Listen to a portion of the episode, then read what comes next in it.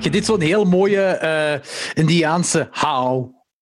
Ja, dat was een PvdA-nazi-ziekheil. Ah, oké. Eh, ik, ik wist niet dat het al bestond, maar oké, die hebben ook een eigen gebaren. Eh, ah, ah, voor leren beginnen. Ik had iets beloofd. Ja, chef. Ja, ik ga hem halen. Wat verdoemen. Ah, Eh, ondertussen dat we wachten op Anthony, welkom bij de 19e aflevering van de Peperkwekerij.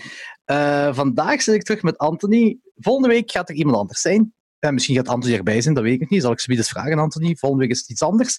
Nu ben ik terug met Anthony. We gaan een aantal films bespreken. We gaan het hebben over het leven. We gaan het hebben over weet ik veel wat. Heel belangrijk is gewoon dat Anthony nu ook de boom eet. dus ik ben heel curieus daarnaar. Ehm, voor de rest, ik heb niet veel te pluggen op het moment. Eh, ah ja, al- als jullie nog ideeën hebben of zo, whatever, stuur het naar depeperkwekerij.gmail.com. Ehm ja, dat is zo wat, denk ik. ah, en ook, eh, laat anders weten als jullie het Laat anders weten als jullie denken dat het beter is om de peperkwekerij op een apart podcastkanaal te, eh, te zetten, in plaats van op die van Klokzeg 12. Dus stuur dat ook naar de peperkwekerij.gmail.com. Ondertussen is Anthony hier met een stuk brood in zijn bakjes. waarom, joh? Waarom? Jij had het voorgesteld. Ja, ik was dronken. Ja, dat, dat maakt niet uit. Overigens, even tussendoor. Ja. Ik vond om een of andere reden dat de opnamekwaliteit van de vorige van ons eigenlijk echt wel goed was. Dat is goed, hè? dat is keigoed. Oh boy. Hier gaan we. Hier gaan we. Jawel. Was dat nummer 6? Ah ja, nummer 6, juist. Zwaar van de 7, ja. Oh, deze gaat goed worden.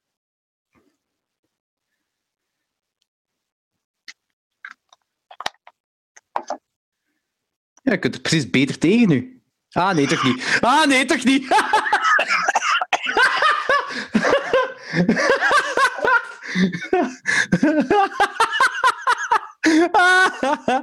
Oh, mannetjes. Yes. Gekke bekken. Gekke bekken. Dat zijn heel veel gekke bekken. Ik denk dat Anthony aan het sterven is. Eh, Anthony, gaat het?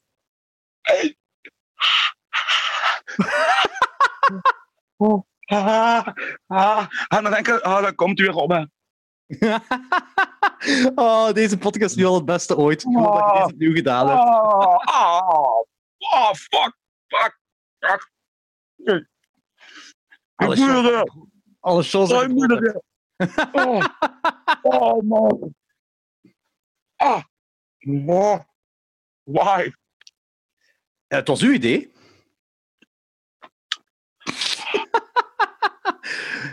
Eh, ik moet zeggen, ik vond Niels' zijn idee ook wel grappig. Om dat Jegerbom te doen. Ik dacht eerst nog om Jägermeister te gaan halen, maar... Ah. Ah. Oh, fuck man. Zo, de eerste 20 minuten van de podcast is gewoon zo Anthony die aan het kapot gaan is. Oh, manneke. Oh. Oh, fuck. Oh. Anthony is verdwenen. oh, zalig. Oh. Anthony, heb jij nu meer of minder genomen dan vorige keer? Oh, ietsje minder. Ah, Denk ik. Ik weet het niet. Het lijkt niet zo. Oh.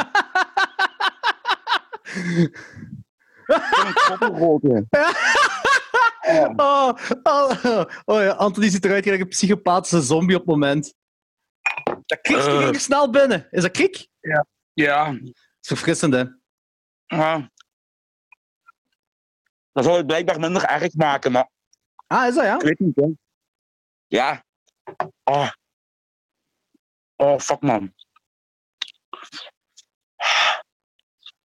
Oh man. Oh man. Ah. Ah, fuck joh. Fuck nee. Goed hè? oh, dit is echt... Maar dit gaat een dronken podcast worden voor Anthony als je zo blijft kappen om je heetheid weg te halen. Oeh. Was dat? Was- zeven- IPA van 7 graden. Deze gaat goed komen. Eh,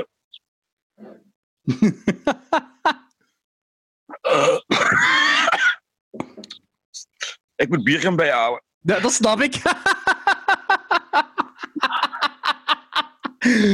Oh, man. IJs. Ah, Zit je- Zijn jullie aan ijs aan het likken? Ja, ja, je bent aan ijs aan het likken. Ja. Ja, ja. Oh, Marco. Oh, Marco. Mm, Is het een beetje aan het minderen? ja, ik denk het. Ja. Je gaat geen hartaanval krijgen, hè? Nee, nee, dat denk ik niet. Dat hoop ik van niet. Kotsen? Oei. Oh man, die boer heeft dat erger gemaakt terug. dat is nu de tweede keer dat jij gedaan hebt, hè? Dat bom. Mhm. Heb jij, toen, toen jij dat aan je maten eh, erin hebt getricked om dat te doen, heb je toen ook genomen, nee? Nee. ik heb die niet getricked. Ik zei hoe heet dat was. En die wou eerst met een vinger doppen. Ik zei, doe dat niemand gaat lenzen aan. dat zou inderdaad een slecht idee zijn. Maar ik heb het filmpje gezien, hè. Ja, ja, dat was wel funny. Dat was echt funny. Jure is gewoon afgetrapt.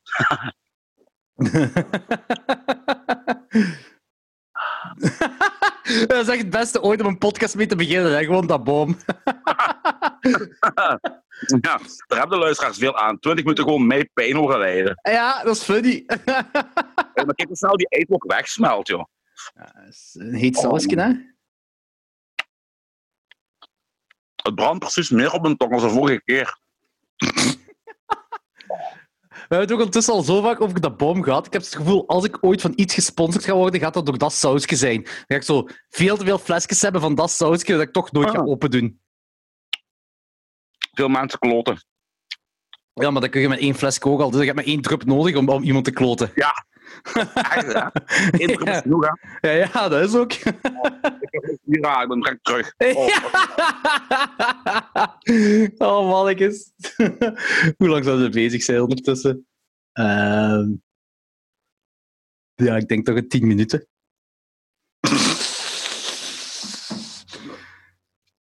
Ik vraag me af of dit een goed idee is om met al mijn gasten te doen. Dat ik eerst al mijn gasten een beetje dat boom ga laten proeven en dat we dan pas de, de podcast beginnen. Hmm, Ja, dat zou misschien nog wel eens een goed idee zijn. Misschien ook gewoon een heel slecht idee. Arme Anthony.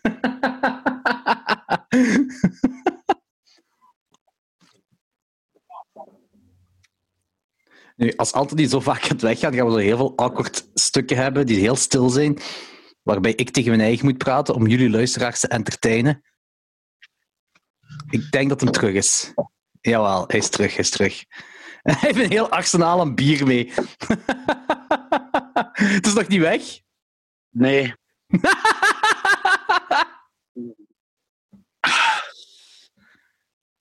Maar het is toch al geminderd, hè? Ja. Ik denk dat ik terug kan babbelen. Helpt dat echt een sigaret roken? Ja, bij Kaatje op dat ook. Dat verdooft de tong dan of zo. Geen idee. Maar doet toch iets. het lijkt er zo op alsof je zo op punt staat om te janken. Ja, ik, ik heb ook... Oh man, spikkel. Oké, Durf je niet Ik in te doe niks. slikken? ik doe niks. Dat komt er gewoon zo uit. Dat komt er gewoon zo uit. Oké, voor de luisteraars. Er zijn er watervallen aan speeksel is uit Anthony's mond aan komen. Ik ben niet aan het faken, hè. Nee, nee, ik zie het, ik zie het. Het lijkt precies of er zo je, je kinderbakjes verdoofd is en dat er gewoon zo uit- uitvloeit. oh, dat is... eh,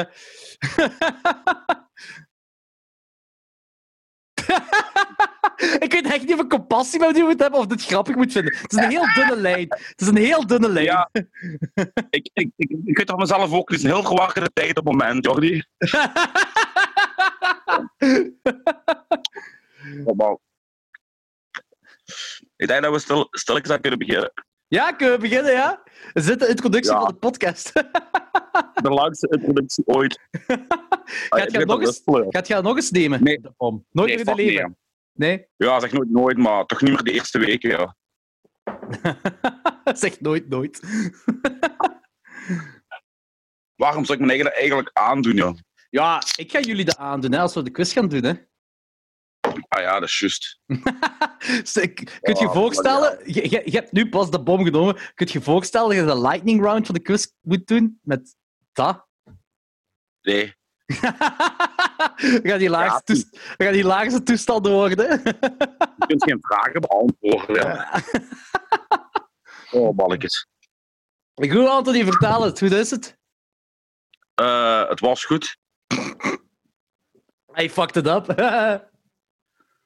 Eh Sava. Weinig tijd gehad. Die week is voorbij gevlogen, ja. ja, vond Ik heb zo... Weet je, ik heb de laatste week weinig met de honden kunnen wandelen. Met heel lang gedoe, met dat geregeld, met die sterftegevallen en zo. Ja, ja. En nu het lang licht blijft, heb ik geprofiteerd om eh, dat in te halen, die schade. Weet je, met de honden joh. gaan wandelen en zo. Ik heb, ehm, ben nog eens goed gaan zuipen zaterdag. Nee, vrijdag. Ik had dat beter niet gedaan, want ik, om kwart na vier was ik thuis. En om half negen moest ik om te werken. Ah, En dat was een, ja, het was een mega drukke werkdag. Het was eigenlijk, ik had geen kater, maar ja, het Ah. was echt brak. joh. Maar als je één keer de 30 bent gepasseerd, dan eh kun je die dingen niet meer poelen van maar drie, vier uur geslapen en, eh, en eh, zo, ja, de dag ervoor zo zat als een kanon zijn. Jawel, maar niet als je moet werken. En het feit was, Ja, ja, dat bedoel ik als je moet werken, hè. ik had een, ik had, een sixpack van Dieu bij. En eh, we hadden nog een pint of tien gezopen. En eh Jury haalde zijn collectie tequila's uit. Maar die Oeh. heel wat speciale tequila's. Die je zo kunt drinken zonder die zout en, en, Ja, en ja, ja. shit en zo. Ja, die heeft, zes, of, zes of zeven tequila's open gedaan. En dan hebben we nog Paul Dieu gedronken en bier. En eh, ja, iedereen was aan de kloten. Ja, Ehm, dat was leuk. Ik weet niet waarom ik dat vertel, maar dat was leuk. ja, maar ik Jawel. wel. Dat was de eerste keer dat ik... Dat je wegging. nog eens zag naar corona shit en zo, ja. Dat was ook bij mensen thuis. En dat was op de straat, dus ik moest niet ver gaan. Dus eh Je kon naar huis Ja. kruipen. ja, nee, ik ben nog rechtop gewandeld, ja. Ah, oké.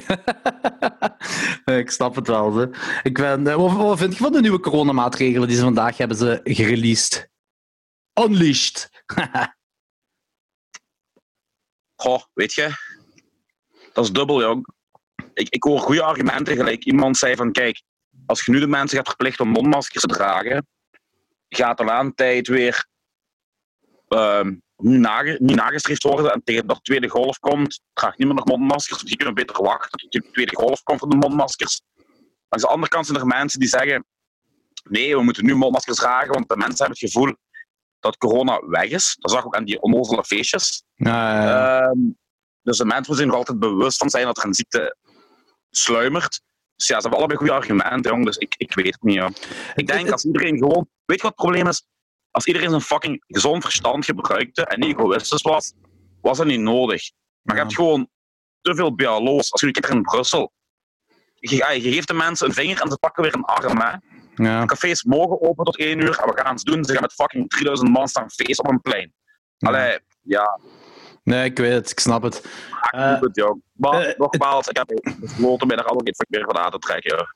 Ja, hetgeen wat ik gewoon raar vind, is zo, zo heel die, die bubbel, dat, dat bubbelgedoe. Zo, dat zo, eerst mochten we tien man hebben per week, maar tien verschillende man. Dus je hebt tien man één week, dan, dan daarna tien man andere week, nu vijftien man. Maar je mocht in die week, in die bubbel, mocht je die tien mensen aanraken en shit. Maar dat is toch raar? Want, en nu 15 Ja. man dus. Maar het rare is dus, Ja. als wij nu met 15 man samenkomen, dus pak eh, wij twee en dan nog 13 andere man, komen deze week samen. Eh, we geven elkaar een hand of whatever allemaal, een kus op de wang, maakt niet uit.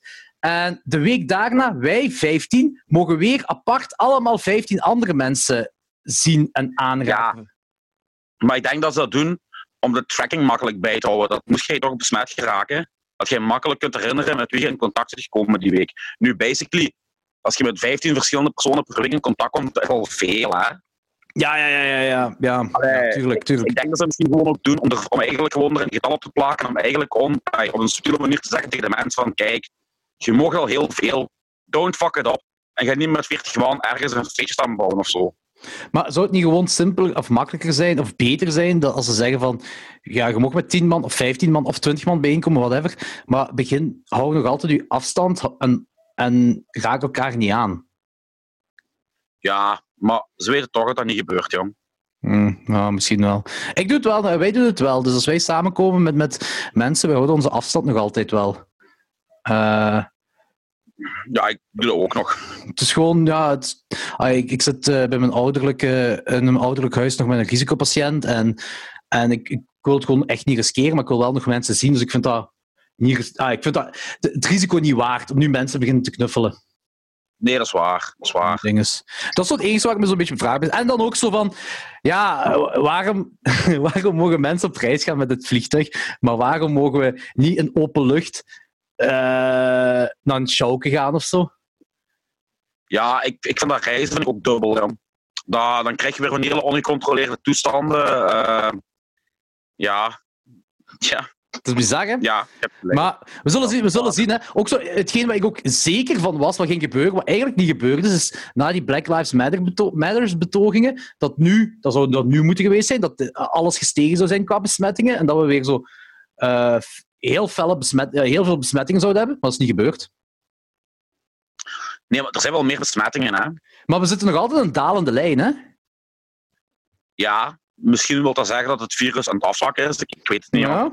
Het is allemaal onvoorspelbaar. Voor hetzelfde geld kunnen binnen een week wel weer bij een piek zitten. Hè? You never know. Nou, dat is waar. We never ik vind gewoon, als je, als je gezond verstand gebruikt, gaat je nu, gaat je nu geen massa bijeenkomsten houden. Nee, tuurlijk. Tuurlijk. Plain simple logic. Ja. Nee, dat is waar. Uh, het is jammer, maar het is waar. uh, ja. Zit je het nog zitten, uw dinges, uw, uh, uw release show?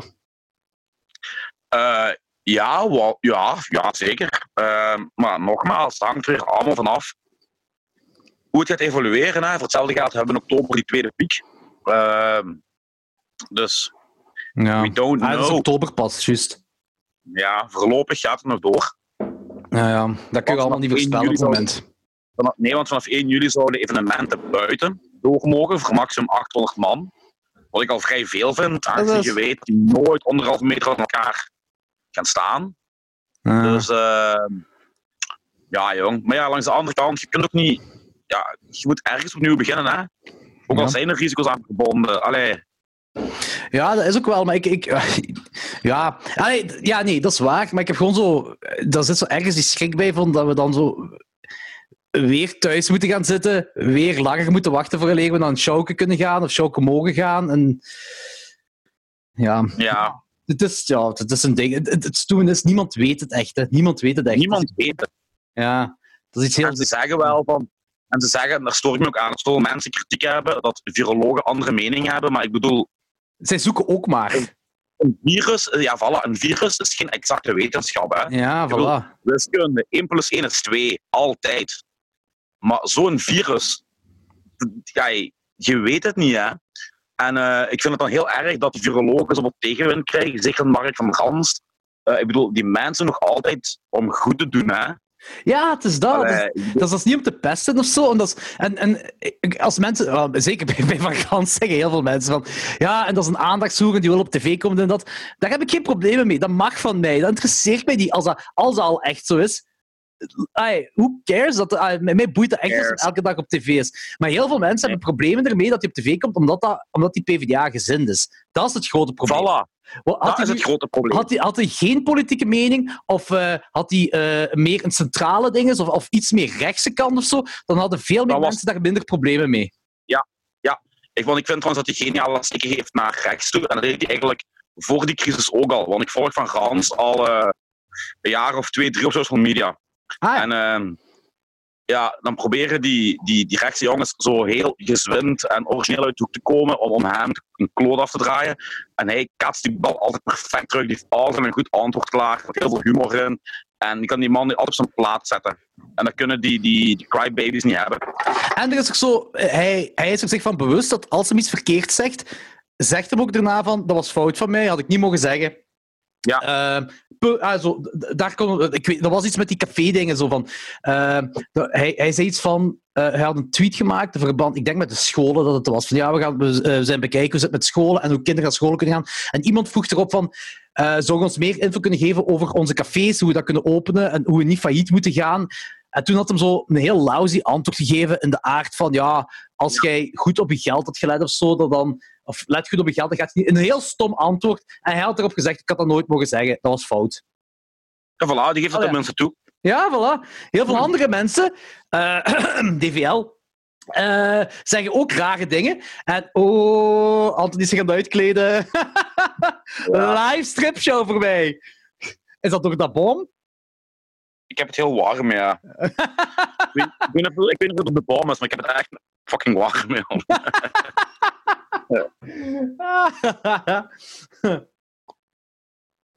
Ehm, ik weet niet meer wat ik zeg. Ah ja, dat heel veel andere mensen die online ook vaak uitspraken doen, eh, heel vaak foute uitspraken, maar die geven het niet toe en proberen zich zo zelf eruit te worstelen. Eh, Ja. En hij geeft tenminste toe dat allemaal als een fout is. En dat vind ik wel tof en dat kan ik appreciëren aan hem. En Ja. mij interesseert dat echt niet als hij elke dag op tv komt. Het boeit mij echt niet. Mij ook niet, ja. Er zijn genoeg andere zeikers die aardig op tv komen waar ik meer een probleem mee heb. Dus eh, Ja, voilà. Het is dat. Maar ja, we zien wel. Ik ben benieuwd. Ik ben vooral benieuwd wat hij gaat geven in de grote vakantie. Eh, als mensen op vakantie gaan beginnen gaan, als mensen naar pretparken beginnen gaan, ja. enzovoort, enzovoort. Dus we zullen wel zien. We shall see, hè. Yep. Heb jij plannen? Ehm, ja, ik, ik ga eigenlijk ehm, het weekend, het eerste weekend van juli naar Centerparks. Dat was al een half jaar beslist in eh, Nederland. En eh, dat mag. Maar dat is ook weer onder voorwaarden. Dus ehm, we moeten op voorhand aangeven wanneer wij willen gaan zwemmen. Want eh, die zwemtijden zijn opgedeeld in blokken. Ja.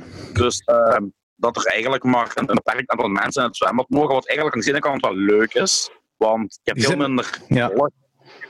Daarom dat het ook fijn om naar een pretpark te gaan. Maar ja, dat, link- dat, hing al, dat, hing, dat eh, stond al heel lang vast. We doen het elk jaar eigenlijk met nog een koppel. En eh, ja, overdag zwemmen we, spelen met de kinderen. En s'avonds drinken we bier en spelen spelletjes. Ja, dat is tof. Dus, Dat is eh, plezant. Ja, maar voor de rest heb ik... eh, dat is maar één weekendje. En voor de rest heb ik helemaal niks vastliggen.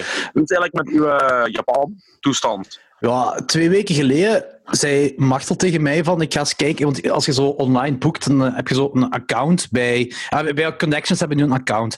Eh, maar ze hebben ons nooit eens laten weten van hoe dat zit. En eh Martel ging eens kijken. En we hebben vier vluchten, hè, dus... eh, ik denk dat dat is van België naar, naar Wenen, van Wenen naar Tokio. En de terugreis is Osaka, Zurich en dan Zurich, België terug. En Martel ging kijken op die My Connections, eh, dus de, ons account. En de vlucht van Brussel naar Wenen was gecanceld. De vlucht van Wenen naar Tokio gaat nog door. De vlucht van Osaka naar Zurich is verdwenen. Staat zelfs niet gecanceld bij, is gewoon verdwenen. En de vlucht Zurich-België gaat nog door. Dus in principe mogen wij van Wenen naar Tokio gaan en van Zurich naar België. Dat is wat wij mogen op het moment. Dus ik bel naar Connections en ik zeg ze van, ja, dit en dit is er aan de hand. En zij zegt zo eh, aan de telefoon, maar dat is pas voor augustus. Ik zeg, ja, daar zijn we nu niet mee bezig. Ik zeg, oké, ja, nee, dat begrijp ik, dat snap ik. Eh, maar waarom is er dan één vlucht gecanceld en is dan een andere vlucht gewoon verdwenen? Oh ja, maar moet je niks aan aantrekken, dat is gewoon de computer die dat doet. Ik zeg, ja, maar ja, ja niks Computer says no. ja, dat- ja, ik zeg wel, je, begrijpt ook wel dat ik met vragen zit. Ja, maar het pas augustus, zijn we nu niet mee bezig. Bel tegen dat juli is nogmaals terug opnieuw. Ik zeg, ah, oké, kunnen wij dan omboeken of zo? En toen zei van, ja, wilt je eigenlijk nog wel naar Japan gaan? Dat vroeg hij aan mij. Wilt eigenlijk nog naar Japan gaan? Ik zei, ja, ik, zou eigenlijk liefst willen omboeken, zo, zo tot volgend jaar ergens. Zo. Ik heb ook geen goesting om zo de hele tijd op mijn hoede te moeten zijn in Japan, als dat gaat. Ik wil vooral mijn geld niet verliezen. Ah ja, ja, daar gaat je gewoon in juli nog eens voor moeten terugbellen. Meer kan ik niet zeggen. Zei, Ah ja, Shit, ja. Dus we, we, we gaan er nog altijd vanuit dat, dat we niet kunnen gaan naar Japan. Eh, ik hoop gewoon dat we ons geld terugkrijgen of kunnen omboeken. Ehm, Ja, want het gaat over die, die, die, die treinpasjes van 800 euro daar. Ja, dat moet tegen, tegen op 10 juli zouden ze dat verzenden vanuit Japan. Maar eh, België is nog altijd een verboden land voor Japan. Dus er mag niks uit Japan komen voor in België op dit moment. Uh, dus het is een, klein beetje afwachten ook van wat, wat die gaan doen. En het stomme is dat er zoveel verschillende instanties zijn dat we niet gewoon naar één ding kunnen gaan en kunnen zeggen van hé, hey, we willen omboeken. Nee, wij moeten echt naar verschillende dingen gaan en daar vragen, mogen we omboeken? Als dat mag, dan naar de volgende instantie van hey, mogen we omboeken? Uh, en als een, een, pak bijvoorbeeld dat ding zegt dat uh, ja, de, lucht, de luchtvaartmaatschappij zegt ja, ja, geen probleem, doe volgend jaar de paasvakantie maar, geen probleem. En dat dan de, de, die pasjes dat die zeggen van ja, nee, bij ons gaat dat niet omboeken. Het is dan komen of niet. En dan zijn we nog 800 euro kwijt. Ja. ja. Dus, dus uh, dat is zo'n beetje het lullige eraan, maar het is, ik ga gewoon binnen een week of twee weken moeten rondbellen. En we zullen het dan wel zien. Uh, ja. Maar ja, dat is kloten wel, maar we zijn nog wel zo aan het kijken of we dan zo een weekendje deze vakantie ergens naar de Ardennen of zo gaan. Uh, gewoon zo, uh, Machtel en ik. En eens kijken als er nog een koppel wil meegaan of twee koppels willen meegaan. En, weet je, hetzelfde wat jij in Centerpark doet, maar dan in de Ardennen. Rondwandelen daar in de bos. In de Ardennen, in de Ardennen geen corona, dat is alleen incest. Dus. en dat is alle chance niet besmettelijk. gelijk, gelijk uh, Calbert, hè. Ja. Ga lekker wandelen, je iemand, iemand die een vacht neuken is. Ja, weet je, dat is sfeer, hè. dat is sfeer, dat is couleur, couleur lokaal. Ja, voilà. maar ik denk dat we zoiets gaan doen in de vakantie en voor de rest... Uh, uh, Zeker. Donker, ah, pff, ik, ik, weet niet. Ik ben nu ook begonnen aan mijn nieuwe job deze week. Uh, ah. Dus heb ik dat verteld met Swissport? Dat, met die 1500 slagen. Ja. Ik ben dan de maandag naar Leuven gegaan. En dat was ook zo'n ding. Dus uh, ik moest bij Accento Leuven zijn. En als je Accento Leuven intikt op Google, krijg je drie Accentos. Maar ik had de dag ervoor mijn office manager gevraagd hoeveel Accentos zijn er in Leuven en welke is de juiste? Ja, maar er is er maar één. Ik oké, okay, Maandagochtend kijk ik zo, drie Accentos. Ik zo, fuck. Ik had gewoon zo, bij de eerste stond er zoiets bij van uh, routebeschrijving. Ik zei, ja, ik ga gewoon gokken, ik ga naar daar. Ik, ik, ik rijd naar daar. Ik had om negen uur afgesproken en tien voor negen kom ik daar aan. En dat is een campus. Dus een campus met allemaal gebouwen. Uh, en bedrijven in die gebouwen. Dus ik zei, fuck, ik zit verkeerd. Er gaat waarschijnlijk zo'n Accento-bedrijf uh, zijn dat zo in-house werkt bij een ander bedrijf. En alleen maar voor dat bedrijf. Maar per chance was het toch het juiste. Okay, ah. En uh, dan is eigenlijk... Ja, bij Accento houden ze nu infosessies in Zaventem, in Antwerpen, in Hasselt en Gent.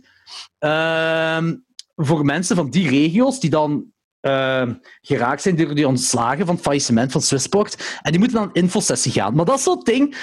Dus ik moet ook, ja, ik moet deze week moet ik vooral al die mensen opbellen om te checken of die effectief gaan. Dus ik moet zo'n beetje de, uh, in, hun ogen de lul uithangen. Dus die hebben een uitnodiging gekregen voor de infosessie.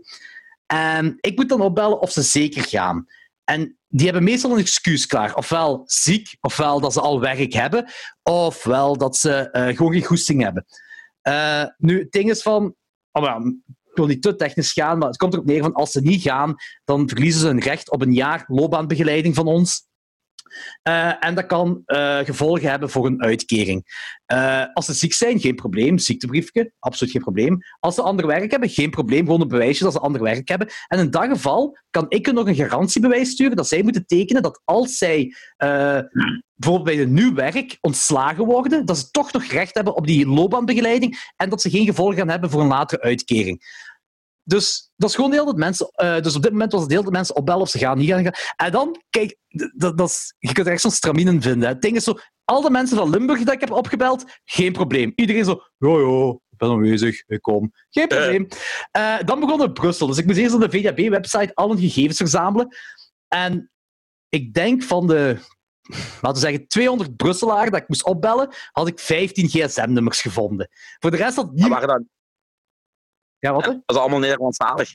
Uh, nee, dat is, dat is vooral veel Franstalig. Dat was ook het ding van, als het Franstalig was, dan had ik, ik had zo'n zinnetje klaar, Google Translate van, uh, ja, ik zei iets, eerst zei ik zo, je ne parle pas français, en dan zo iets van, uh, um, mon collègue uh, vous rappelez, of zoiets in die aard. Zo, ik... ah, dus eigenlijk heb je gewoon zo, hallo, je m'appelle Jordi, flutipilipou, palapapidipi. ik heb geen Joey Tribbiani gedaan. Maar uh, ik begin gewoon altijd, hey, goedemorgen, met Jordi van Accento. En je hoort dan al dat hij Frans spreekt. Dan zo, de, de, de, je parle français. En ik zo, oh, de, tu parles néerlandais? No, no, no. Ik zo, oh, je ne parle pas français. Mes excuses, mes excuses. Zo, echt zo ben ik erop ingegaan. En dan zei ik gewoon zo van... Baguette, baguette. Escargot. uh, toen, toen, zei, toen zei hij van Ascent ook van ja, misschien laat Brussel maar liggen. Dat is gewoon tijdverlies, omdat die één, meestal gegevens niet achterlaten. En twee, ja, het is Franstalig. En, en het was ook nooit gezegd dat jij met Fransen moest spreken. Maar dan waren we Antwerpen en Gent bezig. En, en Oost-Vlaanderen. En je ziet dat echt zo... Er zijn ook in Brussel zijn veel mensen van buitenlandse origine of, of uit een familie dat van, van buitenland komt. Uh, in Gent en Antwerpen ook een aantal. Maar die mensen die zo de, de, de Marokkaanse achternaam hebben, of de Turkse achternaam, die één, die hebben ofwel al werk, uh, omdat die niet, ja, die, die, moeten, die willen gewoon geld hebben, die willen werken. Uh, of twee, die komen zonder probleem naar die dingen, naar die infosessie. Maar het zijn zo vaak de, de, de Vlaamse mannen die al 33, stipt 33 jaar werken bij Swissport, die een hele uitleg voor mij hebben. Ja, ik wil toch wel eens even iets zeggen. Hè. Ik vind dat eigenlijk eerlijk gezegd niet kunnen.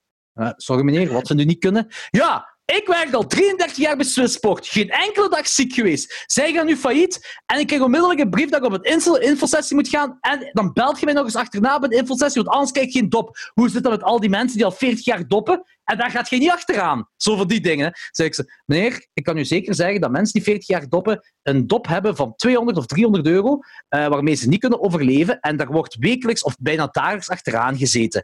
Uh, dus uh, die leven niet op kussentjes, zal ik maar zeggen. Oh, daar heb ik toch wel mijn twijfels over, hoor. Hoeveel Mohammeds heb je al moeten opbellen? Zo, zo zegt het van tegen mij. Ja. ja, ja, ja, de dikke Jim! Die mensen. ja, dan moet je een beetje vriendelijk blijven, hè. Maar dat wel. Ja. Ik, ik leg je dan ook uit. Ik zeg, ja, wij zijn van Accento, wij zijn niet van de VDAB. Wij geven ook geen sancties, wij willen u vooruit helpen. En dat is ook wel. Wij willen hun aan een nieuwe loopbaan.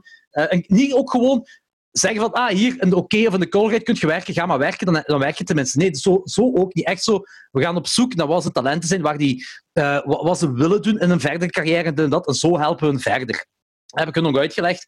En ik heb ook gezegd van, kijk, als je niet naar de infosessie komt, dan gaat de VDAB uitnodigen, wat ook verplicht is, maar die zijn veel strenger dan ons. En het gaat sowieso sancties hebben uh, van de RVA uit. dan zijn ze wel een toontje lager. Maar het zijn altijd zo de echte Vlaamse mannen die al tussen de 30 en 40 jaar werken voor dat bedrijf, die echt zo'n nood op hun zang hebben. Terwijl ik eigenlijk gewoon wil uitleggen dat wij hun verder willen helpen. Ja. Dus, uh, maar dat, dat was mijn ding tot nu toe. Morgen ga ik dan nog moeten doen, denk En, en vrijdag moet ik dan naar Zaventem gaan. Uh, want dan wordt daar een infosessie gehouden. En ik, moet, ja, ik, ik weet niet juist wat ik moet doen. Ze hebben, dat is ook zo gisteren gebeld, zo die ene, uh, zo de, de office manager van Accento mij. Zeg, Jordi, uh, we hebben je hulp nodig in Zaventem. Ik zei, ah, ja, vrijdag. Kunt jij? Kunt je daar geraken? Ik zei, ja, ja, maar wat moet ik doen? Ja, je zult wel zien. Ga maar naar Zaventem. Dus ik moet zo, echt om half negen moet ik in Zaventem zijn en ik heb geen idee wat ik daar moet doen. Oké, okay, vertrek maar goed op tijd, jong. Ja. We zullen zien, hè. we zullen zien. hm. Maar goed, Bo. Uh, wij hebben elkaar opdrachten gegeven.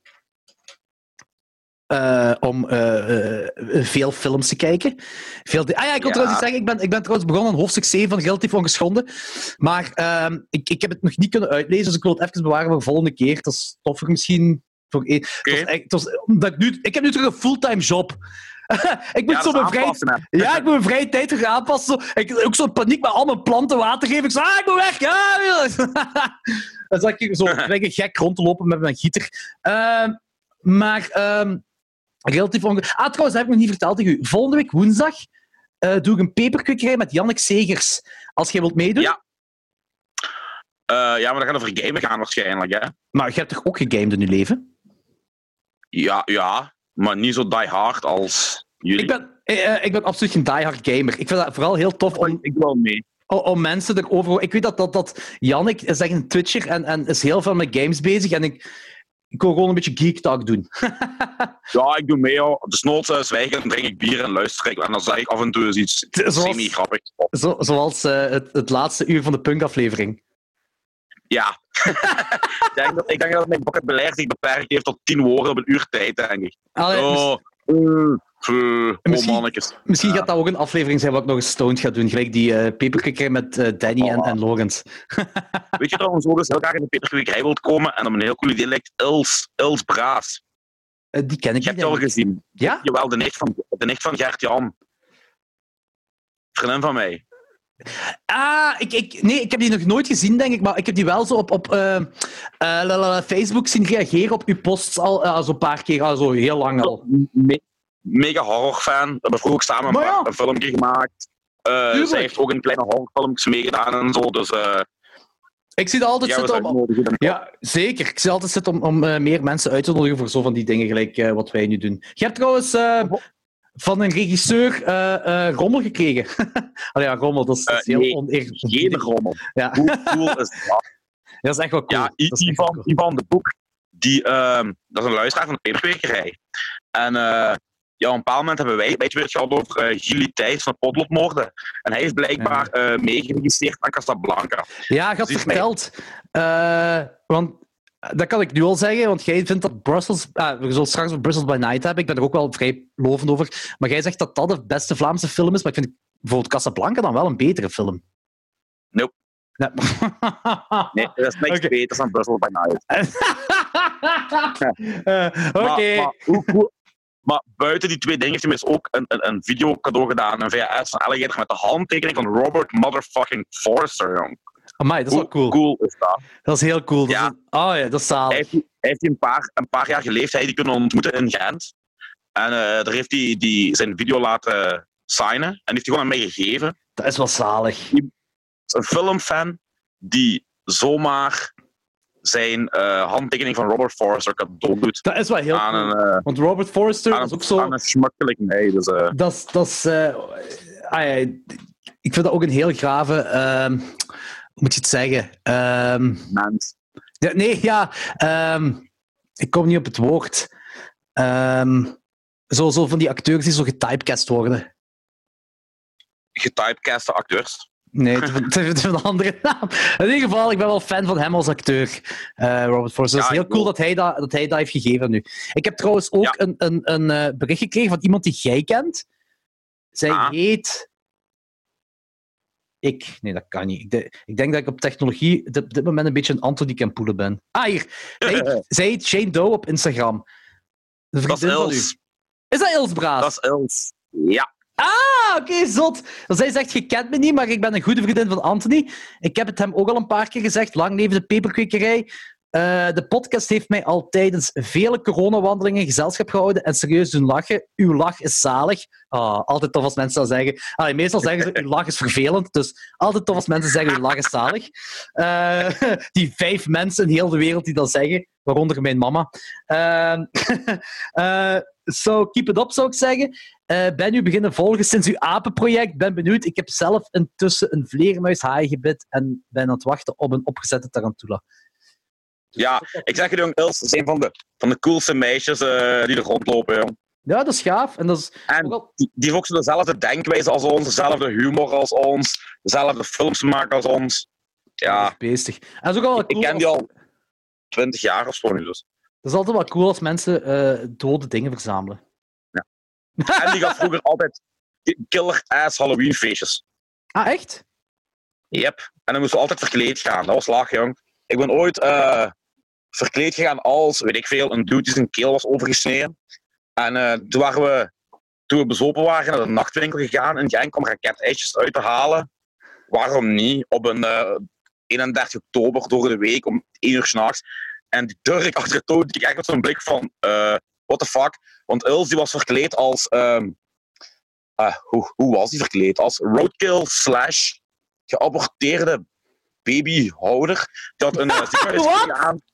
Ja, die had een ziekenhuiskleed aan waar bandensporen op stonden. En die had dan een navelstreng nagemaakt waar een, waar een baby aan lag. En die sleepte die vooruit met haar, met ja, die kwam dan onder haar, jurk, uh, onder haar jurk uit. En ik dan met mijn opengesneden keel en zo'n stel raketijsjes gaan uithalen in de nachtwinkel. En ja, die man die had volgens mij niet echt door dat het Halloween was en die bekeek ons vrij raar. ja, dat waren goede feestjes, ja. Over uh, dode baby's en, en verkleedpartijen gepraat. Weet jij nog uh, mijn verhaal van hakketakken? Uh, nee. Dat was een jaar hakketakken dat ik uh, met Wesley ben gegaan, denk ik. Uh, voor de luisteraars, hakketakken, dat is een carnaval-evenement in, in Genk, waarbij heel Genk verklede marginaal is. Allee, het is altijd verklede marginaal, maar dan is het de bedoeling dat je verklede marginaal bent. Ja. En ik had, ik, ik weet niet meer, ah, ik weet niet waar dat ik dat idee vandaan had. Ik had ook niet echt een specifiek ding, maar ik had wel eh, het hoofd van zo'n babypop eraf gesneden. Maar zo'n babypop was ook aan kakken ook zo. Dus daar zit zo'n buisje aan, vanuit die mond naar, naar de anus. Ja. En ik had zo alleen die kop met dat buisje. En ik had dat, die kop kwam zo uit mijn borstkas. En dan had ik zo zelf bloed gemaakt. En dan zat ik zo de hele tijd bloed op iedereen te spuiten dat zo uit, die mond, eh, uit de mond van de baby kwam. Ik, dat was niet een typisch of zo, dat, ik had, dat was gewoon een kostuum dat ik gemaakt had. Dat zag er niet uit, maar dat was wel smerig en grappig. En ik weet dat ik geld ging afhalen dan onder, daar, eh, onder dat kot waar wij dat show hadden gehouden van Astrade, daar, de KBC, denk ik dat dat Ja. is. Ja. En ja. dan was er een van Brugge daar en die was mega pist op mij. Maar dat was volgens mij, kan dat dat juist in die tijd was dat, dat eh, met Kim de Hans Gelder Temse. of Hans van Temse. Hans van Temse, ja, juist. Ik denk dat die, Of Kim de Gelder. Nee, een van de twee. Ja, ja. wie is de babymoordenaar? kan. Dat is Hans van Temse, hè? Nee, Hans en Thames heeft er ene doodgemaakt en eh, neergeschoten. En Kim van Gelder is een kinderdagverblijf binnengekomen en die heeft daar meerdere baby's. Ja, maar het, was een beetje, het, het- het- ik- dat, dat, dat viel een beetje door elkaar, denk ik zelfs. Nu was het ook niet op korte tijd gebeurd. Ja, Ik denk dat wel. Ik, of ik haal misschien veel dingen door elkaar. Maar in ieder geval, even, die dude van Brugge die begon zo te zeggen van, dat, ik, dat ik me moest schamen. Eh omwille van alles wat de media was bezig geweest. Maar ik, ja, uiteraard had ik daar totaal geen link bij gelegd. Maar die was kwaad op mij, die dude. jong. En, de, en toen zei dat was wel funny. zo van, en je vindt dat kunnen. En vind jij grappig? En ik zei, ja, nee, dit is niet grappig. Maar dit wel. Als ik zo op dat, op dat buisje blaas en zo bloed, en zo al dat bloed op hem. Eh, ja, hij kon nog niet meer lachen, maar ik vond het wel grappig. ik vond... Denken aan... Ja, je ziet dat... Je nu is dat wat minder de laatste jaren. Vroeger was het echt ja, super cool. En eh, ik heb echt de meest waanzinnige verkleedstukken gezien daar. Er was ooit iemand toen... eh, ik denk... eh, toen die tsunami is gekomen daar, zoveel jaar geleden, in Phuket in Thailand, was, is, het, ja, is dan iemand op hakketakken dat zich verkleed als tsunami. Dus wat hij ja, dus die gedaan, die had gewoon een stuk isomo van, van een meter op twee meter. Daar had hij een golf opgeschilderd, daar zijn kop doorgestoken. Maar ja, als hij in een café kwam met dat ding van twee meter, die kon amper bewegen. En dan was er een andere, die had een halve wc-pot, inclusief wc-bril, rond zijn eh, hals gehangen. Ja, begonnen daar gewoon mensen spontaan te kotsen en zo. Dus daar heel vlug eh, Dat is een open goal. dat is wel goed. Maar ik, ik, ben, ik denk sindsdien ook niet meer naar hakketakken gegaan. Zo. Dat was denk ik het laatste jaar dat ik geweest ben. Ja, want dat is ook niet meer fijn. Nee? Dat is ook niet meer fijn. Nee. Weet je, vroeger liep er echt 5.000, 6.000 man rond, van, van 16 tot, tot 80, verkleed, feest, 20 of 22 cafés die meededen. En nu doen, nu doen er nog, ik denk, 8 cafés mee. Eh, er is 2000 man, maar van de helft niet verkleed. Ah, ja. En nog eens een deel volk uit de wijken, waar van een uur of twee, drie uh, bagaar komt shoppen en mensen weer uitlagen. En, willen weg. Ah, ja, nee, oké. De fun is er echt uit dan. Ja, ja, de er echt uit. Ja, dat is jammer. Eh, maar goed, we hebben elkaar opdrachten gegeven. Eh, Yes. We moesten zeven films kijken, denk ik, hè? Ik heb er eentje gemist, omdat ik vandaag, eh ik kon die vandaag nog zien. Maar ehm, ja, het is niet van gekomen, jong, door allerlei omstandigheden. Maar ik heb hem vijf jaar geleden wel gezien, dus ik kan er wel wat van zeggen. ik heb ook ene gemist, maar ik, ik, ik had de film. Ik heb de film digitaal, maar die paste niet op mijn USB-stick. Eh, dus ik, ik heb heel veel daarmee zitten klongelen. eh, klungelen, klongelen. Eh, ik, ik- ja, ik, heb hem niet kunnen kijken. Niet omdat ik geen tijd had daarvoor, maar ik kreeg het echt. Ja, ik, ga het tegen de volgende keer kijken. Cutthroat, Cutthroats 9. Die heb ik, Maar de Jallo heb je wel gezien. die heb ik vandaag gezien.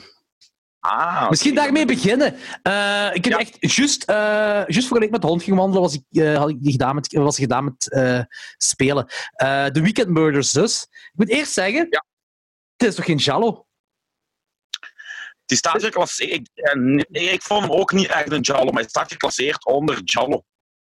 Ja, ik, maar waar dan en hoe dan? Want ik, ik denk dat dat, dat is echt met de haren getrokken. Want ik vind bijvoorbeeld Pieces vind ik dan een grotere Jallo dan, dan dit. Terwijl Pieces ook niet echt een Jallo Ik, is. ik, ik, denk, ik denk misschien ehm, het regiewerk wat wel aanleunt aan Jallo.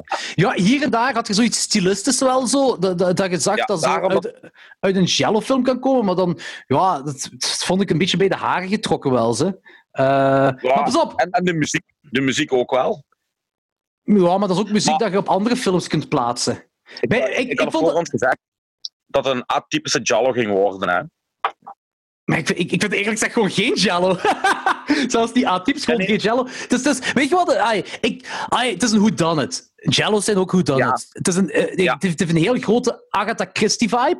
Maar dan vind Ja. ik nog dat de film meer weggeeft van Cluedo, van Clue, dan van een jello. Ja, dat is eigenlijk, dat vond ik ook wel. Maar hij stond geclasseerd onder de Jallo, dus eh, ik kijk alles wat. ik wil alles doen wat ook maar ruikt naar Jallo. Dus, Oké, eh, kan ik die lijst aanvullen? Gewoon om de lijst langer te maken voor u. Als jij zegt, ja, ja, maar dan staat er al geclasseerd, dus ik ga dat kijken. ja, maar ik heb er nog een hele hoop klaarstaan. Dus, eh, de volgende voor volgende week is wel een ondervatte Jallo, maar daar zullen we het zelfs over hebben. Oké, goed. Trouwens, die, die grappige flik hè, met zijn Met die Ja, met zijn paardentanden. Weet je wie dat is? Eh, nee, dat is een bekend iemand. Nee, maar die speelt dus Don Fanucci in The Godfather 2. Ah, echt? Oké, dat wist Ja. ik niet. Wa- wa- wanneer zo, eh, in deel 1 van Godfather 2, wanneer we zo teruggaan naar de beginjaren van Vito Corleone, hè, Ja, ja, ja. ja. wanneer Robert De Niro eh, Vito Corleone speelt, voordat hij zich op kan werken als maffiabaas, is toch zo die wijk in onderhanden van Don Fanucci. Die met zijn snor. Ja, ja, ja. en die bedoelt, toch. Ja, dat is dus die, maar... ah, die- en die, die, eh, de Godfather is dan, ik denk, twee of drie jaar later. Maar die dude is echt gelijk twee keer zo dik in de Godfather. Dan had ik het eerst niet herkend. ja. Ik wist ook niet dat dat die was. Nu, dat is ook wel, hier, is ook wel, hier is dat ook wel een... een, een, eh, ah, ja, het is geen mager iemand, hè. Eh, Nee, ook weer dus- niet. Nee, maar ik, ik had echt... Maar het ding is, de film zelf, hè, dus de, de, de, Weekend Murders, ook voor de luisteraars, eh, dat is een Italiaanse film. Dat heb ik daarna pas met opzoekwerk gezien, want dat is, je zou niet zeggen, het speelt zich af in, in Engeland, denk ik zeker, of... eh, ja, Engeland. In Engeland. En het is ook met een, ze spreken allemaal echt Brits-Engels, dus ik had nooit van mijn leven had ik gegokt dat het een Italiaanse film was. Ehm, en er komen... heel de familie komt samen omdat de vader gestorven is en iedereen wil de erfenis van de vader hebben. Pijzen komt daarop neer en eh, er vallen doden. Niet veel, hè? Maar Nee, nee, er, er vallen doden en dat is een whodunit. Wie, wie, ja, wie, heeft die, wie heeft die mensen gedood? En je hebt dan twee flikken die dan eh, op onderzoek gaan. En de comic relief komt vooral van die flikken.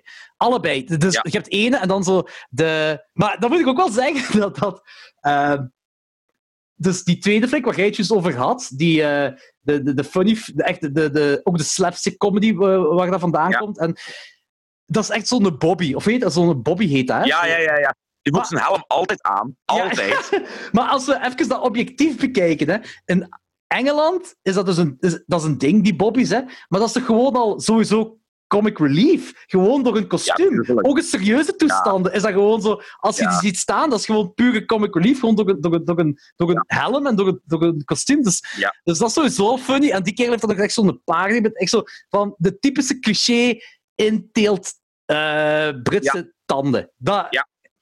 Ja, En- ja. En En dat is is- een Italiaan in het eigen. Ah, dat wist ik niet. Maar ook, hij is uiteindelijk de held van het verhaal. Dat vind ik ook iets grappigs van Maar alles. ja, hij is ook zo de slimmerik uiteindelijk, want hij lost alles op, hè. Ja, hij is degene die alle, eh, alle puzzelstukjes in elkaar kan steken. Zo. Dat, is echt, dat, is, is waanzinnig dat ze, dat ze hebben gekozen om hem dat te laten doen. Dat is echt best wel funny. Ik heb me goed geamuseerd. Dat was echt, ik vond het echt een, dat een thriller, eh, deze film. Ehm, er is geen... Ja, er zijn een aantal kills. Drie, denk ik. Of twee. Kan dat? Maar helemaal niet bloederig of zo. Nee, nee, nee, je ziet, mij niet. En, en vooral komisch. Er is heel veel op comedy, toon op comedy gelegd. Ook een camerabeweging, zo gelijk als ze dat lijk vinden. eh, eh, met de Ja. hand, de hand dat zo begraven ligt. De hele tijd die zoom-ins naar de pers persoon het gezicht en dan zo terug naar de dinges, naar, naar, naar de hand. Dat is zo, echt zo, ik denk, twee minuten aan een stuk alleen maar zoom-ins van, van gezichten en de hand. Met geweerschoten op de achtergrond, als de, als de kust veranderen. Met geweerschoten en dat één, eh, dat, dat bekend deuntje van... Tu, tu, tu, tu, Tchaikovsky. Dat is... Dat is, echt voor, dat is echt voor dat komische noot erin te zetten. Hè? Hebben ze dat erin gezet. Dat is echt, ah, best, ik heb goed gelachen met die film. Dat is echt eigenlijk een heel goede comedy. Who done it? Een fijne film, hè. Ik Ja, vond ja, ja. misschien, ik wel misschien een beetje Jallo als het, het, het Tommy-karakter. De zoon. Die zo'n beetje weird is. Want op een bepaald moment, en toen dacht ik van, ja, nu gaan we echt de Jallo-tour op, is als hij zo het leren pakje aandoet. Ah en ja! handschoentjes. En ik denk dat ze dat er opzettelijk hebben ingestoken om de mensen doen tricken. dat het eindelijk ging, naar een Jallo ging overgaan, maar dat is het niet. En dat Ik denk echt wel dat ze daarvan bewust erin hebben gestoken. Als, als, ja, ja nee, ik weet niet als Red Herring, als, als Jallo-element. Ja, misschien. Van hier, hier is hem, jongens. De moordenaar waar je zo lang op gewacht hebt met het handschoentje, het zwarte pak aan. ja, ja, en ja, twee seconden dat later kan blijkt wel. er helemaal niks aan aan te zijn. Nee, dat kan inderdaad wel. Dat is, ja, dat is, dat is wel een goed argument. Ik heb voor volgende week wel een echte Jallo klaar. Ja, Oké, ik ben curieus. Eh, Een maar ik- Jallo die... Nee, ik, ik wou eigenlijk gewoon zeggen, de weekendburgers, ik vind dat ook voor de luisteraars. ehm, je moet, ja, we hebben nog altijd gezegd dat Jello zeker niet voor iedereen bedoeld is. Maar dit is, dit is echt een, een comedy who done it. Dit. Ja. Ik vind, ik, ik, ik, Jello is echt een mega groot stretch. Het is echt een comedy who done it. Een luchtige film. Eh, een, ook, ik heb ook gelachen met die jokes dat erin gebeuren. Dat was echt, echt leuk. Eh, en eigenlijk heb ik er niet over nagedacht, over wie het wel zou kunnen zijn. Ik, ik heb me gewoon laten meeslepen door de film. Ik heb niet op voorhand Ja. te nadenken. Bij, Jello heb ik, bij Jelly heb ik dat wel. zo Van, Oké, wie kan het zijn? Oké, we moeten eerst doorheen duizend red herrings gaan, om echt zo... En dat Ja. kan dat zijn, maar dat kan, dat kan eh, eh, dit en dat allemaal. Maar hier heb ik er niet over nagedacht. Ik, want ik was zo gefascineerd door die twee flikken. Die twee flikken, ofwel één van die Ja. twee flikken, ofwel alle twee, zijn constant in beeld. En dat is constant eh, uit hun standpunt. En er gebeuren Ja. altijd komische dingen. Er gebeurt altijd iets komisch. eh, al is het maar gewoon eh, de, de, de, de expressie van die kerel, de, de Bobby van de twee. Ja, Dus- ja. Nee, ik heb... En ook met, met die... eh, ja, hoe heet dat zoiets? Geen, de telescoop, met die telescoop, zo dan dat heel ding dat je denkt van... Ai, het is echt zot dat die kerel dat allemaal heeft kunnen ondervinden. Zo. Dat ja. Inderdaad. ik vind dat, dat is een, een film van de jaren 70, maar laat u daar zeker niet door afschrikken, want die is niet zo typisch traag gelijk jaren 70 films Nee. zijn. Die kijkt, die kijkt fijn weg. Ja, het is fijn. Eigen, eigenlijk is het ook zelfs meer comedy dan, dan thriller. Ja, ja, wordt zeker. er comedy. Thriller wordt gezegd, maar ik zou zeggen meer comedy eh, in een Ja. thriller setting of zo, who done it, whatever. Ja. Agatha Christie, eh, Ja. zo dingen. Nee, ik vond die heel leuk. Ik vond die heel leuk. Zo'n film die vroeger op zondag op VTM zou kunnen komen in de jaren 90. Ah, wel, ja, inderdaad. Zo zondagmiddag op VTM. Bedoel-. Vervang, vervang die Bobby door Angela Lansbury en gaat eigenlijk basically een, afle- een lange aflevering van Murder, She Wrote. Ja. Eh, ah, alhoewel dit nog komischer was. Ja, dat is waar. M- Mercy Road is wel luchtig op momenten, maar dit is echt comedy. Ja. Ik, Ja. vond, het, ik vond het leuk, zeker een aanrader. The Weekend Murders.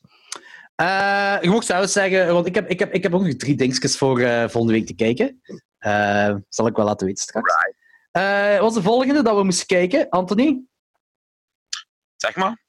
Wacht, The Weekend Murders. Gaan ja, we Cut- eerst mijn film doen? Doe maar eerst uw. Cutthroat Cutthroat 9, eh, dat is ook, ik zal die voor de volgende keer kijken, daar zullen we het dan over hebben. En, Alright. Wat had jij nog? Toys? Ah ja, Toys. Holy shit, ja. Eh, Toys begin jaren 90 volgens mij. Kan dat? Ik denk Ja. dat het begin jaren 90 is. 93 of 92. Dus eh, voor de luisteraars, Toys, dat, gaat, dat is een film, een comedy. Comedy. Ja, Drama ik vind dat geen comedy, hoor. Ik vind dat een, een, een dramatisch sprookje. Ja, ik snap wat je wilt zeggen. Ik, ik wou je zeggen, van, het is, ik vind het ook niet echt drama, maar er zit wel drama. Er zit emotie in. Er is heel veel emotie in. Ook heel veel symboliek. Ook heel Eh, veel boodschap.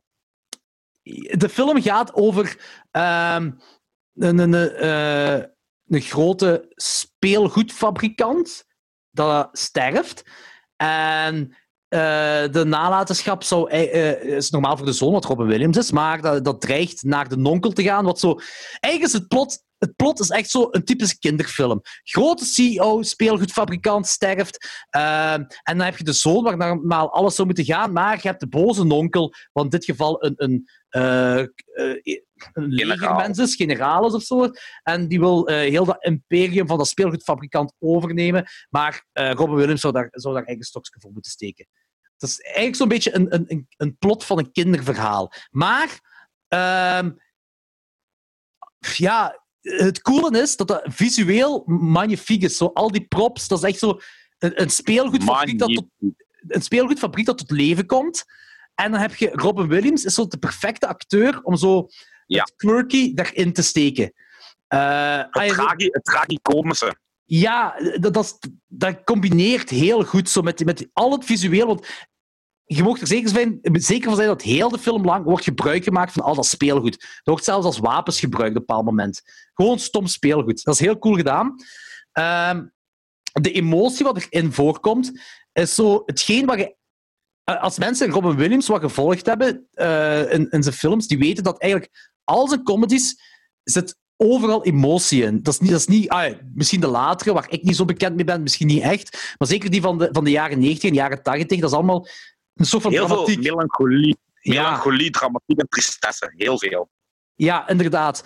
Eh, en, en, en die combinatie, dat zijn twee handen op een buik in deze film, vind ik. Eh, En dat is heel cool. Hetgene wat mij vooral heel stoort, en dat ik, dat ik zo storend vind dat ik daar... eh, ja, dat die echt een ster meer heeft afgekregen van mij, is de muziek.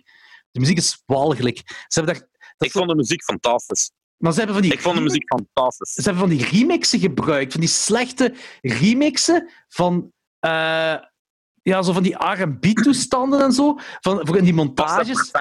Ja, voor mij, film, ja. nee, voor mij dan dat tegen.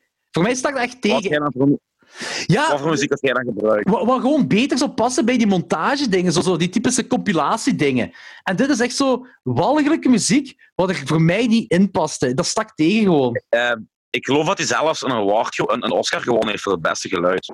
Maar geluid of muziek, dat is een groot verschil, hè? Eh die ben ik aan het twijfelen. Ja, ik kan het wel even als opzoeken. ik, als ik dat Oscar gaat opzoeken op internet, hè, heel veel mensen zijn zwaar fan van de soundtrack. Ik ook. Goh, eh, oh, dat, ja, ik, ik daar geraakte ik echt niet over, over die soundtrack. Zo, van die slechte remixen en dan nog in zo een... een- Ja, ik wat, weet niet- wat je millennial zei, ja. Nee, nee, nee, nee, nee, nee, nee, dat heeft daar niks mee te maken. Ze. Het, is, eh, het is gewoon, het is, het is sowieso, als- dat is toch geen muziek wat je zo zou opzetten. Van die R&B geremixed. Maar dat is geen R&B, jong. Ik heb het over die dingen, jawel, over die hoe heet- mon- montages, gelijk, gelijk ze in Team America zeggen, de montage. Die stukken, daar hebben ze echt zo van die... Het is, het is zelfs geen hip, het is echt R&B, zo geremixed hebben ze daarin gezet. En dat vond ik, ik vond dat een heel Ah, rare keuze. Ik, Ja, ik vond- ik vond dat... Ik vond, Ja, het, stak het me heel fel, het, het stak me heel fel tegen. Eh, ik vond het een beetje jammer, want dat, dat- ik vond dat het de charme weghaalde van heel die film. Dat was helemaal op het begin zelfs. Ehm, wanneer we een fatsoenlijke eh, introductie van, van, van, van de, het fabriek kregen. Zo, een beetje, dat is een beetje zo de... de, de dat vond ik Billy- een mega cool nummer. Als je die intro van die fabriek hebt, al die mensen aan het handen zijn die werknemers. Ja, ah, wel, ja. Dat vond ik een Zo, heel... dat Willy Wonka-achtig ding. Zo, hè. Dat was echt zo, Ja, zo dat vond ik de perfecte muziek jong, erop. De perfecte muziek erop.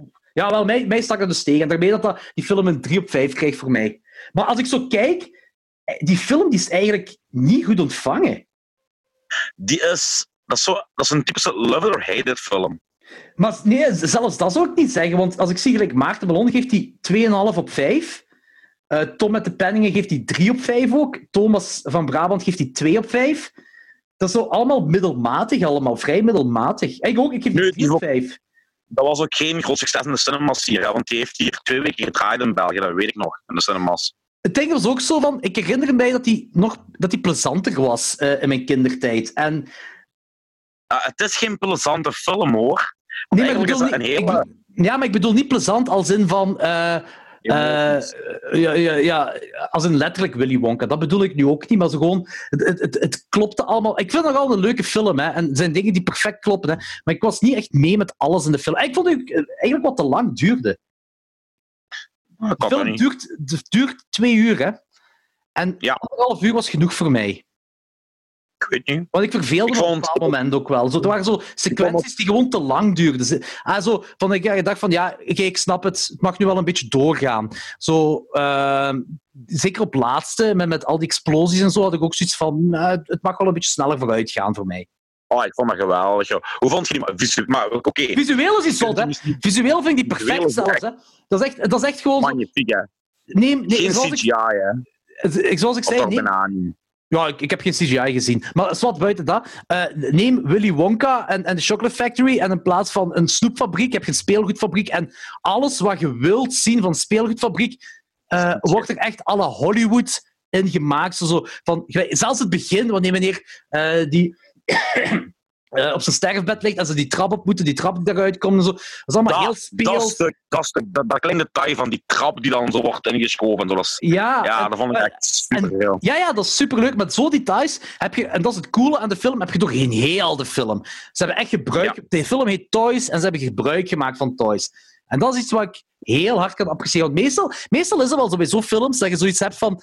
ehm, het gaat om dat, maar er zijn- je hebt te weinig dat. Je hebt te weinig dat onderwerp. Bijvoorbeeld de Blob. De Blob bijvoorbeeld. Zowel de originele als de remake. Je wilt mensen zien smelten. En je hebt dat vooral op het begin. Zo smelttoestanden met die mensen. In, in de remake nog visueler dan in de originele. Maar nog te weinig. Nog veel te weinig. Ja. Je wilt meer blobtoestanden hebben. Je wilt meer mensen zien die opgezwelgd worden door, door blobberige toestanden. Eh, en en dat, veel films hebben dat quote-unquote probleem. En Toys heeft dat niet. Toys heet Toys en Toys gaat over Toys. Daar moet je zeker van zijn. Weet je wat? Ik vind trouwens, ik weet niet of jij dat ook vond, maar ik had bij sommige scènes hè, het gevoel dat dat zo de, de, de luchtigere versies waren van Argento-scènes. Gelijk die scène met, met die trap in het begin. Hè? Ja. Als, als je daar de foto van ziet, hè, ik zal die straks doorsturen, hè, dat zou zo uit een Argento-film kunnen komen. Dan zo de, ja, de PG-13-versie. De manier waarop dat gefilmd is en, en hoe dat in beeld is gebracht en het kleurgebruik en zo. Hè. Ik, ik herken daar heel veel Argento in. Maar je Wat heel graag om te zeggen van, van de Eh, Toy-films, maar... Goh, ik, ik kan er heel eerlijk niet te goed op antwoorden. Want- Want het ding is, qua kleurgebruik, in mijn hoofd is het kleurgebruik eh, het decor en bij Argento het licht. Maar het kan zijn dat, ik- dat ik iets gemist heb in Toys daarvan wel. Dus dat weet ik, Ik, niet. ik, zal, ik zal je een paar stills doorsturen straks. Dan begrijp je perfect wat ik bedoel. Of, of misschien heb ik gewoon te veel... Ja, oké, va, maar misschien heb ik gewoon te veel gefocust op, op het decor zelf. Want het decor vond ik magnifiek in de film. Eh, dat, is, het, het- dat is het ding. Dus zoals ik zei, de film heet Toys. Het gaat over toys, het gaat over speelgoed. Maar je kunt er eigenlijk een beetje van uitgaan dat het speelgoed, heel ruim genomen, is basically ook een beetje een personage in de film. Net gelijk bijvoorbeeld Ja, ja, in. Maniac New York een personage is. Ja, dat is waar. zo, op, op zo'n vlak kun je dat zo'n beetje kijken. En dat is... Dus, wat zeg je? Ja. nee, zeg maar. Ah, nee, gewoon, dat, dat, dat is iets wat ik heel veel apprecieer aan die film, dat, dat hij de titel waar maakt. Daar komt op neer. Maakt Er het zit ook mega veel... Ja, ja, die film deed me ook zo fel eraan denken hoe hard ik Robin Williams mis. En, ja, want ik, ik, oké, die latere films heb ik niet allemaal, allemaal gevolgd. Ehm, waar ik misschien wel eens mee ga aanzetten. Misschien moeten we wel eens met de peperkwekerij doen. Zo die, de latere Ja. films van voordat hem gestorven is. ja. Ehm, gelijk RV en van die dingen. Wel. In, mijn hoofd leken het allemaal gewoon platte comedies. Maar misschien is dat dat ja ook bij niet. mij ook. Nee, dat is waar. Dat Daarmee weet ik niet. Dus niet ik heb allemaal. maar gelijk, hij heeft ook... eh, heb jij One Hour Photo gezien? Van hem? Nee, maar dat speelt dat schijnt wel een serieuze psychopaat hè? Ja, serieus. Het is, het is niet dat dat Norman Bates is of zo, maar het is wel een creepy stalker-achtig iemand zo. Het is echt een heel rare vibe, maar wat perfect, wat je hem perfect kunt zien doen zo, eh, als drama-acteur. Dat is e- echt heel goed gedaan. En, eh, deze film deed me er echt zo... Gelijk dingen ook... ehm hoe heet die film? eh, dat, dat is ook, daar speelt hem ook zo die, die, die, die comedy, dramatisch persoon eh, daar in de kliniek. Patch Adams. Patch Adams, ja. Dat is ook zo'n hartbrekende film, hè, wat eigenlijk ook een comedy is. En ook Ja. dankzij zijn personage en hoe hij dat personage invult. Ja. En dat is, hij, hij was... Hij was ik, ik zie ook... Ai, dat is natuurlijk sowieso moeilijk om te zeggen, omdat je deze film als kind hebt gezien en dan kijk je die nog eens. Maar ik zie niemand anders dit personage spelen. Nee, nee, no fucking way. Nee. Hij kan Nee. die balans van comedy en tragiek perfect invullen, vind ik. En je kan zo op een perfecte manier de volwassen naïviteit op beeld brengen. Dat is het, volwassen naïviteit, ja. Dat is heel fel in deze film, bij, bij, bij dat personage van hem. Want Ik denk, dat die film ook, ik denk dat die film ook eh, niet goed gedaan heeft, omdat je kunt daar geen genre op plakken. Hè? Het is geen comedy. Het is geen drama. Wat het wel is, het is een film over volwassen worden. Een anti-oorlogsfilm. Een film over goed en kwaad. Daar zitten echt een film over geweld. Daar zitten zoveel thema's in die film. Hè? Dat is waar, dat is Maar- inderdaad waar. Maar het wordt niet in je face gegooid. En ik denk dat veel, veel mensen kunnen er niet meer over weg. Weet je, het is geen film voor kinderen. Alleen met kinderen bedoel ik zes, zeven jaar die denken dat ze aan een speelgoedfilm kijken. En die worden echt getraumatiseerd door de laatste half uur waarin al het speelgoed wordt afgeslacht. voor sommige volwassenen kan het Wow. misschien allemaal te naïef of te kinderlijk zijn. Maar ik denk wel dat op- kinderen het wel tof zouden vinden. Ik vond dat tof als kind, deze film. Ja, maar Ja, als iets ouder kind. Jij moet niet zeggen, een van vijf, zes die dat gaat zien. eh, Ik, ik kan eerlijk gezegd niet zeggen hoe oud ik was. Ik weet dat ik kind... Op VTM heb ik die gezien, dat weet ik. Dat herinner ik mij. Eh, de film is van 93, dus pak dat die dan... Of 92 is de film. Dus pak dat die 95 dan op VTM was of zo. ja, zoiets. Dan was ik acht jaar, denk ik. Dus inderdaad, ouder kind. Zo. Ja. Ik, ik was 13, 14 en eh, ik vond dat toen een hele leuke film, sowieso. Maar het is pas met ouder worden dat je al die achterliggende boodschappen erin Ja, tuurlijk, dat gaat je als kind niet... Je gaat het niet begrijpen. De, de, maar het is, dat, de film die mo- moet niet staan op die achterliggende boodschappen. Je hebt perfect, Nee, een, je hebt perfect een rode draad dat je kunt volgen als kind. Want het is, het is, zoals ik zei, het plot is voor kinderen in principe. Het zijn gewoon die laagjes dat erin zitten, dat je alleen maar... dus de, de tragiek vooral, dat je alleen maar echt gaat doorhebben als je ja, volwassener bent. Wat ik ook echt grappig vond met terug te zien, is op, die, op twee dingen zijn tijd zo fel vooruit. Eén, Ja? jij bent daar basically over drones. Mm, Want die generaal zegt van... Juist, hè, stel, stel, ja! stel je voor dat je kindervliegtuigjes hebt die u heel weinig geld kosten, Ja. die raketten kunnen afvoeren en shit, plus die virtual reality bril. Ja! Ik heb, ik heb beide dingen dingen opgeschreven. Op dit moment trending zijn. Ja, ja, ik heb dat ook opgeschreven. Zo die, die, die drones dingen en dan ook de VR-bril, wat, wat hij noemt de Woozy Helmet. Mhm, Zo mhm. noemt hij dat. En dan heeft die, die Griet dat, dat- die Griet heeft dat ding in, Ja. haar neus, dat ik dacht van, holy shit. En zo, eh, zo, ah, die hebben geur erbij. En dan zegt eh, Robin Williams, nee, nee, dat moet in uw oor. Ja. Zo, what the fuck? maar het is grave visuele, plezante imagery en decors en zo. En, en eh, ja, het is zo... Het is, het is toch altijd goofball Robin Williams, maar die, die kan zo de tragiek er goed in verwerken. Dat is, Ja, dat, is kei- dat, dat wil waarschijnlijk ook veel zeggen over hem als persoon. En dat, ja, ja, zeker. ja, jammer genoeg natuurlijk, hè. Maar die remix-liedjes, hè, ik raakte er niet overheen, jong. Ik zo van, poeh, nee, nee. Ik had hetzelfde gevoel gelijk bij The, The Great Gatsby. Zo, dat is zo... Ah, daar, daar mij dat dus wel. De hip-hop. Dat had echt niet gemoeten in The Great Gatsby. ja, nogthans vind ik dat ook wel een toffe film, hè. Ik vind dat een mega goede film, ja. Hm. Ik, eh, om bepaalde redenen deed die film me ook echt wel sentimenteel iets. We hoeven niet over uit te wijden. Maar eh, buiten dat ook, die film was gewoon goed. Was echt Oh ja, goed. Great. Plus, het is Leo, hè.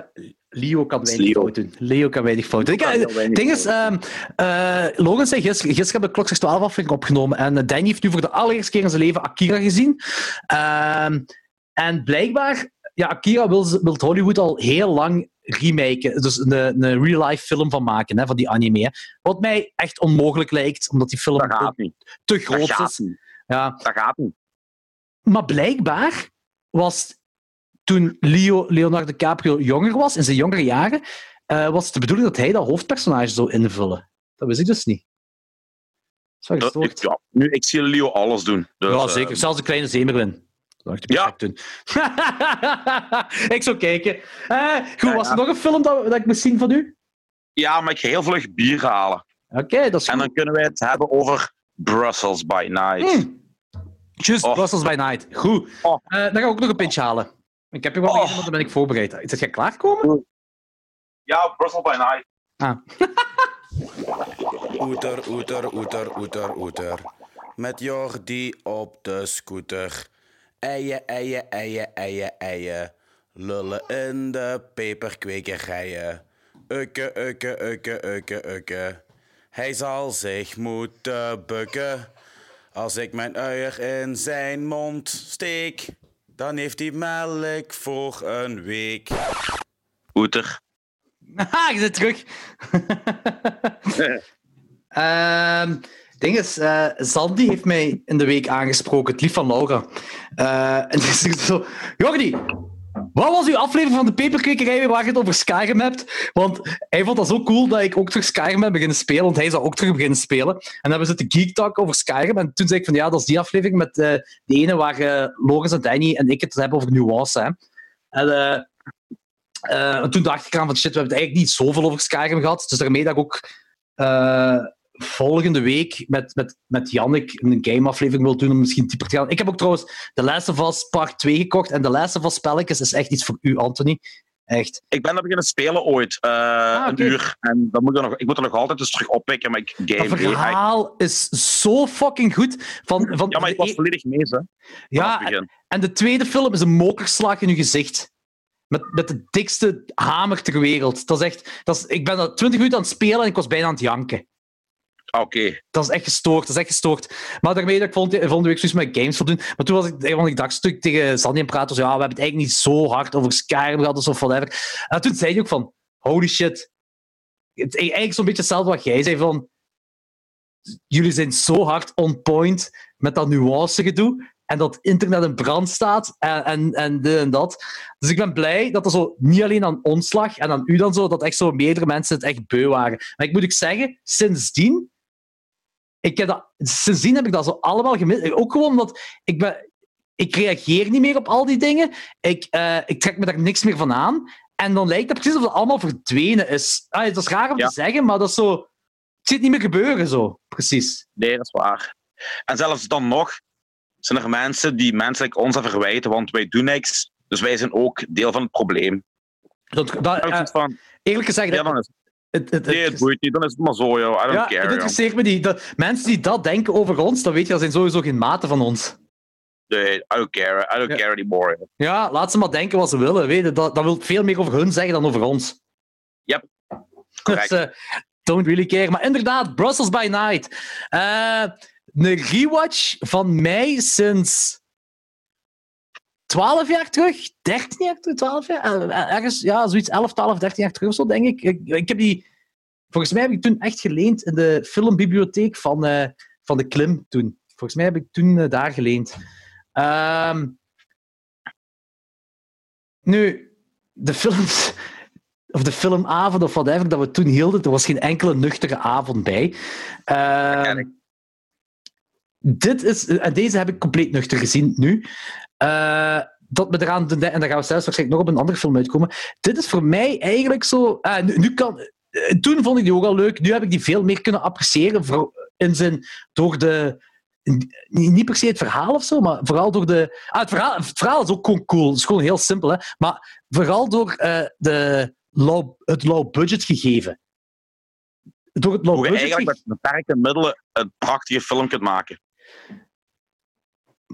Ja, maar ay, het is een heel mooie film, het is een heel leuke film, maar je moet niet, zelfs als je denkt van met low budget middelen hebben ze een heel prachtige film kunnen maken. Het is geen kunstwerk wat van het scherm spat. Maar dat vind ik juist, ah, ik bedoel qua, visueel. Dus, dus je moet er geen Argento-ding van verwachten. Nee, nee, nee, helemaal niet. Nee, dat is waar wat gezegd. Maar, maar eh, de cinematografie, wat, de cinematografie is gewoon vrij middelmatig. Ook zo, hetgeen wat ik in mijn hoofd, om een of andere reden was in mijn hoofd een, zo echt Brussels by Night, zo een, eh, begin, ja, dat is van begin jaren tachtig volgens mij, kan dat? Ja, Echt zo neon Brussel. Zo echt zo, z- zeker zo, zo eh, een beetje donkerder, depressie eh, dingen misschien zo. En je ziet zo wat neonlicht hier, neonlicht daar. Maar dat valt allemaal heel goed mee. Dat is eigenlijk helemaal niet zo. nee, maar it, it captures the vibe perfectly. Van een... eh, het gevoel dat ik had doorheen heel de film, dat speelt zich niet gewoon eh, eh, op één moment af of zo, maar, maar het, gevoel dat ik had, dat echt zo van... De, de, juist wanneer het niet ochtend is, in een iets of wat sleazige stad, terwijl dat je goed gedronken hebt, maar alleen bent. Zo'n gevoel had ik bij het kijken van die film. Dat is heel, is ook, heel specifiek wat ik nu zeg, maar dat is ja, maar dat is ook perfect wat die film wilt weergeven. Wat, wat, wat, wat, wat die film wilt dat de kijker voelt. Dat, wat jij nu zegt. Dat is echt, ja, dat is een heel specifiek gegeven. Want er zijn zo. Ik denk gewoon veel mensen van onze leeftijd. onze leeftijd, jij bent tien jaar ouder dan mij. You, joh. nee, maar ehm, iedereen heeft zo, zo eh, in zijn tienerjaar of misschien zijn twintig jaar zo wat meegemaakt dat je ergens gaat feesten. En op een bepaald moment, je moet bussen of treinen naar huis nemen of whatever. En op een bepaald moment zit je gewoon alleen aan het wandelen in een stad dat niet uw stad is. Maar het begint al zo ochtend te worden en je hebt de hele nacht zitten zuipen. En, Yep. En dat gevoel, dat is zo hetgeen wat, wat Brussels by Night bij mij deed voelen. Maar, en dat is geen negatief gevoel, absoluut niet. Dat is, zo, dat is zelfs een beetje een nostalgisch gevoel dat ik had. Een, een, Ja. een, positief gevoel zelf. Dat was echt, echt een heel leuke ervaring eh, om die film te zien. Zo echt, dat is, ja, dat, begint, dat, dat is ook geen... Het is, het is geen spoiler. Die kerel die wil op het begin zelfmoord plegen. Hij doet het niet, maar hij heeft, hij heeft een geweer in zijn mond. Eh, hij doet het niet en hij gaat naar Brussel. En daar uh, ontmoeten we wat mensen. Uh, en ja, hij, hij hangt rond in Brussel. Ja. Meer moet ik toch niet zeggen? Nee, dat is waar. Dat is waar. Om, om, waar. niks te spoilen, hè, bedoel ik. Dat einde wil ik zeker niet spoilen. Hè. Die, dat, dat... Ik vond dat einde een mokerslag, joh. Ja, ja, coaches zeggen dat is een mokerslag. dat is zeker een mokerslag. Ja. En dan, en dan, dan, dan, dan, dan, dan dat plaatst alles, dat plaatst al zijn handelingen in een perspectief. Ja. En, um, ja, en ik, ik vond vooral de dialogen vond ik schitterend. Ik vond het heel grappig dat die film is uh, dus van 1983. En ik vond op dat feestje, alsof dat feestje zijn. En Ja. dat, dat meisje begint te praten tegen... Dat is een Marokkaan zeker, hè? Uh, Ja. ja. En dat meisje is zo heel social justice warrior aan het praten. Ja, ja, op zo'n manier 1983, hè? En zij begint te praten... cringy wordt. Ja. Zij begint te praten over haar eh, witte privilege. En zegt van, ja, ik wil niet meedoen met een witte privilege. Ik wil... Ik, wil eh, ik weet niet meer wat ze allemaal zegt. Maar het gaat in ieder geval... Ze, ze neemt de woorden wit, witte privilege in haar mond. En ze begint daarover te praten. Echt zo'n social justice warrior, maar dan zonder internet. En dan die Marokkaan in het Frans. eh, zo van, wat heeft hij eigenlijk gezegd? Eh, Ja. Vond ik super funny. Vond ik echt super funny. Ja, dat is ook hetgeen wat mij stoort, maar dat, dat heeft niks met de film te maken. Maar gewoon, eh, ik had geen ondertitels en er waren een aantal dingen in het Frans. En Ja. ik had, en, en niet gewoon basic Frans. Het gaat soms echt diep Frans. En ik denk dat ik wel dingen erin kon opmaken, maar zo, ik kan, weet je, dat, dat haalde mij wel uit de film, omdat mijn Frans gewoon niet goed genoeg is. Maar dat ligt aan mij Ja. natuurlijk. Dat ligt aan mij, hè. Als die, Eh, als, als, die, Marok- als die zegt hem, dan zegt het hoofdpersonage van iets van ja, die vonden gewoon een vuile bruin of Ja, ja, ja. Dat, had ik- dat had ik inderdaad wel. Dat had ik wel door. Maar eh er waren zo andere dingen. Like op die brug daar dat ze stonden, dat Frans begon. Dat was een heel gesprek, een heel dialoog. En ik zo van, oh, ik kan deze echt niet volgen. Maar ik zeg het, dat ligt aan mij, mijn Frans gewoon heel slecht is. Weet je, die, die dialogen die zijn gewoon geniaal in hun eenvoud. Gelijk wanneer hij in het begin begint te reizen. Trouwens, als hij aan het station staat, zie je een plakkaatje met Genk. Hey. En dan zit hij in de eerste klasse. En dan zegt, zegt er een oude madammeke, meneer, het is hier wel eerste klas, hè. En hij is zo heel droog.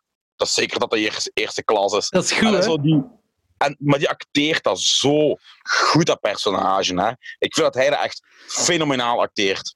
Ja, dat, is gewoon dat zo een, een, een personage waar je onmiddellijk... eh, je zit mee, maar je zit ook gewoon mee omdat je... Oké, buiten dat hij zo op het begin zelf mocht opplegen, je snapt wel zo eenmaal dat hij zo in die vibe zit, van als hij die mensen leert kennen, vooral dan, als hij in die vibe zit, eh, snap je zo ook zo de... de eh, eh, ja, nihilisme is al veel gezegd, zo, maar de donkere dingen van hem, zo van de Ja. droge donkere dingen van hem, dat, Dat is- je ook zou reageren zo van. Iedereen die perfecte met an- verstand. Dat is de perfecte anti-held. Ja, ja, in principe wel. In principe wel. Ja, ik vond het eigenlijk een heel toffe film. Ik zou Ik- eigenlijk willen dat die film eh, een, een, een, een Blu-ray-release zou krijgen, want, die, Ik wou dat juist zeggen. de- want er zijn gewoon veel te veel stukken die te donker gefilmd zijn. Ja. Wegens budgetredenen ben ik vrij zeker van dat het door Ja. budgetredenen is. En als je nu een upgrade zou krijgen van een fatsoenlijke scan, dan, dan zouden we een. Ja, dat zou, dat zou misschien een tweede leven kunnen geven aan die film. Het is echt een grote schande dat die film nog altijd in Blu-ray verschenen is. En dat is echt zo'n film die perfect zou uit kunnen komen bij Indicator. Of, of zelfs bij Mondo Macabro of zo. Ik vind dat echt een parel in de Europese cinema, ja, die film. Echt, Indicator zie ik inderdaad nog wel. Dat zie ik. eh, ja. echt. Dat is... Ja, en ook die soundtrack van Remo van het Groenewoud vind ik ook echt top-notch. Past er perfect op. Misschien moeten wij dat uitbrengen, Anthony.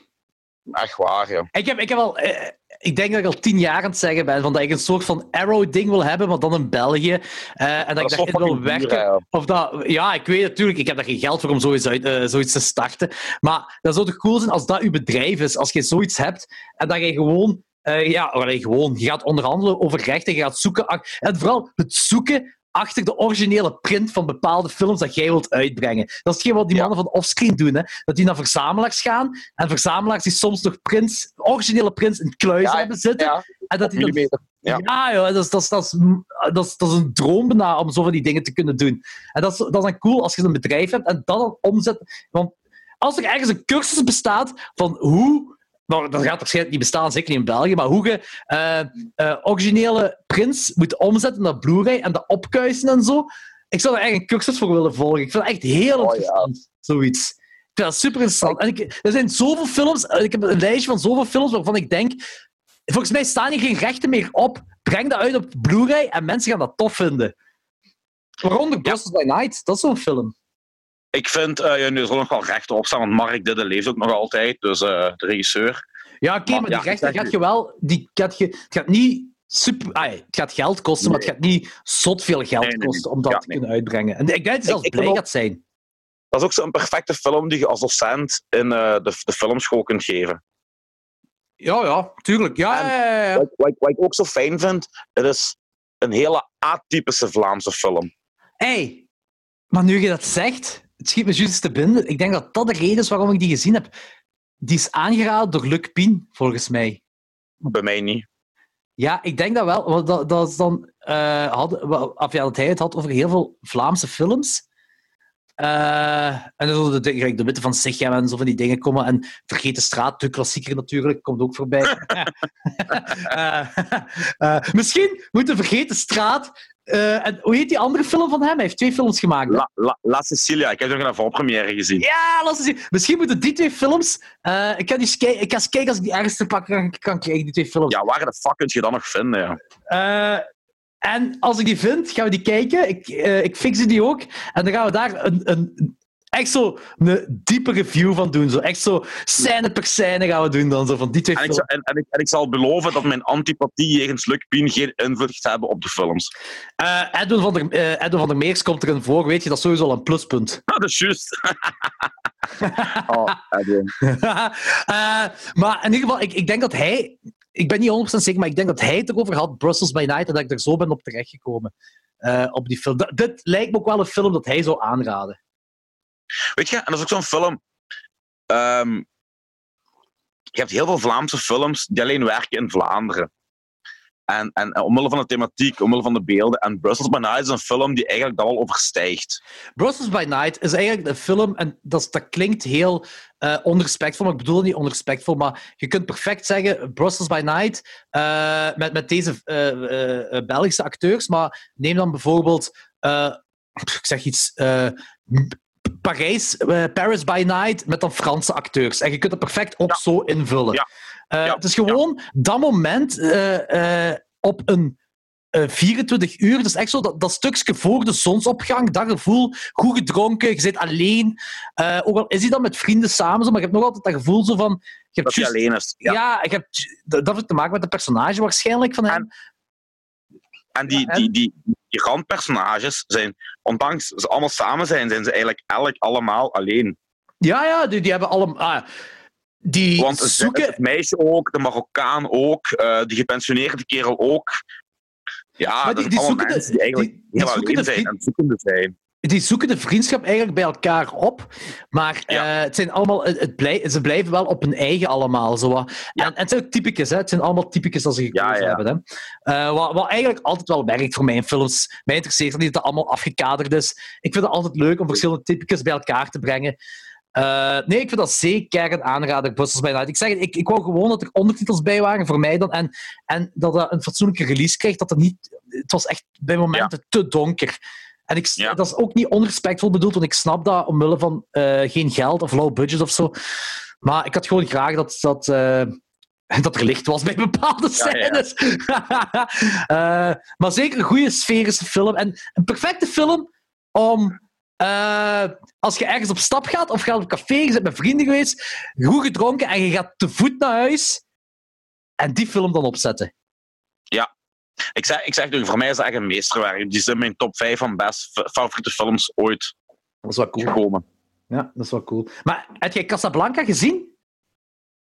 ik heb die lang, lang, lang geleden gezien. Allee, je hebt die nu toch gekregen, hè? Kijk die opnieuw. En, uh, want ja. dat is... Oké, die film, ik moet ook al toegeven, ik heb Casablanca ook niet meer gezien sinds... We hebben die verplicht gekeken op school. Ik heb dat... Oh man, ik heb zoveel... Ik heb dat verteld van... van uh, daar gaan we straks wel verder op in, van Christiana F., hè, dat die godsdienstleerkracht ja. die dan meer... Ja. Uh, films, uh, die niet in, in God gelooft, maar zo films zou laten zien uh, waarbij je nadenkt over het leven en, en en thematiek en dat allemaal. En dat we dat experiment liet hem zien. Uh, Christiane F. En Casablanca liet hem ook zien. Maar eigenlijk, dat is, dat is ondertussen, ik zal het middelbaar, dus dat is... Ik denk begin 2000 is dat geweest of zo. Ja dat, kan, ja, dat kan goed zijn dat dat 15 tot 20 jaar geleden is. Maar die thematiek is nog altijd zo toepasselijk de dag van vandaag Terwijl dat Ja, ja, eigenlijk ja. 15, 20 jaar geleden is. Dat vind ik eh, keizot. Eh, werd ook bestempeld als eh, Vlaanderens eerste multiculturele film. Hè? ah, dat wist ik niet. Dat is wel zot. Oké, Ja. dat is wel cool. Ik vond En ik, eigenlijk... heb pas re- ik heb pas de regisseur in mijn vriendenlijst gegooid. Ja, die heeft u eh, de film gegeven. Nee, nee, nee, nee. Niet Ivan, hè. Ah, Ivan is De- de regisseur. Nee, Ivan was de co-regisseur. Maar de hoofdregisseur was Gili Thijs van de, de Potlopmoorden. Ah, Maar daarmee die link. Holy shit, ik wist niet dat dat die was van de potlotmoorden. Ja, maar Dan vind ik ook dat mijn godsdienstleerkracht de potlotmoorden moest laten zien. Maar die kerel die ging volledig scheef in zijn politieke visies. En eh oh, maar een moment was Huh? was me echt te veel Wacht. geworden. En ik heb die echt weggedaan. Die van, eh, van de Pencil Murders, eh, die van Casablanca ging scheef. Maar die... Want Casablanca laat... Maar scheven ze politieke visies dan te extreem links dan of zo? Dat is heel raar. Op een bepaald moment was die, vond ik, met zijn mening echt naar de rechtse kant aan het gaan. Maar zo overdreven rechtse kant. Ja, ja, ja. En, eh, en nu in één keer begon die zo echt super links te worden. Maar zo echt zo gelijk. Allee, gelijk bijvoorbeeld in Parijs, al die, die straatjochies eh, die dan eh, tijdens een achtervolging omkomen. Ja? Hij, legde, hij legde de schuld altijd bij de flikken en bij de maatschappij. En nooit, of te nooit, bij de Bij- persoon Bij zelf. de criminelen eigenlijk. Voilà, ik gun niemand de dood. Zeker niet van die straatcriminelen, weet je, want die moeten ook doen wat die moeten om te kunnen overleven. Maar je moet ze ook niet afstempelen als fucking heilige boontjes, weet je, want dat zijn ze. De, de meeste zijn geen heilige boontjes. Ik vind, ik vind dat heel Ja. graag dat hij zo denkt. Want ik vind Casablanca vind ik echt zo juist eh, de, het nuanceren van beide kanten. Ja, maar ik zeg jullie, die is, ofwel is die bipolair, weet ik veel. maar die, die, had echt van die hele rare zwart-wit meningen, die echt zo... ja, Oh, dat is jammer. En- Hey, nu kun je niet zeggen fucking millennial, want die kerel, dat is uw generatie, hè? Nee, jong, die is echt wel ouder als mij, joh. Snel, dat is Dat niet waar. Dat is... Ja, jij toch ook? Ik ben geen... Die ligt alles uit. Eh, ja, het is hier donker aan het worden, ik zal het niet aan doen. Oh, gezellig. Oh, oh. Ik moet een Oh. lampje zetten. Oh ja. ja ik, ik heb zo'n Philips-lamp, hè. eh, die, met, eh, dat is echt al tof. eh, ja, even tussendoor. Dus ik heb zo eh, ja, smartlamp of zo heet dat. Je kunt met die gsm van kleur veranderen. En ik vind dat echt Ah. oprecht ehm, gezelliger als het dan in de living rood licht is. Of magenta of roze. En Max dat die, die vindt dat cringy. Hij zegt, want omdat die lamp ook zo juist onder ons raam schijnt. Naar zo mijn, mijn dvd-kast. En Max Ja, zegt zo, mensen denken dat hier echt vuile dingen aan de hand zijn als je dat rood zet. Ik zeg, maar dat is gewoon hier Ja, in de ik- living is gewoon sfeervol. Ja, joh, ik, weet- ik, ik weet niet, hè, jong. eh vieze filmpjes, rottende apen. eh, het is toch niet 100% eh een beetje Thailand hier. Ja. dat, is, dat is het kabinet des Jordis Ostigari of zo. hè. Oh ja, wacht maar als we ons huis gekocht hebben, dan ga je pas dingen meemaken. Real life spokenhuis maken of zo. Eh, maar die Gili, Gili Thijs heet hem, hè? Of hoe heet hem? Ja. Ja, ik vond zijn, zijn commentaar wel heel grappig bij Forgotten Scares. Dat zo eh, zijn film De Pottenboorden keihard werd, werd ay, zo omhoog gehaald door, door horrorkenners en zo. En van, wow, de allereerste Belgische Jello en dit, dat. En hij heel serieus, ja, iedereen zei Jello, Jello. Ik wist niet eens wat een Jello was. En ze waren mij vergelijken met Dario Argento. Ik wou gewoon een film maken waarbij een moordenaar mensen vermoordt met een potlood. Dat is alles. dat is ook wel heel grappig. Is wel nog altijd sympathieker als eh, Johan van de Woestijn. Jij haat hem, hè? Oh man, dat is echt de opperlul in, in Vlaanderen of- of in het filmlandschap, jongen. John, echt. John, wat, heet hem weer? John, eh, John Desert? John Desert. Ja, John Johan Desert. van de Woestijnen, John Desert. Ja, ja, ja, ja, ik weet het, ja. Echt, jong. Oh, mannetjes, jong. Die kerel, hè, jong. Ten eerste, hij is echt een, een extreemrechtse dude, vind ik. En die kan ook helemaal niet tegen kritiek, hè. Die kan echt niet tegen kritiek, hè. Als je maar één dingetje zegt over zijn film, schiet hij uit zijn krammen Trump-style, hè. Oh, pijnlijk. Maar hij, hij heeft toch dingen, hè? Eh, hij heeft nu een, een, eigen streaming-ding gestart, hè? Ja, Trill, Trillfix. Ja, juist. Iemand, iemand vroeg aan hem, eh, toen ik nog op Facebook had, van ja, maar Johan, hè, welke films gaan erop komen en hoe zie je dat zit qua concurrentie met Netflix en zo? Want ja, ah, die films die jij wilt uitzenden, ja, dat zijn nichefilms. Is dat niet dinges geweest, uh, Laurentijn, als een broer met eh, eh, The Nightbreed? Want die, zij hebben hem geïnterviewd. Ik weet, nee, nee, nee, nee. Dat was gewoon iemand en random en die vroeg dat aan hem op een hele Oké. normale manier. En hij begint echt te flippen. Zo van, ja, was het me nu al af aan het kraken en je weet van niks. Ik heb al films gemaakt, jij zegt Oh. niks. Blub, blub, blub, blub, blub. Oh nee. Ja, dat is zo'n crybaby, hè. En het grappige is, ik ga geen namen noemen, maar ik ben ehm, door mijn hobby en, en door andere dingen al in contact gekomen met bepaalde eh, Vlaamse regisseurs. En die zeggen allemaal hetzelfde, jong. Ah, de Johan. Ja, jong. Dat is een speciaal geval. Ja, maar ik Daar hebben we liever niet mee te maken, joh. Ja, Eh, ja, ja dat, is, ik... dat is echt zo. Het, het, het- die kerel is nu 60 of, of, of zo ongeveer. Ja, ja, Ja, ja. Het is echt, het is echt zo het, het ingesteldheid van een verwend rotkind van 14. Ah, dat is jammer. Dat is heel jammer. Ah, eh, wacht, heeft Rabbit Grannies heeft hem gemaakt? Of hem nog weer- gemaakt? Nee, nee, nee, nee. nee, nee, nee, nee. Dat is Oh, een nee. eh, algemene fout. Hij gaat graag lopen met de eer, maar die film is gemaakt door Emmanuel Kervijn. En hij heeft daar zo'n beetje aan meegewerkt. Maar het is Emmanuel Kervijn die die film gemaakt heeft. Johan van de Woestijnen heeft in die tijd Lucker gemaakt. Lucker. Ah, Lucker, juist, dat is zijn ding, hè. Lucker, ja, ja, ja. die ja. eigenlijk voornamelijk bekend staan om het feit dat dat A. een Vlaams horrorfilm is. B. een Vlaams horrorfilm over necrofielen. C. die waanzinnig slecht is. D. waar effectief een scène in voorkomt waar een lijk gepoept wordt. Naar Vlaamse normen was dat nogal ho, ho, ho.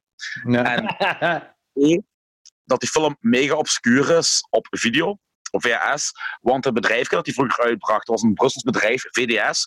Die specialiseerde zich in zowat de exploitation films. En ehm, die zijn failliet gegaan. Maar daar is allerlei sketchy shit gebeurd. Mensen denken dat die, die distribuut, distributeur zijn eigen bedrijf in brand heeft gestoken om de verzekering op te leveren. Nu, weet ja. waar is, hè. Maar dat komt er dus op neer dat er eigenlijk heel weinig VHS'en van die zijn overgebleven. En ik had die. Ah. Ik heb er echt acht, negen jaar achter gezocht. Een relatief oké bedrag voor betaald voor die film.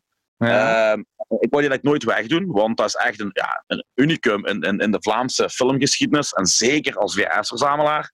Maar omdat ik die kerel zo begon te haten, heb ik gewoon zoiets gehad van: fuck it, ik wil dit... Oh, dat is echt zot. Dat is echt zot. En ik heb hem, ik heb hem verkocht eh, een aantal maanden geleden voor eh 400 euro. Holy shit. Ik had zoiets van: fuck it. Ik, eh, het is niet dat ik het geld nodig had, hè. Maar ik had van: ik ben die 400 kerel euro extra op uw rekening is toch wel tof om te hebben, ze? Ja, maar er zijn films waar ze mij al meer geld voor geboden hebben, die ik niet wegdoe. Ja, oké, ja. Maar bij die had ik echt zoiets van, ik ben die zeker zo fucking kotsbeu, die verdient het niet om in mijn videotheek te staan. Dus ik heb hem gewoon verkocht. Fucking shit. Maar hij is, dat wel, eh, hij is wel bezig. Ah, hij is be dat, dat is nu ook al iets wat ik meer dan drie jaar hoor voor Rabbit Grannies 2. eh, dat hij Rabbit Grannies 2 de sequel wil maken. Ik Eh, echt niet meer hè. Maar hij heeft toch dingen gemaakt? Uh, uh, Laundryman. ah ik ja, denk dat- juist. Ik denk dat Todelo ook van hem is, maar ik ben niet zeker. De, eh, dacht ik wel, ja. Dat dacht Ja. ik wel. Nu ja, alle shows dat die. eh, allee, België heeft, eh, of eh, toch Vlaanderen heeft toch wel wat loco regisseurs eh eh, Ja. eh, dingen in de horrorwereld. Maar ehm, er is er ene die. Waarbij je ook mee kunt lachen, maar ik vind die kerel wel super leuk om mee te praten. Ik vind, dat is een vrij charmante kerel. Leopold de Bruin. Ik wou het juist zeggen. Die kerel is, dat is een fantastische mens, jong. oh ja, Dat is een fantastisch. Weet je, die heeft. Nee, het grappige is, die weet echt extreem veel over Wacht, films. wacht even. Voor, voor, de, voor de luisteraars die hem niet kennen, Leopold de Bruin, die heeft, eh, ik denk dat hij vooral bekend staat voor Maniac Nurses. Als het op film... Maniac Nurses Find Ecstasy. Ma- Alleen die naam al. Eh, Hey, Troma, Troma heeft die eh, uiteindelijk gedistributeerd, hè? Rabbit Granny's ook, hè? Ja, maar Bryce die is die van hem, hè? Nee, nee, is, niet Hij van is ook, een, eh, is ook van, van, van een Belg, hè? Ja, ja. Dat wel, hè? Maar ehm, eh, Leopold de Bruin, dus, dus hij staat vooral bekend van Nurses. Hij is in een programma gekomen met, eh, van Steven van Herwegen. Een van zijn programma's op de VRT, ik weet niet meer welke. Ah, echt? Ja, ja, ja. ja, ja. Goh, je vindt dat nog wel op YouTube. Ik ga nog eens aan Martel vragen welk, progra- eh, welk programma Stefan Herwegen juist is. Want we hebben dat, ik denk een jaar geleden of zo, nog eens een aantal van zijn shows zitten opnieuw kijken op YouTube. En de show, maar ook dingen, Urbanus komt er ook in voor, eh, om te praten over de originele 2000 Maniacs. Super funny. En ook, in dat programma had Stefan Herwegen, dat gaat jij misschien ook kennen, die kerel, had het over een kerel Eh, want ik heb het met hem ook erover gehad, met Steven dan, eh, in onze podcast toen hij bij ons was. Um, klok 12. Uh, er is een kerel die ehm, als hobby films maakte. Science fiction, horror, whatever allemaal. Ja, met zijn familie in zijn achtertuin. Ja, ja, ja. Dat is zo, ja, en dat hij zo rode bezemstelen gebruikt als laserstralen. Zo filmen, rode bezemstelen in het geweer stoppen, stop, uh, terugfilmen, stoppen met filmen. En dan zo dat framepje gebruiken van die rode, rode bezemstelen als laserstralen, van die dingen allemaal. En uh, uh, eigenlijk mega slechte films, maar super charmant gemaakt, gewoon uit liefde voor de film. Uh, ja. Dat was een programma van Steven Herwegen dat zo over van dat soort mensen ging. Uh, maar ik weet dat er Baans er ook in voorkwam en dan uh, ze het even over 2000 Maniacs. En Leopold de Bruin is er ook in voorgekomen. en ik denk dat ze dan stukjes uit Maniac Nuggets hebben laten zien. En er was nog een bekende van hem. Hè? Parts of the Family. Parts of the Family, dat is ook trauma, hè? Niet? Ja. ja. Maar die film is volledig verknipt door trauma. Dat is eigenlijk zijn film niet meer geweest. Ze hebben daar echt ah, ja, volledig gemassacreerd. Nu, ook voor de luisteraars, hetgeen uh, wat, wat uh, zo de mensen die zo'n beetje in de horrorwereld zitten van, van, België. Leopold de Bruin is verhuisd naar Thailand. Of die zit toch zes maanden van het jaar in Thailand om daar ook films te maken. Ja. Uh, en die films, ehm, dat gaat meer over vrouwen die geen vagina hebben, maar een piemel. Die maakt dus yep. uh, Maakt porn. Shemale maakt hem. en toen ik op de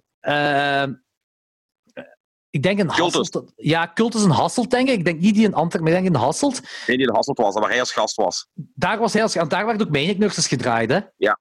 Ja, dus daar heb ik dan Forgotten Scares gekocht. Forgotten Scares, ah, trouwens ook echt een aanrader voor iedereen. Dat is, dat Forgotten Scares is een, een documentaire over de Vlaamse horrorfilmwereld. En dan komt je echt typicus tegen. Dat is echt, dat is super grappige documentaire, maar je leert ook echt effectief wel dingen bij. Dat is echt een heel goed gemaakte documentaire ook trouwens. Maar dan leer je de typicus zo wat kennen.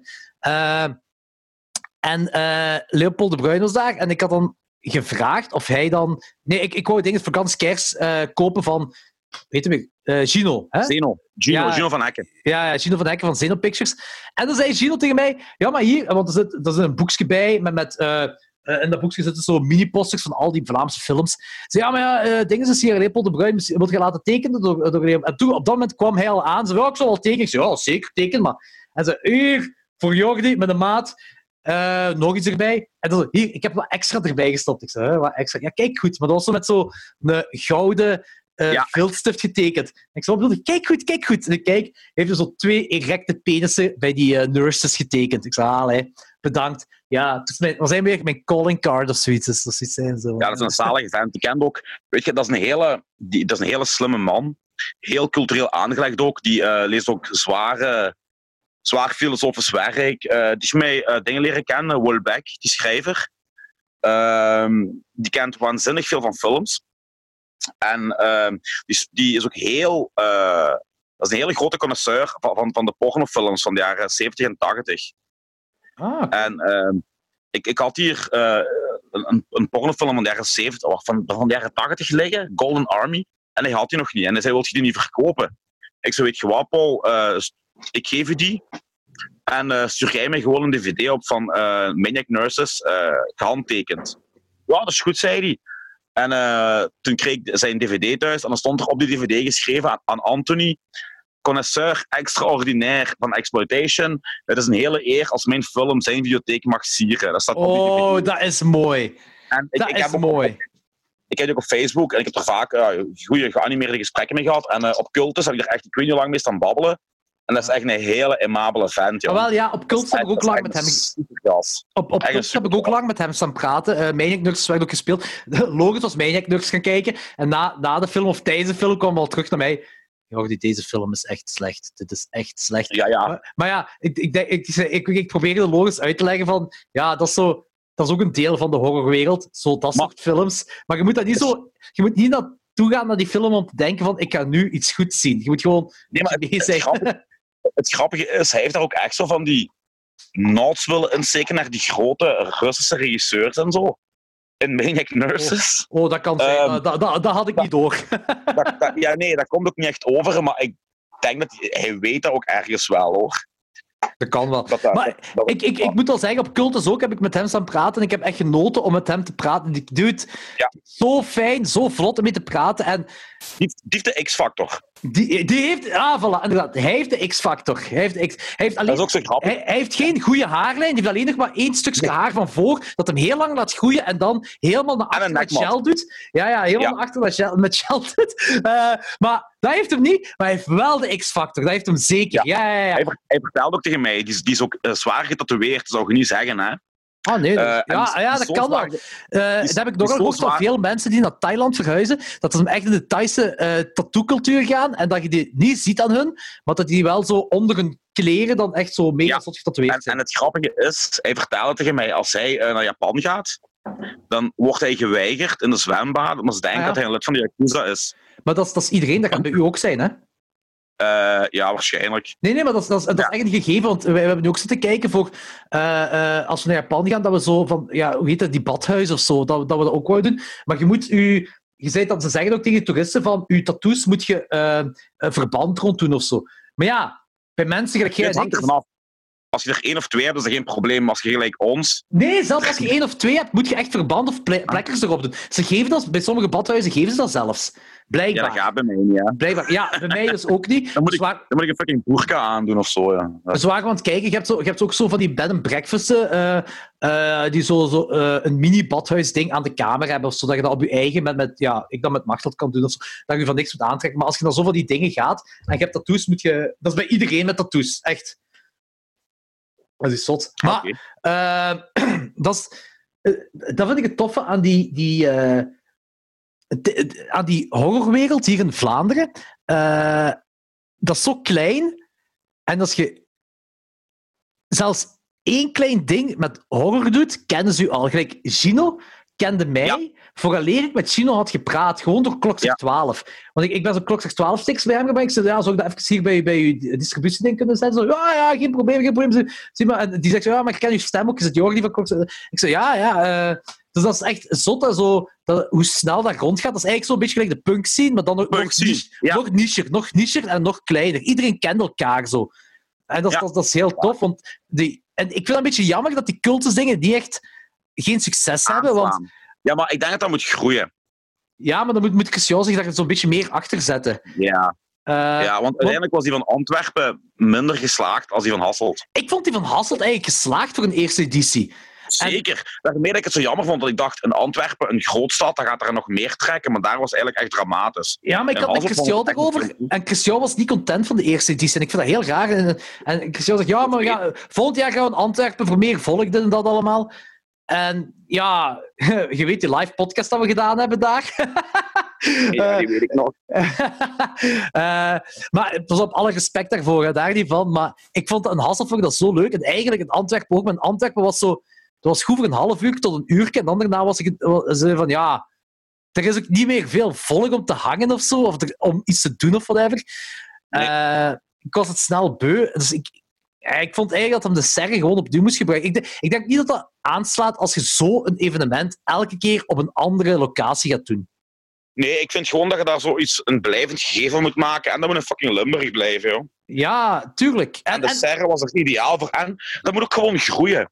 Je moet ten Ja. eerste je moet op dezelfde plaats blijven, dat dat wat be- naambekendheid krijgt. En, want de serre ja, was een goede locatie. Ik vond een mega locatie daarvoor, joh.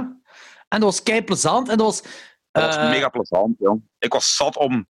Ik was zat in haai om half tien 's morgens. maar ik, ik denk als, als, als, als terug evenementen mogen organiseren, of zo, dat ik, dat ik Christian een berichtje ga doen. Dat ik zei van ja, ik wil. dat terug doen. ja, ik, ik Jordi, wil- we gaan dat terug doen. In Hasselt. alleen, alleen het ding is wel. eh, met, met screenings moeten ze wel mee oppassen. Of, eh, het wel legaal doen. Want gelijk, ik ben. En dat, daar moet ik Ludo gelijk in geven. Dat ehm, Ludo van de Roxy die wou een, een, eh, een filmavond doen, een cultavond. En maar, ja, niet een cult, maar een horror. Want is, was, Us was uit. Us was uit. En dan eh, eh, nog een andere film. eh, met een klein jongske. Ik, ja, ik weet alleen dat, dat Logans ik ben zijn nog na cultus naar, naar daar gegaan voor, voor eh, die andere film. Want ze Us hadden we dan juist gemist. Eh, ik zei zo, ja, waarop cultus in dat? Ze zei, ja, ja, eh, dat is een heel goede onderneming. Dat is een eigen mega cool idee om te doen. Maar die mannen hebben niet betaald voor recht om die films uit te zenden. Nee, en bij een Maniac kun je nog lappen. Want dat is trauma. Maar bij een Evil Dead is dat inderdaad al... Maniac Nurses bedoelt je? Ja, ja, ja. Maar nee, Ja. nee, bij Magic Noises kun je dat lappen. Maar niet als je Evil Dead screent, gelijk. Ja, Evil Dead en ook die Crash van Cronenberg hadden ze ook gescreend. En er waren nog zo'n paar van... Ja, en, en, en dan moet ik... Want, allee, dat is... Dat is je zei op dat moment... Kijk, je zit illegaal films aan vertonen, maar je kloot ook wel zo gelijk cinemas, gelijk de de Roxy en Koersel, die zo... Die het echt Ja. voor... Die echt die films draaien voor de filmliefhebber. En niet per se... Ja. die willen geld ermee verdienen, maar... ik weet ook niet of die screenings noodzakelijk zijn op zo'n beurs. Wat je misschien wel kunt doen, is je pakt een hele hoop eh, Vlaamse regisseurs die kortfilms gemaakt hebben. Weet je, een film van Jonas Schovaars, een film van eh, Wesley uh, Remory daar. Ja, ja, ja, ja, ja, ja. eh, dat, eh, eh, Franke met Muilen en zo. Ik denk als je van die dingen doet, dat je dat wel makkelijker gepoeld krijgt. En uiteindelijk is dat even leuk of interessant als dat je een pakweg een Evil Dead uitzendt. Ja, het is gelijk, dan op die, die cultus in Antwerpen hadden ze dingen uitgezonden, hè, eh, Texas Chainsaw Massacre. En natuurlijk is dat cool om dat op groot scherp te zien. En ik snap dat dat cool is om... Maar als je, ja, weet je, als je geen geld hebt voor rechten te betalen, doe het dan gewoon met, met eh, films waar geen recht op zijn. Allee, oké, de, de bekendste is Night of the Living Dead, maar er zijn nog zoveel andere waar, waar, waar je gewoon kunt uitzenden zonder rechten. Maar omdat het toch om sfeer gaat ook een beetje. Plus, dat, ik wil dan ook... eh, eh, dat was normaal gezien, ik denk, ja, die van Antwerpen, maar dan het uiteindelijk niet doorgegaan, dat, eh, dat ik dan zo horrorliedjes zou draaien, dat ik zo, zo DJ'en, zo horrorliedjes allemaal zou doen, wat ik echt nog altijd wil doen, wat mij heel leuk lijkt om te doen. Volgens mij kun je daar iets van maken, maar er moet echt zo... Er moet een beetje meer mee gedaan worden, ook zo qua reclame Ja. en zo. Ja, want ik, ik heb dat gedaan. Ik heb horrorliedjes... ai, ik heb Jallo en een Eurocrime nummers gedraaid op een, ehm, op een zaal België avond. Ah, ze, ook van Christian. ja, toen ze Hobo Ja. uitzonden en, en nog iets.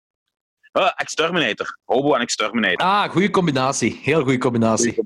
En misschien moeten we dat samen doen de volgende keer bij de volgende cultus. Samen DJ'en. Sowieso, ja. Ja, dat lijkt me wel tof.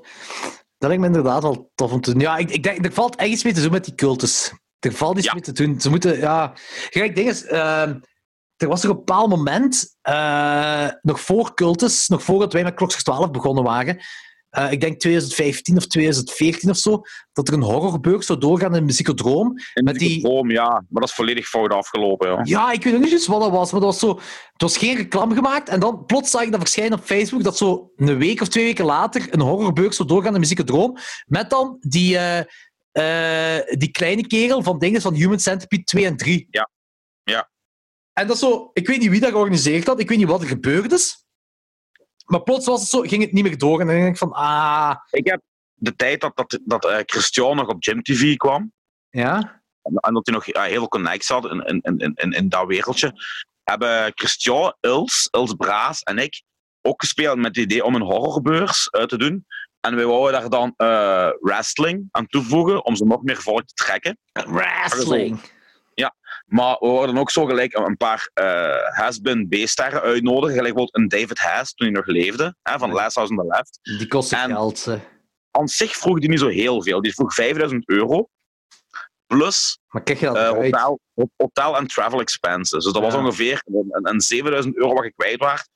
Maar voor een eerste keer in Limburg krijg je er niet uit. Maar Christian zei van ja, maar ik heb mijn contacten bij Gym TV en we maken reclame, zie en la.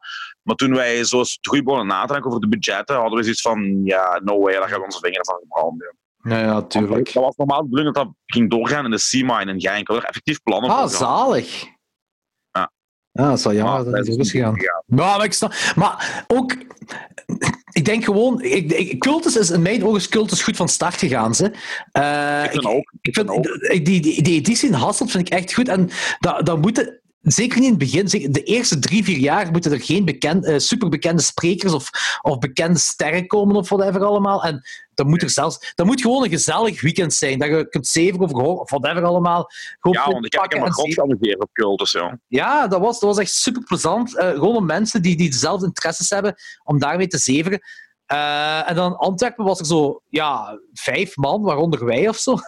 Eh, ja, dat, er is echt, echt nooit meer dan tien man binnengekomen op heel die dag. dat is heel jammer. Dat was echt heel jammer, want uiteindelijk was het ook nog wel leuk. We, we, zijn daar, ja, we hebben daar die live podcast gedaan, we, we hebben wat, wat gehangen en toen zijn we doorgegaan omdat er niet veel meer te doen was. Maar ja, toch denk, ik denk dat er iets mee te doen was. Ik vond gewoon, ze, ze moesten in de serre blijven. Ze moeten gewoon een paar Ja. jaar in de serre dat doen en dat, dat een beetje opbouwen. Dat er meer volk naartoe komt. Ja, dat moet echt allemaal groeien.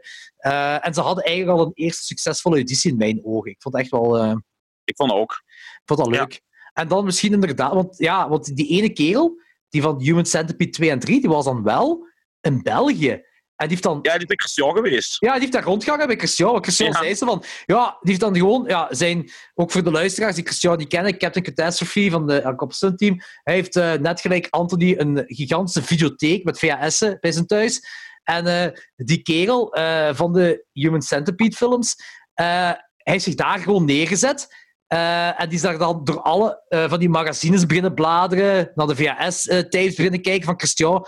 En Christian zei van, ja, ik heb die gewoon wat cola gegeven. En ja, die heeft daar gewoon de hele tijd een paar uur zitten hangen en, en zitten Ja, en kijken. Dat Christian heeft een deel porno cadeau gedaan.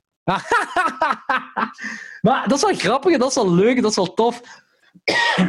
Ja. En ja ik, ik hoop dat dat terug opgepikt wordt en dat, dat ze in de ook. toekomst toch een paar van die dingen gaan, eh, gaan organiseren. Ja, zeker. Eh, maar goed, hebben nog dingen moeten kijken. Eh, hebben, ik denk dat we alles van u gehad hebben buiten Cutthroat 9, die we dan de volgende keer doen. Ja. Eh, wat had ik weer gezegd? Eh, de drugsfilms, hè. Ah, de drugsfilms. Loading? Ehm, dat was de eerste keer dat ik die nuchter zag. en hij is... Een, ik heb hem toch een halve ster minder gegeven, joh. Ja, ik snap dat wel hoor. Hij, hij, hij, hij, hij, deed mij belangen niet meer wat hij mij toen deed. En ik vond hem zelfs op een bepaald moment, ondanks ik hem nog altijd wel leuk vond, eh, lichtjes innerverend en, en te, te pushy. Weet je ook wel zeggen? Jawel, ik weet eigenlijk 100% wat je wilt zeggen. En ik heb me dat zelfs afgevraagd van... Is dat te pushy of komt dat nu gewoon te pushy over? Omdat dat Ja, zoveel voilà, jaar voilà. later is, dat ik dat zo beke- opnieuw bekijk. Ook inderdaad nuchter. Eh, het is nog altijd een Terry Gilliam film. Ja, Ja. Niet, ja, ik denk Terry Gilliam kun je een beetje onderscheiden met zijn Monty Python tijden en zijn niet-Monty Python tijden. Eh, Ja. Dit is zo de typische niet-Monty Python-achtige ding van hem dat hij maakt. Eh, dat altijd zo wat weird en geforceerd lijkt, maar misschien ook niet. Ja. Het is zo, Ja, ergens ja het, is een heel, het is een heel dubbel gevoel bij die film. ja, en dat had ik, ik had exact hetzelfde gevoel bij deze rewatch, want dat is ook van mij. Voor mij meer dan tien jaar geleden, misschien vijftien jaar geleden, ik weet het ook niet zo. Maar lang geleden in ieder geval dat ik die nog eens gezien heb. En ik, ik weet wel, de eerste keer dat ik hem gezien had, dat ik vond ik waanzinnig. Dat was echt als jonge Ja, tiener ik ook. dat ik gezien had. Ik ook. En ook de eerste keer ook nuchter, als jonge tiener. En Ik weet dat ik die nuchter zag. Eh, en met Chrysostomos, of zo, juist de dag voor Chrysostomos, zei ik tegen mijn maten van... We gaan zuipen, we gaan spertotaal zuipen, en dan gaan we die film opzetten. En, en, en volgens mij moet dat zot. En dat, was, dat geeft een- uiteraard een heel andere ervaring.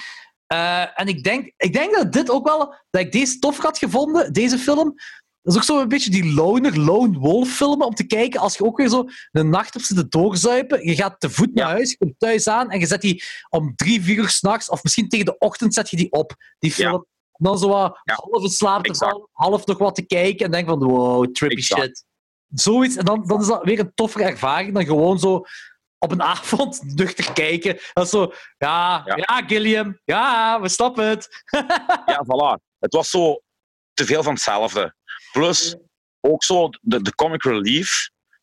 Ehm, ik vind dan gelijk de scène in The Wolf of Wall Street, als DiCaprio die lemons neemt, Nou ja, honderd keren meer geslaagd als elk andere scène in Fear and Loading in Las Vegas. Jij bedoelt toch zo met die trap, hè? Ja, Ja, ja, Ja. ja. ja, dat kwam dan veel meer natuurlijk over al- als, als eigenlijk bijna alle scènes in and Loading. Nu, ik vind de acteerprestatie nog altijd geniaal. Zeker die van Benicio del Toro.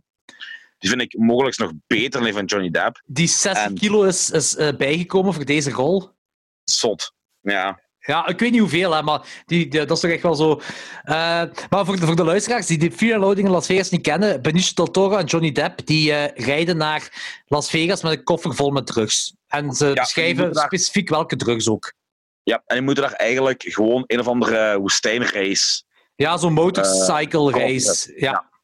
Ja, de, de- want hij is, hij, is ook, hij is ook een journalist. Of journalist, voor een magazine of zoiets. Ja, hij is Hun- Hunter S. Ja. Thompson, hè? Dat is hem toch, hè? Speelt hem die niet? Nee, eh, Hunter nog iets. Maar Hunter S. Thompson, oh jawel. Maar dat is ook een schrijver, geloof ik. Hè? Nee, nee, nee. Hij speelt Royal Duke. En eh, dat was het ding, daarmee dat ik in de war was. Ook bij de vorige aflevering, want we hebben daar eh, een comment Ja. op gekregen. Met, er zijn drie films. eh, er zijn twee films die zo and loading dingen zijn. Dus je hebt zo Where the Buffaloes May Roam met Bill Murray, wat iemand mij dan verbeterd had. Dan heb jij de Rum Diaries. The Rum Diary, daar speelt Johnny Depp Hunter S. Thompson Hunter. S. Thompson. Want Hunter Dus S. Thompson is, een, eh, is een schrijver. En die hoorde thuis, geloof ik, in de, in de generatie van eh, Kerouac en William Burroughs. Maar Hunter S. Thompson is toch de schrijver van deze film, hè? Van, van het boek van deze film. Van het boek, ja, ik geloof Ja. van wel. Ja, dat dacht ik ook, ja, inderdaad. En dan The Rum Diary is dan nog die film dat ik... eh, Ah nee, als ik nu kijk... Johnny Depp speelt daar ook niet, Hunter S. Thompson. En hij speelt daar Paul Kemp in. Ik dacht dat hij daar Hunt- Hunter S. Thompson zou spelen. Is- Maar waarom is die link met Hunter S. Thompson die in mijn hoofd? Dat is ook wel... Omdat het hoofdpersonage in Fear Loading ook Thompson heet. Maar niet Hunter S. Thompson. Ziet hij er misschien ook uit gelijk Hunter S. Thompson? Is dat niet de looks ook dat hij heeft overgenomen? Daar heb ik geen idee van. Want dat hem daarom ook zo... eh, eh, eh, zo de, dat, dat daarom Johnny Depp zo kaal is. Dat weet ik niet. Ik- Dat weet ik niet. Ha, ik herinner me dat er zo'n link was, maar ik weet ook niet meer juist wat het was. Maar wat wel ook wel tof was om deze film nuchter te zien, zeker na zoveel jaren, de cameo's. En misschien waren er toen op dat moment geen cameo's, maar nu op dit moment wel. Gelijk die lift er op begin, dat is Spider-Man van de Sam Raimi Spider-Man films. Tobey Maguire. Hoe, en met de meest waanzinnige haarlijn buiten Samurai Cop. en blond. Die haarlijn is echt pure horror, jong. Het is echt Ja. pure horror. Ehm, Pen van Pen, en- dat vind ik wel leuk. Pen van Pen en Teller. Kent je Pen en Teller? Nee. Pen en Teller, dat is een, een, een duo, eh, een goochelaarsduo, eh, bekend in Las Vegas. Je kent die wel. Ehm, wacht, ik ga die... eens- Ik, ik ga even, je kent Pen, zeker Pen van Pen en Teller is een heel bekend iemand. Je, Pen is... Je hebt alles van Friends gezien, hè? Weet je nog, die verkoper die bij Ja. Joey binnenkomt om ze, zo een encyclopedie te verkopen? Een hele reeks. Ja, Die ja. verkoper, dat is Pen van Pen en Teller. Ah, Oké. En hij doet... Wacht. Hier, ik ga je die laten zien. Ah ja, ja, ja, ja, ja, ja, ja, ja. Dat is een Pen en Teller. En eh, je, eigenlijk zou je dat moeten zien. Dat staat op Netflix. Een paar seizoenen staan ervan op Netflix dat zij een, eh, een, eh, een, eh, goochelshow houden. En dat, die, zijn heel, die hebben een eigen eh, hotel in Las Vegas. Dus waar, waar zijn, hun goochelshow doorgaat. Waar eigenlijk Martel en ik naartoe wouden gaan. Maar uiteindelijk, ik denk dat het juist vol zet was, of zodat wij niet konden gaan. Maar dat is heel charmant, heel leuk om te kijken. Zij zijn eigenlijk de jury en mensen moeten, moeten goocheltrucs doen. En zij moeten achterhalen hoe die goocheltruc in elkaar zit. En als ze dat niet kunnen, Ah, dan hebben die mensen gewonnen. Dat is echt een heel leuke eh, ding voor zo op een avond te kijken. Zo. Dat is echt dat is heel tof. En Penn en Teller zijn dat is wat de bekendste eh, na David Copperfield en, en Houdini zijn dat de, de bekendste. En het, de shtick is dat Penn is zo degene die altijd praat, maar Teller, die praat niet. Die heet Teller, weet je, dat is zo de joke. Hij, hij praat Ja. niet, eh, maar hij weet altijd wel hoe de... Hij, is een betere goochelaar. Hij, hij kan die trucs altijd zo... Hij ziet altijd hoe dat in elkaar zit. Eh, en die mannen zijn heel, eh, die, die, die hebben heel vaak cameo's in, in bepaalde films of series, gelijk bij Friends. En hier dus ook een Fear Loading in Las Vegas. In Las Vegas zelf doet, heeft Penn dan ook een cameo. Hij is... eh, ja, eh, je hebt er op een bepaald moment dat circus casino dat ze zitten. Ja, Dat, dat was zo, zeker, al- dat was zo waanzinnig gefilmd is, dat je denkt van, what the fuck is dat voor chaos? Dat casino, eh, de, op een bepaald moment komt Penn daarin voor en die heeft er ergens een, ah, een, eh, dialoog. En, heb je dinges gezien als Garçon, die dwerg? Ja, dat is een Minimi, hè? Minimi van Austin Powers, ja. Ja. Dat is hem. Ja, ja, ja. Dat was heel leuk. En in de lift eh, van dat hotel, Cameron Diaz. Echt? Nee, dat niet. Dat is een reporter. Ja. eh, Dat ik niet. Cameron Diaz. Eh, dus dat was wel leuk om die mensen zo tegen te komen als cameo of als gewoon toen op dat moment misschien nog. Ja, Cameron Diaz zal wel bekend zijn geweest, maar zo gelijk Spider-Man zal nog niet zo bekend zijn geweest, Tobey Maguire. Ehm, de Jefferson Airplane eh, scène, de, eh, die White Ja. Rabbit, Dat vond ik wel cool. Dat vond ik heel cool. dat, dat, dat vind ik dat is een classic bijna. Dat was echt een van de beste, een van de coolste scènes in de hele film. En, en Benicio del Toro daar een bad. Ja. Vind ik ook heel tof. Ehm, ja, en helemaal op plaats ook hoe dat Johnny Depp en Benicio del Toro een, een hotelkamer hebben omgetoverd naar... Tot ja, wat precies zo... De, de vervuilde, be- zo'n vervuilde beek uit India of zo. Echt zo smerig, smerig, smerig. Dat is Eigenlijk is dat gewoon ja, Dante's Inferno in het klein gewoon. Ja. Ja, ah, misschien wel, ja. Nu, inderdaad, het is nog altijd wel een leuke film om te zien, maar ik denk de, het perfecte moment om die film te zien, dat is echt als jij goed met je maat op stap zit geweest tot een koddende nacht, je, zit, je hebt goed gedronken, je wandelt alleen naar huis, je komt thuis aan en je zet die film op tegen de ochtend. als je, of als je high bent. Of als je inderdaad, ja. Dus eh, dat is echt zo. Maar het ding is, ik, ik heb je toch verteld van die, dat, eh, die documentaire op Netflix met die eh, LSD en Ja, die- Op een bepaald moment zegt een van die mensen, nee, een paar van die mensen zeggen zelf van dat ehm, film of, of series of whatever, die hebben nooit perfect een LSD-trip kunnen visualiseren. Maar Fear Loading heeft dat wel kunnen doen. En dat is op een bepaald moment wanneer Johnny Depp, eh, ik denk aan de, in, in dat hotel aan de bar zit en je ziet dat, Ja. dat tapijt. Dat tapijt Ja, zo, die vormen beginnen zo te bewegen. En hij zei, dat is de perfecte visual- visualisatie van een LSD-trip. Wat wel heel cool is dat Terry Gilliam dat heeft kunnen capturen eh, on tape. Dat is waar. En ja, dingen ze. Ehm fuck it. Hoe heet ze? Eh, van, van, van, van From Dusk Till Dawn. Juliette Lewis. Speelt hij mee? Is, is dat die, die, die kwijte chick?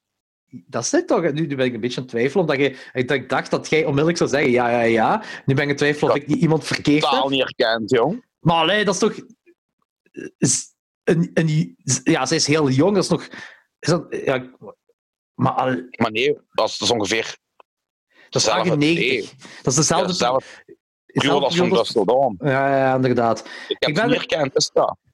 Ja, ik kan nu eens even eh, checken. Ah, wat ik ook vergeten heb te zeggen. eh, Mark Ha- Harmon, dat is ook een reporter daar in de lift. Dat is zo, eh, je kent die wel. Dat is, dat is een kerel van, ja, van, van C- een van die CSI-reeksen. Die, die, Ah, oké. Kijk, Ah, ja, ja, juist. Juist. ja, Ja, ja, ja. dat is ook zo'n reporter daarin. Oh man, ik is, nu hoop ik echt dat ik goed zit.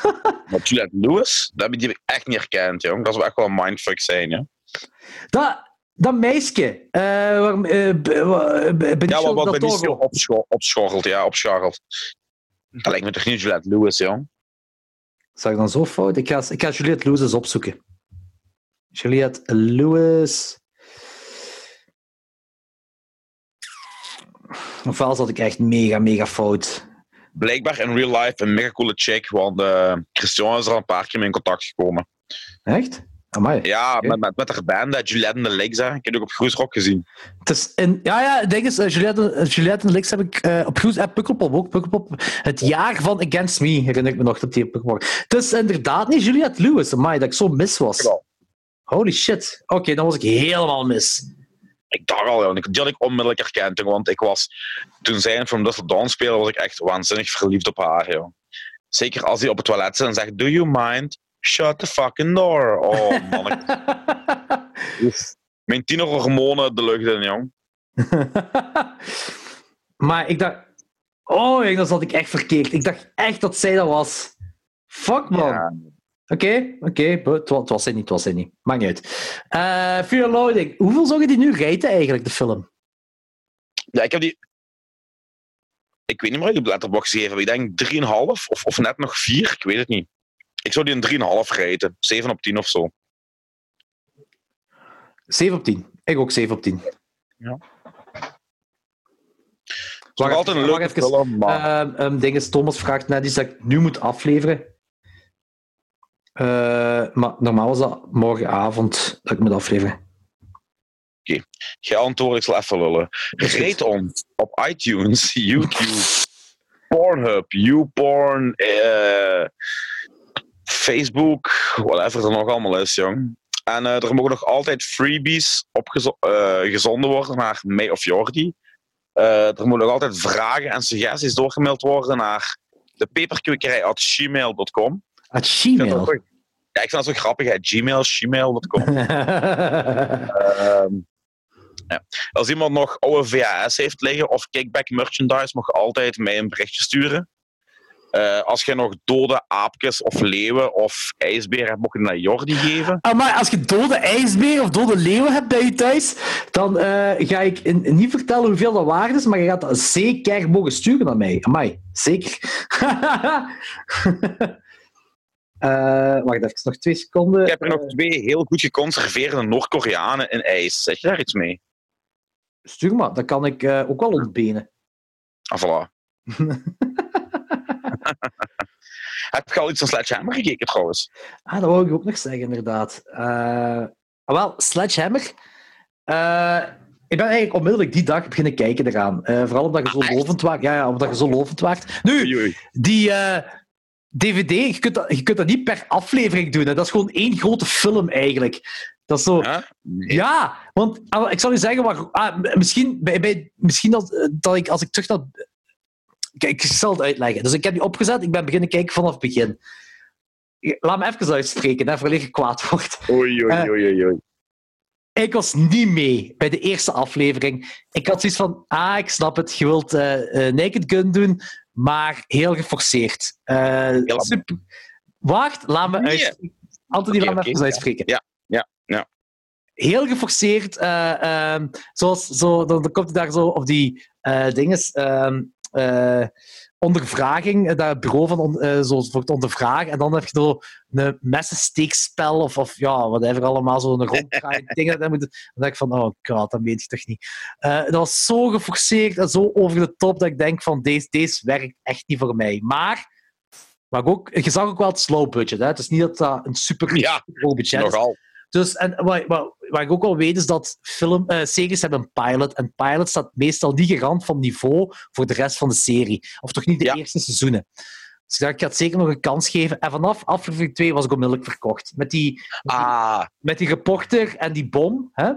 ja, Eh, ja. da- daar, die jokes waren veel beter erin geschreven. Het was niet meer zo fragmentaal, want dat was in die eerste aflevering wel heel fel. Ja. joke 1, nu even iets serieus. Joke 2, iets serieus. Joke 3. Maar ook zo, die jokes waren allemaal zo over de top dat het echt tegenstak de hele tijd. Ik zei, ah ja, oké. En vanaf aflevering 2 vloeide dat echt in elkaar. Dan kijk ik van, oké, jawel, hier werkt het wel. En toen heb ik, denk de eerste vier of de eerste vijf afleveringen achter elkaar gekeken. Maar het ding was, om dit te kunnen vertellen aan u, eh wou ik kijken welke aflevering het was. Want die afleveringen duren... eh, ik had het gevoel dat het best wel lang duurde. Of misschien toch die eerste nee. paar afleveringen. 25 minuten of zo. Ah, dan toch.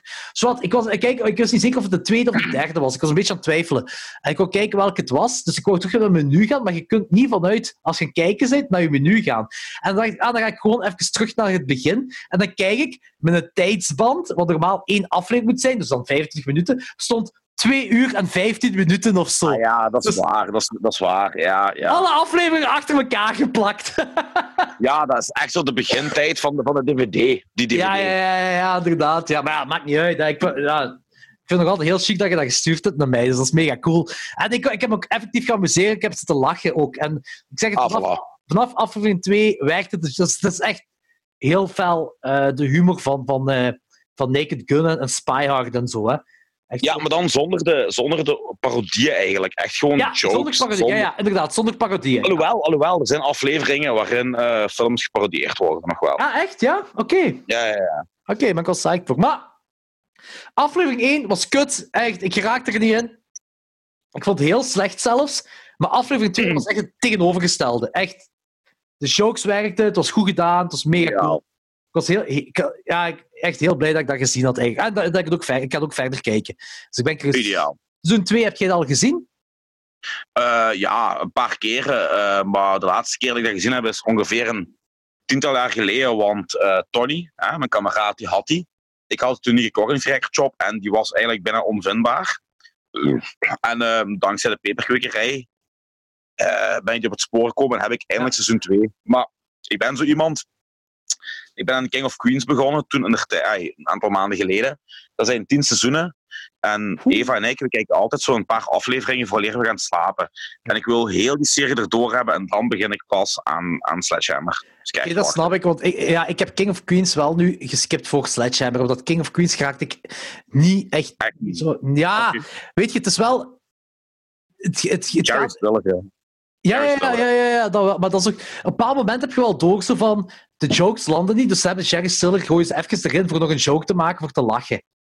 Dat gevoel had ik op een bepaald moment. Ik, Ah, ik vind ik dat de jokes na een paar afleveringen wel beginnen landen, maar... Pas op, Dat ik zit, ja, nog maar, ik zit nog maar aflevering 4 of 5 of zo heb ik King of Queens, Oh, ja, dat is, maar dat is normaal. Dat is normaal. Ik zit Dat daar nog maar... En eh, daarmee dat ik het nu geskipt heb voor dan Sledgehammer te kijken. Nu, ik moet ook wel zeggen dat een King of Queens en een Sledgehammer, het niveau van Friends en, en Seinfeld is, ligt Nee, echt een pak hoger eh, tuurlijk. Dan, eh, dan, dan Ja, die dingen. ja.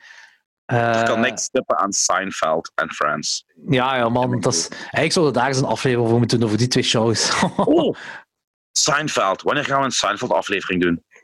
Maar- Dit is wel saai. ja, dat wel, ik, ik ga wel... Want, En dan pakken we onze top 10 van beste Seinfeld-afleveringen. ja, dat is goed. Ik heb trouwens een Kramer-tattoo Ik weet het, ik weet het, ja, dat is cool. uit een van de beste afleveringen. Ik, wou, ik, wou, of ik wil het nog altijd doen, ik wil een Costanza tattoo en dan erbij zetten My eh, eh, Spirit Animal. Echt, die kerel. Oh man. Maar die ziet er trouwens zo fucked up uit nu. Hè. Die is volledig geplastisch verchirurgeerd. Is dat Om echt? het in de peperkwekerij termen te gebruiken. Ja, hè. zoek je eens op nu. Die ziet er, die ziet er echt niet uit, jong. Die ziet Nee, er echt weet niet uit. Want het laatste dat ik van hem gezien heb, dat is, dat, maar dat is ook wel een ding van nu al bijna twintig jaar geleden, dat is, dat zijn cameo in Friends. Waarbij dat gewoon een dikke... En, hij een cameo in Friends? ja, ja, die aflevering waarbij Phoebe Toner moet Ja, komen. ja. Met de, de toner wil verkopen en hij wil zelf opleggen. Eigenlijk, basically speelt hij gewoon George Costanza daar. Hè. Ja, ja, ja, inderdaad. Ja. Hij, is gewoon, eh, Dus- ja, hij is gewoon dikker geworden. Maar... Nee, nee. eh, Check, check die, die verringbaardje. Oei, oei, in 2020. En een heel vlak gezicht. Hoe heet hij weer? is- James, James, James...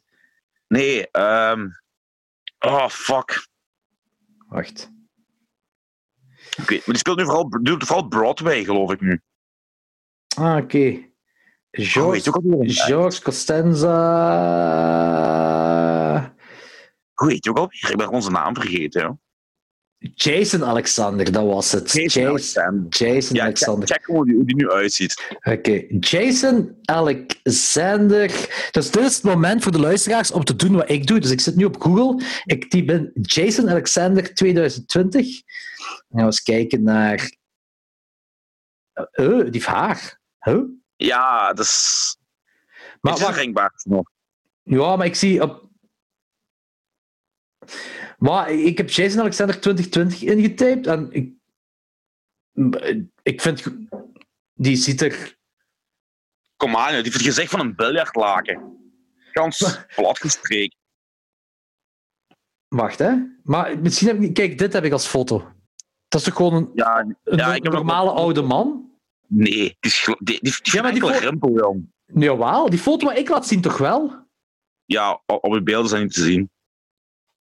Ah, oké. Ik maar in ieder geval, ja, het is, hij zit er gewoon... Ah, de foto is trouwens- ik gevonden, hè. Ik weet niet... Dat was trouwens, dat was trouwens ook een reality check. Het besef dat al die mannen, gelijk, gelijk, gelijk Seinfeld en, en, en Alexander, dat die allemaal mid 60 zijn en gelijk Kramer al 273 is. Ja, ja, ja, ja, dat is waar, dat is waar. Eh, Seinfeld heeft deze jaar nog een, een eh, show gedropt op Netflix, hè? Dus buiten die comedians in Cars Getting Coffee. Ja, ja, ja, ja. ja. Ehm, eh, mag dat ik heb? Ja, t- 23 Hours to Kill heet het volgens mij. En hoe is dat? Eh, leuk, heel leuk. Die wordt met een helikopter gebracht. die springt in een helikopter. ja, dat is echt he- heel leuk. Maar ik vind Jerry Seinfeld vind ik op dit moment ook nog echt grappig. Ik vind die, die vele mensen zeggen dat zijn jokes oudbollig zijn of whatever allemaal, omdat die, hij, hij gaat nooit. eh, hij, dat vind ik het coole aan hem, aan zijn stand-up comedy ook. Hij gebruikt niet politiek incorrecte woorden om het grappig te maken. Hij, Nee, dat is waar. hij doet gewoon quote-unquote normale comedy, maar goed. Hij, hij, hij, hij- Ja, hij moet nu- niet schelden om grappig Nee. te zijn. Nee, dat is waar. Maar ik moet wel zeggen, de comedy die hij deed in Seinfeld, dus die bits die eigenlijk voor de show kwamen, vond ik eigenlijk het Ah, minste ja. van de show. Dat zijn, dat zijn, dat zijn plat, platgemaakte dingen gewoon voor de serie. Hè. Dat kun je niet als show, alleenstaande show van hem bezien. Hè.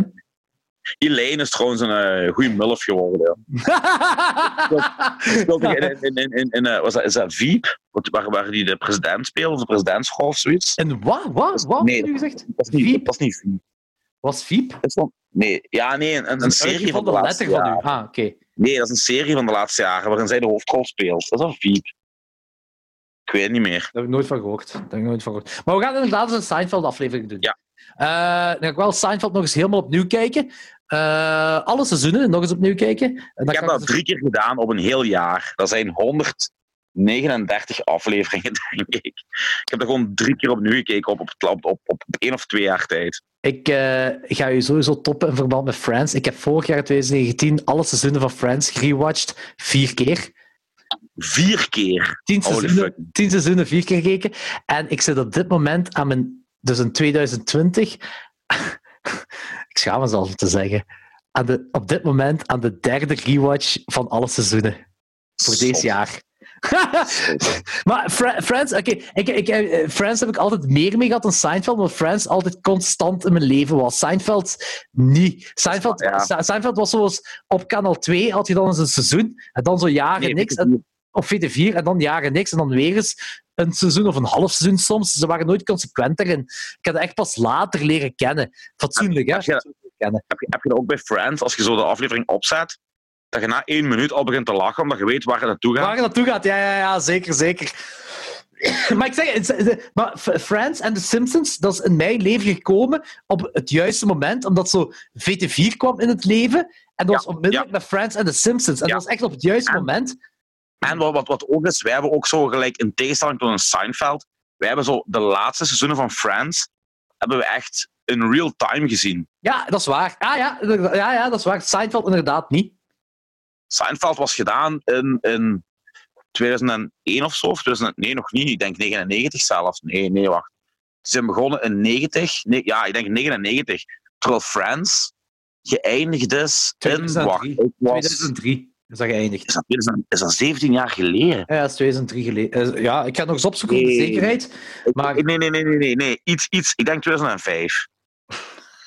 Ja, de, of nu Wacht, ik- nee, 2005 nee, is of 2003, maakt niet zoveel uit, hè?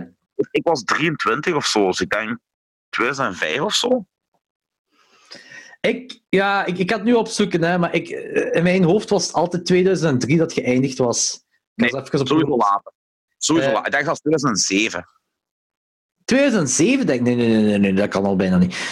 Date en... Gaan wedden voor, de- gaan we wedden voor de bom? Gaan we wedden voor de bom? Oké, nu, vandaag de bom, nu op dit moment, hè? Nee, Jawel. Ik, ik heb nog gepakt van nee. ik Dat maakt niet uit, dat maakt niet, het is uw weddenschap. Dus nu, maar ik weet het niet, hè? Dus nu... Ah, fuck, hoe laat niet zeggen. Oké, wie het nu goed heeft, die moet niet de bom nu doen. Wie, ah, dus wie het fout heeft, moet nu de bom doen. Friends had, eh, was eigenlijk... Google laat niks weten. Shit. Eh, date Wacht, hè. Friends. Zoek jij ook ga eens. Nee, nee, eh, dat gaat niet. Ik heb me gezegd. Maar ik ga even nadenken, ik weet nog met wie ik samen was toen. Ik was wacht. toen... Nee, nee, wacht. Nee, nee, nee. Nee, sorry. Sorry. Ik was Allebei fout. 23. We Ik was alle- 23. We hebben het allebei 2005? fout. Nee, het is 2004. Hey, ik zat er kort... Ja, nee, oké. Ja, ik zat er ook kort bij, hè? Van Ozelen. Ja, dat is waar. Dus nie- Eh. niemand moet de bom doen. Ideaal. Ja, ofwel allebei. Nee, eh, ik heb... Nee, nee. nee. Even- niet. Even niet. De, de laatste aflevering van Friends is uitgezonden op 6 mei 2004. Shit, en dat is 16 jaar geleden. Ja. En ik, het, dat, vind ik, dat vind ik nu het grappige van alle. Dat, eh, dus Friends kwam op VT4. eh, en dat was wanneer, Friends, ge- wanneer geen nieuwe aflevering kwam op VT4 van Friends, had je toen al onmiddellijk een herhaling. De eerste vijf Ja. seizoenen waren ook gewoon daarna constant herhaald. Ja. Eh, tot Ja. dan de rechten kwamen waarschijnlijk voor VT4 om de nieuwe seizoenen uit te zenden. Dus ik had al een nostalgie met de eerste vijf seizoenen, vooraleer de volgende vijf kwamen. En vanaf seizoen 6, zelfs als ik dat nu nog bekijk, wat dan ja, seizoen 6 dat zal dan 97 zijn of zo, zijn in mijn hoofd nog altijd de nieuwe afleveringen van Friends. Ja, ja, want ik heb er zo, als ik dat dan zo op, op DVD terugbekijk, en, en of, ik, of ik zie een aflevering, en dan denk van, ah ja, die aflevering, en dan kijk en dan zie je zo staan, seizoen 4 of seizoen 5. Hè? Dat lijkt zo seizoen 8. Allee, weet je wat ik wil zeggen? Ja, ja, het. En zeker al die afleveringen van de jaren, vanaf de jaren 2000, zo de, de laatste drie seizoenen of zo, dat je denkt van, ah ja, dit zijn echt zo de meest recente af... Ja, het zijn in principe de Ja. meest recente afleveringen, maar ja, dat is bijna 20 jaar geleden. Dat, zo, dat zijn de Ja. nieuwe afleveringen, zo gezegd. Daar zijn ze volwassen, daar zijn ze 30 jaar. Daar zijn ze Jonger dan dat ik nu ben, hè? Ja, Dat is ja, erg, ja, hè? Op het einde van het seizoenen zijn zij jonger dan dat ik nu ben. Dat is echt zot. Ja. Dat Er is is trouwens, ondanks dat het een van mijn topseries is samen met Seinfeld, is er één verhaallijn die ik minder vond. Ja, welke? Heb je ook een verhaallijn die je minder vond? Nee, ik, ik, ik, weet niet, eh, ik weet niet waar jij naartoe gaat. Vertel maar. Eh, het hele Rachel Joey gedoe. Hmm. Ja, vond ik 100% minder. mee akkoord. En eh, de schrijfster heeft daar ook... eh, ehm, eh, eh, achteraf heeft ze daar ook een beetje spijt van. Dat was echt zo. Nee, wacht. Wat ik gelezen had, nee. Het publiek had dat niet goed opgenomen. Ik ook. Ik vond dat ook heel raar. En eh, wat was de reden weer? Eh, zij kon dat wel nog beargumenteren dat ze dat wel een goede reden vond, omdat, eh, omdat je het niet ziet aankomen of zoiets, omdat, omdat het fout aanvoelt. Want ze hebben dan uiteindelijk hebben ze dat ding ook gemaakt dat het fout bij hun ook fout aanvoelde. Hè? Wanneer ze Ja, maar ik, ik vond er zo. Ja, ik, ik weet het. Ja, ik, vond, ik, vond het ook niet, ik vond het ook niet. Ik, ik, ik voelde het ook niet. Dat was zo... eh, zeker vanaf dat Rachel bij, bij eh, Joey is gaan wonen, waren Ja. dat zo besties. eh, zo de broer- en zus-ding. Zo wat. Ja. En het voelde heel fout aan vanaf dat Joey gevoelens begon te krijgen voor, Ja. voor Rachel. En dat is zo van, ja... Terwijl eigenlijk in real life, zeker op dat moment, denk dat iedere gast seksuele gevoelens zou hebben als, uw vriendin er, als een vriendin er zo uitzag voor haar. oh ja, Eh, oh ja. dus ergens snap ik Joey wel. maar toch, Tuurlijk. toch, toch was die, dat verhaal in, was zo, dat, dat was op een bepaald moment ook zo cringy. En, Ja. eh, nu, ik vond wel, die, dat verhaal in hebben ze dan wel goed beëindigd voor mij. Eh, omdat zij zelfs geen seks met elkaar konden hebben, omdat het zo te broer en zus aanvoelde. Dat vond ik trouwens heel grappig dat ze Rachel continu die tik krijgt om Joey te mappen. Ja, wat, wat een throwback was naar eh, de allereerste date van eh, Ross en Rachel. Hè? Ja? Oh, ja, op dat appartement, als ze eindelijk alleen zijn en elkaar willen binnendoen, dat Ah, eh, ja, wanneer zie- Ross naar, naar het gat gaat van Rachel en, en Rachel kletst Juist, zijn hand weg. Dat is zo'n throwback daarnaar, wat ik wel leuk gevonden vind. Dus trouwens, dat is wel grappig dat, dat we het over Friends hebben. Ik heb... ehm, eh, even checken. Eh,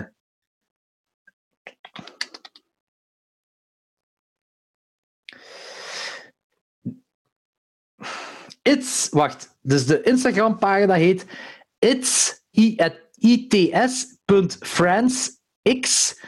En elke dag, dagelijks, zijn er in, die, in de stories quizzen. Dus, eh, en dan staat bij quiztime, dan heb je tien foto's en dan de, de moeilijkheidsgraad. Van of dat nu makkelijk is of moeilijk. En dan staat erbij... Maar dan moet je me eens doorsturen. Ja, ik zal dat straks doorsturen. Dat, is- dat is ook, eh, ook voor de luisteraars, als die dat tof vinden. It's, dus its.friendsx. En daar in die stories heb je altijd eh, een quiz. eh, elke dag een nieuwe quiz. Wat wel heel plezant is om te doen, zeker als je verveelt. Cool. Ehm, gaan we even nog een pauze Ja. nemen, want mijn bier is op. En dan kunnen we verder gaan met Ja. de drugsfilms. Heel goed.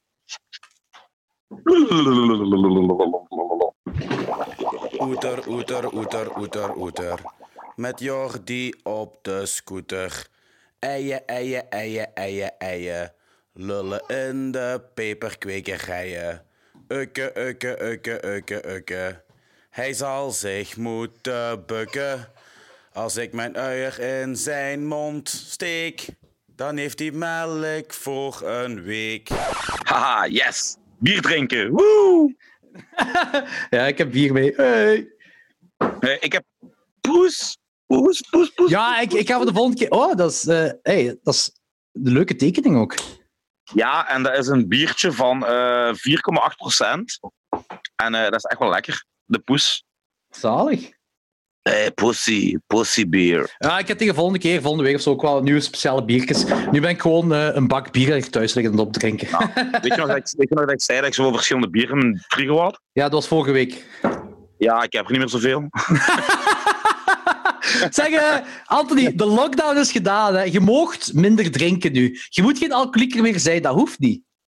Nee, ik weet dat, maar ik ben, ik, ik, ik, ben dat eigenlijk zoals semi-verplicht aan mijn status. Hè. Ik ben een, ehm, Aan uw status? ja, ik ben een punkzanger en een schrijver, dus eh, ik word geacht om te drinken. Ik wil niet drinken, maar de mensen verwachten van mij dat ik drink. Ah, oké. Eigenlijk is dat gewoon één grote commerciële zet.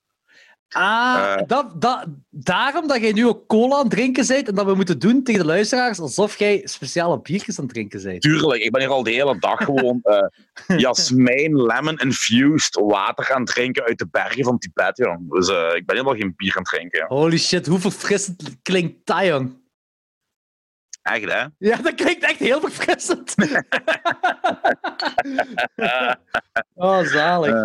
Goed, volgende film. Ah nee, sorry, je wou iets zeggen, zeg maar. nee, ik wil eigenlijk gewoon zeggen dat ik nog altijd nuchter ben. Ja, ik eigenlijk ook. Verrast. Denk- ik denk, ik denk ook gewoon door de hitte dat ik al het bier onmiddellijk aan het uitzweten ben of zo. Ja, bij mij is dat door de bom gebeurd, ik. Op voorhand al. Weet je, dat is zo. Mijn keel is nu lava en alles wat ik drink wordt zo onmiddellijk verstoomd. Kent je dat? Zoals gewoon... ksh, Voelt je het effectief nog? Nee, nee, nee, nee, nee. Nu niet meer. Godzijdank, joh. Maar ik ben echt... eh, Oh ja, zeker het Maar- eerste kwartier ben ik wel even kapot gegaan. joh. Maar als je, als je heel eerlijk bent, want dat had ik toen ik het samen met u deed. Dus ik had dat... ehm, eh, ik- toen ik dat gekocht had, toen dat aankwam bij mijn thuis, had ik het voor de eerste keer geproefd. En ik denk dat het dan... eh, want ik heb dat dan, ondertussen heb ik het dan ook eh, Wesley laten proeven, maar daar heb ik niet mee geproefd. En dan denk ik, de eerstvolgende keer was samen met u. Dus ik denk dat er twee, drie weken tussen zat. En op dat moment dacht ik van, nu weet ik waar ik me aan verwacht. Ik moet me niet gewoon Ja. iets heel pikant verwachten. Ik weet dat ik gif ga eten. Dus nu ga ik, ga ik daar beter tegen kunnen. Ja, Dat is ja, waar, waar, waar je zo automatisch denkt, maar zelfs dat werkt niet, hè? Nee, dat had ik dus ook. Ik dacht van, oké, ik ga het nu nog eens doen. Het zal wel eh, beter meevallen als de eerste keer. Want ik weet dat ik me aan iets fucked ups moet verwachten, weet je? Maar nee, jong. Zo werkt dat ding niet. Nee, zo is gewoon altijd gif. Het is altijd... Heb je nog mensen laten proeven, proeven buiten die Kaat en, en Stroa? Eh, ja, Joke, het lief van Chris, die zat toen er langs. Ah, die heeft dat ook En- gedaan. Ja, en die kon er eigenlijk iets beter tegen, omdat die zei dat de liefmans die aan het drinken was, dat, wel, dat wel hielp daartegen. Daarom dat ik ook een liefmans had gedronken. Maar dat hielp Maar, u niet. eh, nee, niet echt. nee, niet echt. Maar eh, ja, we zien wel in de toekomst. Ik wil sowieso nog mensen aan het proeven, want die gezichten die die mensen zeggen, is echt geniaal. hè. Want ik heb dan gelijk, gelijk Jurgen en, en Kaatje, die kunnen echt goed tegen pikant. Hè? Want eh Kaatje heeft de krok. Ja, daar ben ik al ah, gaan eten. eh, Dat is een heel leuk restaurant. Supergoed, hè? Ja. De- en die gaat nu ook eh, binnen een paar weken een nieuw restaurantje openen, een tweede. Ai cool. Papi, een Mexicaans restaurant in Genk. Cool. Echt zo, tacos en tequila. En alles in between. Dus echt super cool. Dat is uniek, in, in, in, zeker in Limburg en wat hij doet. En, eh, maar ja, om maar even te zeggen dat Kaatje en Juri echt wel mensen zijn die pikant goed af kunnen. En ik had op voorhand gezegd van, ja, maar dit is echt beyond telt niet, telt ja. dit telt niet. Dat telt En- niet. Dat, dat, dat, is, dat is op een heel andere schaal dat je eten bent. Ja, en als zelfs mensen als hun zoiets hebben van what the fuck ben ik hier aan het doen? En what the fuck ben ik hier aan het meemaken? En dan weet je dat het echt gelijk is echt. Ook al zijt je pikant gewend, en ik ben ook pikant gewend, hè. Nothing Ja, ja. prepares you for the bomb, jong. Ja, dat is echt... eh, dat, is, dat, is, dat is de beste joke die je die bij mensen kunt poelen, is de bom meenemen. Ja. Ook, ik En het dat- leuke, het, het, het leuke is ook als je dan zo... Weet je... Ik ga, niet, ik, ik ga niet tegen die mensen zeggen van hey, ik geef je een boterham confituur, proef eens, hahaha. Nee, ik zeg op voorhand van dit is fucking pikant. ja, ja, je gaat meemaken. En dan nog gaan die mensen er harder op, terwijl die eigenlijk al mentaal voorbereid zijn. Dan maakt het eens zo leuk, weet je? Ja, ik moet wel zeggen, bij de mensen die... eh, ik, ik, ik, ik- het, het, ergens de evilheid in mij zit ergens wel zo van dat ik bij Wesley wel eens zo een pintje wil geven waar aan de binnenkant van het flesje zo wat dat bom gesmeerd is.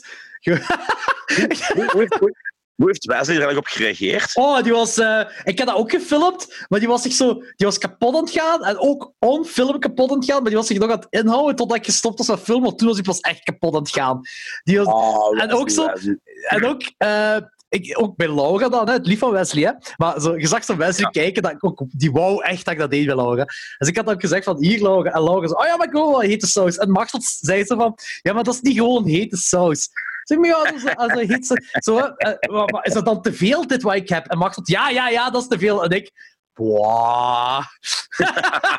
We zullen zien. Maar ook graag om dat... Allee, zo... Ik, had, ik denk, dat- waarschijnlijk had ik ook nog zo gezegd van dat dat allemaal wel meevalt. Echt zo'n beetje... eh, ah, Wesley zei van, ja, dat, wow, dat, neem dat maar gewoon, dat valt wel mee. En ik ben er zo een beetje op ingegaan. En ik weet nog, Martin tegen mij zei, dat is stout van u, hoor. Dat is echt stout van u. Graag aan dat meisje. Graag aan dat meisje. En zij neemt dat dan, we waren aan het barbecuen, en zij neemt dat dan met een stuk vlees Ja, en zij was bijna aan het panikeren. Hè. Dus dat begon echt zo dat ze at en zo van... Oeh, Oeh, oeh, oeh, oeh. Oeh, nee. Nee, nee, nee, nee. Nee, nee, nee. Oeh, oeh. Dat ze naar binnen liep. En gewoon, we zagen, we zagen van buiten op het terras als ze binnen aan de kraan zat. Gewoon de hele tijd water aan het kappen. De hele tijd was ze water kappen. Maar, dat is wat grappig. Dat. Gaat weg? Gaat dat weg? Gaat dat weg? Oeh. Dat ziet je ook in een filmpje met Kaatje. En dat is bij iedereen zo. En bij jullie ook zo. Dat begint denk van... Amai, dat is heet. En dan zo vijf seconden later What the fuck is deze? Ja, dat bouwt En dan op, nog, nog, eens vijf seconden later van... Hé, maar dit wordt gewoon erger. Dat kan je. Je ziet die gradaties in, in, in, Dat is gestoord. Dat is echt gestoord. Ik vind... eh, als wij die, die quadruple date hebben met Laurentijn en, en Christijn... Ja? Dat we dat moeten meepakken. Maar Laurentijn heeft al genomen, denk ik. Laurent- maar Laurentijn heeft nog erger gedaan. Die heeft die toch Ja, voilà. Die heeft die ook genomen. Maar Christijn nog niet. We gaan Christijn eraan zetten. Ja. Ja, dat is goed. ik ga het wel niet meer opnieuw doen. Ik heb het gedaan, ik ga het niet meer opnieuw doen. Ik heb, twee keer, ik heb drie Ik keer ben- gedaan. In onze aflevering waar, jij, eh, waar ik u die dingen heb laten proeven, heb Ja, ik dat dat product heb nog ik eens twee keer keer gedaan. nee, uh, ben trouwens- done with it. Ik ben trouwens mega psyched voor de sleepover pyjama party van Laurentijn. Ja. dat gaat echt zo goed worden. Zeker met dat Dat bericht toen ik zei van, ah, ik moet dat nog meenemen. Dat, dat Ja, zei van. Weet je, jij pakt dat mee en ik pak droomtelefoon mee. Van op het werk. dat gezelschapsspel. Dat lijkt mij, dat van u en de droomtelefoon, dat lijkt mij gewoon de perfecte combinatie om Droomtelefoon. eh, Oh, mannetjes. Ja. Dat gaat een heel rare avond worden. Maar Ja, vooral, ik ben heel psyched voor, voor dat van u. Joh. Dat is ook alweer eh, twintig jaar geleden. Dat gaat echt een goede avond worden. Joh. Want ik was ook heel blij toen Laurentijn zei van ja, maar je kunt blijven crashen. Dat ik van, yes. Niet te. We gaan gewoon s'nachts een podcast opnemen. Terwijl we. We gaan dat doen, joh. zijn. Ja, ja, ja. Ja, we gaan gewoon zo rond een uur of twee beslissen om een podcast op te nemen. Maakt niet over wat. Holy shit, dat gaat, dat, weet je wat dat gaat worden? Fear and Loading in de peperkwekerij. Dat gaat een podcast zijn dat we niet mogen uitzenden. Oh, oh jongen, oh man. Vier Louding in de peperkwekerij, dat is echt wel een goede naam. Die titel gaan we onthouden voor Dan. Vier Louding Ja. in de peperkwekerij, dat is voor Dan. Ja. Maar, maar, maar, om een brugje te maken, om het over drugs te hebben. Er zijn nog twee drugsfilms eh, die we gekeken hebben voor vandaag. Eén is een klassieker. Ehm, Ja. dat, ook een film dat wij met school hebben moeten zien. Eh Requiem for a Dream. Staat er nog altijd, jong. Ik vind dat ook. En eh, ook de, de muziek, jong. Holy fuck, jong. Ja, dat was. de- de- ik, weet, ik weet nog dat we die keken met school en eh, dat zo, die soundtrack, dat is waar iedereen over bleef praten. Zo die. tudu. Dat heel veel gerecycleerd in, in andere dingen. Oh ja, zelfs in Vlaamse dingen, series en showjes en, en spelprogramma's en dat allemaal. Dat, dat, dat, dat is iets zo constant terugkomt. En ik weet nog dat ik die CD, de soundtrack-CD, toen in de Free Record Shop heb gekocht voor 2 euro of Ja. zo. Toen in de tijd. Weet je, en ik had dan Aronofsky, die had Pi gemaakt. En eh, Marco Reali, die we in de klas hadden op de filmschool. Hele goede hip-hopper trouwens. Dat was, ehm oh, ik ook alweer. Die heeft een zoon gespeeld, maar zwart, maakt niet uit. En hij zei tegen mij, je moet Pi checken. En ik check Pi. En ik vond Pi een hele goede film, maar Ja. Pi was voor de grote massa vrij experimenteel te noemen. Ja, Eh, die, die, dat, is gewoon, dat is gewoon zo een toekoerend experimentele film. ja maar toch, je zag wel van, oké, die kerel die heeft iets in zich. Maar Ja, ja, ja, heb- dat zeker. Maar je hebt veel van die experimentele regisseurs die dan commercieel gezien het niet kunnen overbrengen om een grote massa aan te spreken. Weet je wat ik wil zeggen? En dan heeft hij Wrecking for a Dream gemaakt Ja, en die is er, Aronofsky is er volledig in geslaagd. Hè? ja, ja Requiem for a Dream. want Het ding is ook zo van, dat is een alternatieve film. Dat is ook experimenteel, zeker zo qua... Allee, nu ook dat, die, die dingen... Nu, nu lijkt dat een beetje vanzelfsprekend allemaal, denk ik. Maar zo, gewoon de, de simpele dingen zoals... Maar dat, dat, is, dat is ook... Nu, ja, Oké, nu is die film... Die is, die is 20 jaar deze jaar. Dat is een film van, de jaren, van 2000. Maar gelijk bijvoorbeeld de camera eh, eh, bevestigen op, op eh, de borstkas of de buik en dan naar Ja. boven gericht. Dat, zo, dat je zo... Dat was toen nieuw, hè? Ja, de- dat je zo de kin hebt en, en de rest van het gezicht, zoals dan bij, bij Sarah Goldfarb. Dat hè, is de heel veel. Gebruikt in eh, ja, Bij In wat- is dat daarna heel veel gebruikt. Ja, voilà, voilà. Eh, en, en dat die dan rondwandelen, dat je echt zo, dat, dat de camera dan de hele tijd eigenlijk met de onderkant van het gezicht meegaat. Zo. Dat, is, ah, ik, vind- dat is heel mooi gedaan. En zo de hele tijd gebruik, heel vaak gebruik gemaakt van splitscreens. Oké, splitscreens heeft hem ook wel overgenomen van, van En zo Pi. die- Dat, dat is hem ook heel veel gedaan daar. Maar En die splitscreens heel ook snelle, mon- die heel snelle montage. Ja, met, met dat geluid. Ja, tsch, tsch, tsch, die dingen allemaal. Ja. Ehm, en, en, en, en, en de fisheye eh, camera lens gebruiken. eh, dan eh, de timelapse erop doen, dat die daar aan feesten zijn en met die platen daarin brengen. Zo. Mega cool. Trouwens, is die kerel, die, die, die zwarte kerel, is dat niet Shorty van Scary Movie? Ik denk dat. Die lijkt erop, hè? Ik denk dat dat die is. Ja, dat, is, Ja. dat, is, dat, dat ook. Dat is die van de Wayans. Ja, Dat dat is is, hem. Eh, Marion Wayans, de, de, van de Wayans Ja. Brothers. Ja, ja, dat is hem. Ja. Ja. Dat is, eh, Ik vind. Ja. Ik, ik vind dat heel zot, want ik ken die kerel alleen maar zo van, van de slechte comedies, zoals eh, ja, dingen, eh, White Chicks en Little, eh, Little Man en Scary Movie en al, al die parodie-dingen waar ik totaal eigenlijk geen interesse in heb. En hier is hij een drama-acteur. ja, en een goeie. En een goeie, een fucking goeie. Ook zo degene. want ik ga, ik ga nu al eerlijk zijn. dinges, ehm, die cultleiderkerel, ik heb daar geen compassie mee eigenlijk. Ik, ik heb compassie met de relatie, maar niet per se met hem. Maar ik vind de meest. Altijd kerel. Ja, eh, Jared Leto. Ah, oké. Dat is toch zo ene die nu dat is zo'n zweverig persoon geworden die zijn eigen cult heeft en van die dingen allemaal. Ah, nu het echt. Ja, ja. Ja, die echt, ja. van Mars. Ja, ja, ja. Eh, ja. Eh, ik, ik, ik, ik ben vooral mee met de relatie. En, en eh, ik vind... tuurlijk, hij wordt zijn leven wordt geleid door heroïne. Dus die maakt kutbeslissingen en zo allemaal. Maar ook gewoon vanaf het begin vind ik dat al een kutkerel. Gewoon omwille van wat hij zijn moeder aandoet. Zijn moeder is een tv-junkie. En die neemt zijn tv telkens mee om te verkopen. En, en die moeder die is toch altijd zo eigenlijk niet bekomen van... van, van eh, eh, dat haar man gestorven is, die Seymour. Eh, en, en dan denk ik gewoon van... Ah, wees dus gewoon voor één keer... Oké, ik heb nooit zo'n erge verslaving meegemaakt en dat wordt daarop ingespeeld. Dus ik kan daar niet over oordelen, in principe. Nee. Maar toch komt hij zo niet enjoyable over. En terwijl zo... Je hebt zo die momenten met zijn vriend, dus die Wayne brotherkerel, die zwarte, die gelijk al- als... als het ding met zijn arm, met Jared Leto zijn arm, daar in de auto, dat die kerel ook onmiddellijk zei, nee, we moeten naar het ziekenhuis gaan. Zo, zo, die heeft zo, de menselijkheid komt zo beter over in hem dan Ja. in Jared Leto. Ja, dat Eh, en en, en, en dat, dat, ja, dat draagt bij bij de film, maar alles gewoon. Zodat, ah, die film gaat over meer dan alleen heroïne, dat gaat gewoon over verslaving. ja. Het gaat over En verslaving in het algemeen. Ik vond ook heel mooi hoe die, hoe die relatie tussen Jared Leto en een meisje zo heel idyllisch begint. En de meisje is ook zo heel knap, lief en broos. En hoe dat zo naar een nachtmerrie evolueert eigenlijk, joh. Heel veel naar de nacht. Oh, dat- die feestjes op plaats maar- wat zij moet doen. Ja. Oh. Ja, mooi, joh. Jennifer Connelly. Ja, en Jennifer Connelly, eh, ik weet, jij zit geen fan van die agentenfilm, maar dat is eh, denk ik de. eh, voor mij, ik vind het nog altijd een topfilm. Maar dat, was, dat is denk ik de, de film waarbij zij het jongste is dat ik haar gezien heb. Phenomena. Phenomena. Is even. Speelt hij even. Dat is een, Oh, een meisje die met insecten kan praten, met vliegen kan eh, communiceren. Nee, dat is, dat is juist. Dat is Jennifer Connelly, dat is zij, dat is zij, ja. Die, die doet trouwens, die aan, aan wie eh, hij die tv verkoopt, hè. Ja? Dat is, dat is die van Breaking Bad. Die oude Wat? eh, Mexicaanse maffiabaas. Nee! zo Echt? half, half, die daar op het einde, die daar in seizoen 4 wordt om, tot ontploffing wordt gebracht. Nee! Ja, ja, ja. Oké, dat wist ik niet. Dat is wel een goede fun fact. Dat is wel een heel goede fun fact. En, Maar ik en- vind maar nu, nog altijd zeg de beste rol in heel die film gaat naar dingen, hè, die ma, hoe heet ze ook alweer? Alan Burstyn. Oh ja, maar Burstyn, gewoon ja. Sarah Goldfarb. Ja. Sarah, Sarah Gold, hoe die zo fysiek ook echt aftakelt. Dat is magnifiek, jong.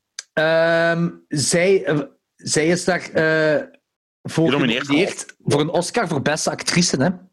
En terecht. Dat is echt terecht gedaan. Dat is echt, eh, want je, je- je hebt het ding met, met eh, dus, dus het koppel, Jennifer Connelly en Jared Leto, dat daar ja, heroïne-junkies zijn en zo. Eh, Die drie eigenlijk. Die drie eigenlijk. Dus Jared Leto, Jennifer Connelly en dan die, dat wijnbroertje. Dat is, die hebben alle drie een heroïneverslaving en ze laten drie uitgangspunten zien, drie gevolgen, drie verschillende gevolgen van een heroïneverslaving. Wat echt, en ja. ook goed in beeld gebracht voor mij. Maar de moeder van Jared Leto, dus eh, eh, die Sarah Goldfarb, zij is een tv-junkie. Zij, zo, dat- zij, zij, zij woont nog in zo'n complex met allemaal oude mensen, zo bejaarde mensen. Hier zijn we weer. Uw favoriete host, Jordi Ostier. En uw regular fuck-up, Anthony Uierman. Back in business na enkele technische foutjes. Over naar jou, Jordi.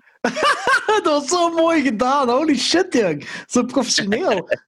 ja, sorry, Ja, Anthony. Ik heb, ik heb af en toe mijn momenten. Blijkbaar eh, eh, was mijn eh, harddisk vol, dus die is gewoon gestopt met opnemen, omdat mijn harddisk vol is. Jordi, en, Ja. uw harddisk kon het gelul niet meer aan. ja, het kan dat wel zijn. Weet je wat kloten is? Als dat gebeurt, dan stopt hij allemaal met opnemen. Maar uw computer gaat zo traag, omdat uw schijf vol is. Dat is, is- oh, fuck, dat was even kloten. Maar ik heb, ik heb gewoon 100 miljoen gigabyte even verwijderd, zodat we deze kunnen verder doen. Ik weet trouwens niet waar we juist in het vorige deel gestopt zijn. We hebben verschillende dingen over Weekend for a Dream gezegd, daar ben ik wel zeker van.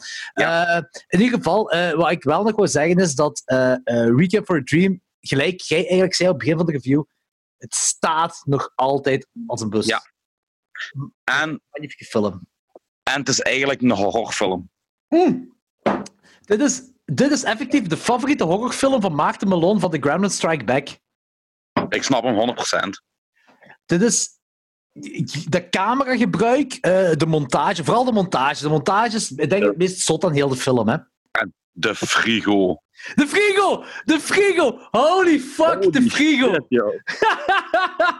dat is echt... Dat, is, dat, dat, is het, dat vind ik het cool aan Weekend for a Dream. Het gaat niet alleen over heroïne, het gaat over verslaving. En zeker bij Sarah Goldfarb, tv-junkie, maar ook iemand, ja, een oudere persoon die graag eet.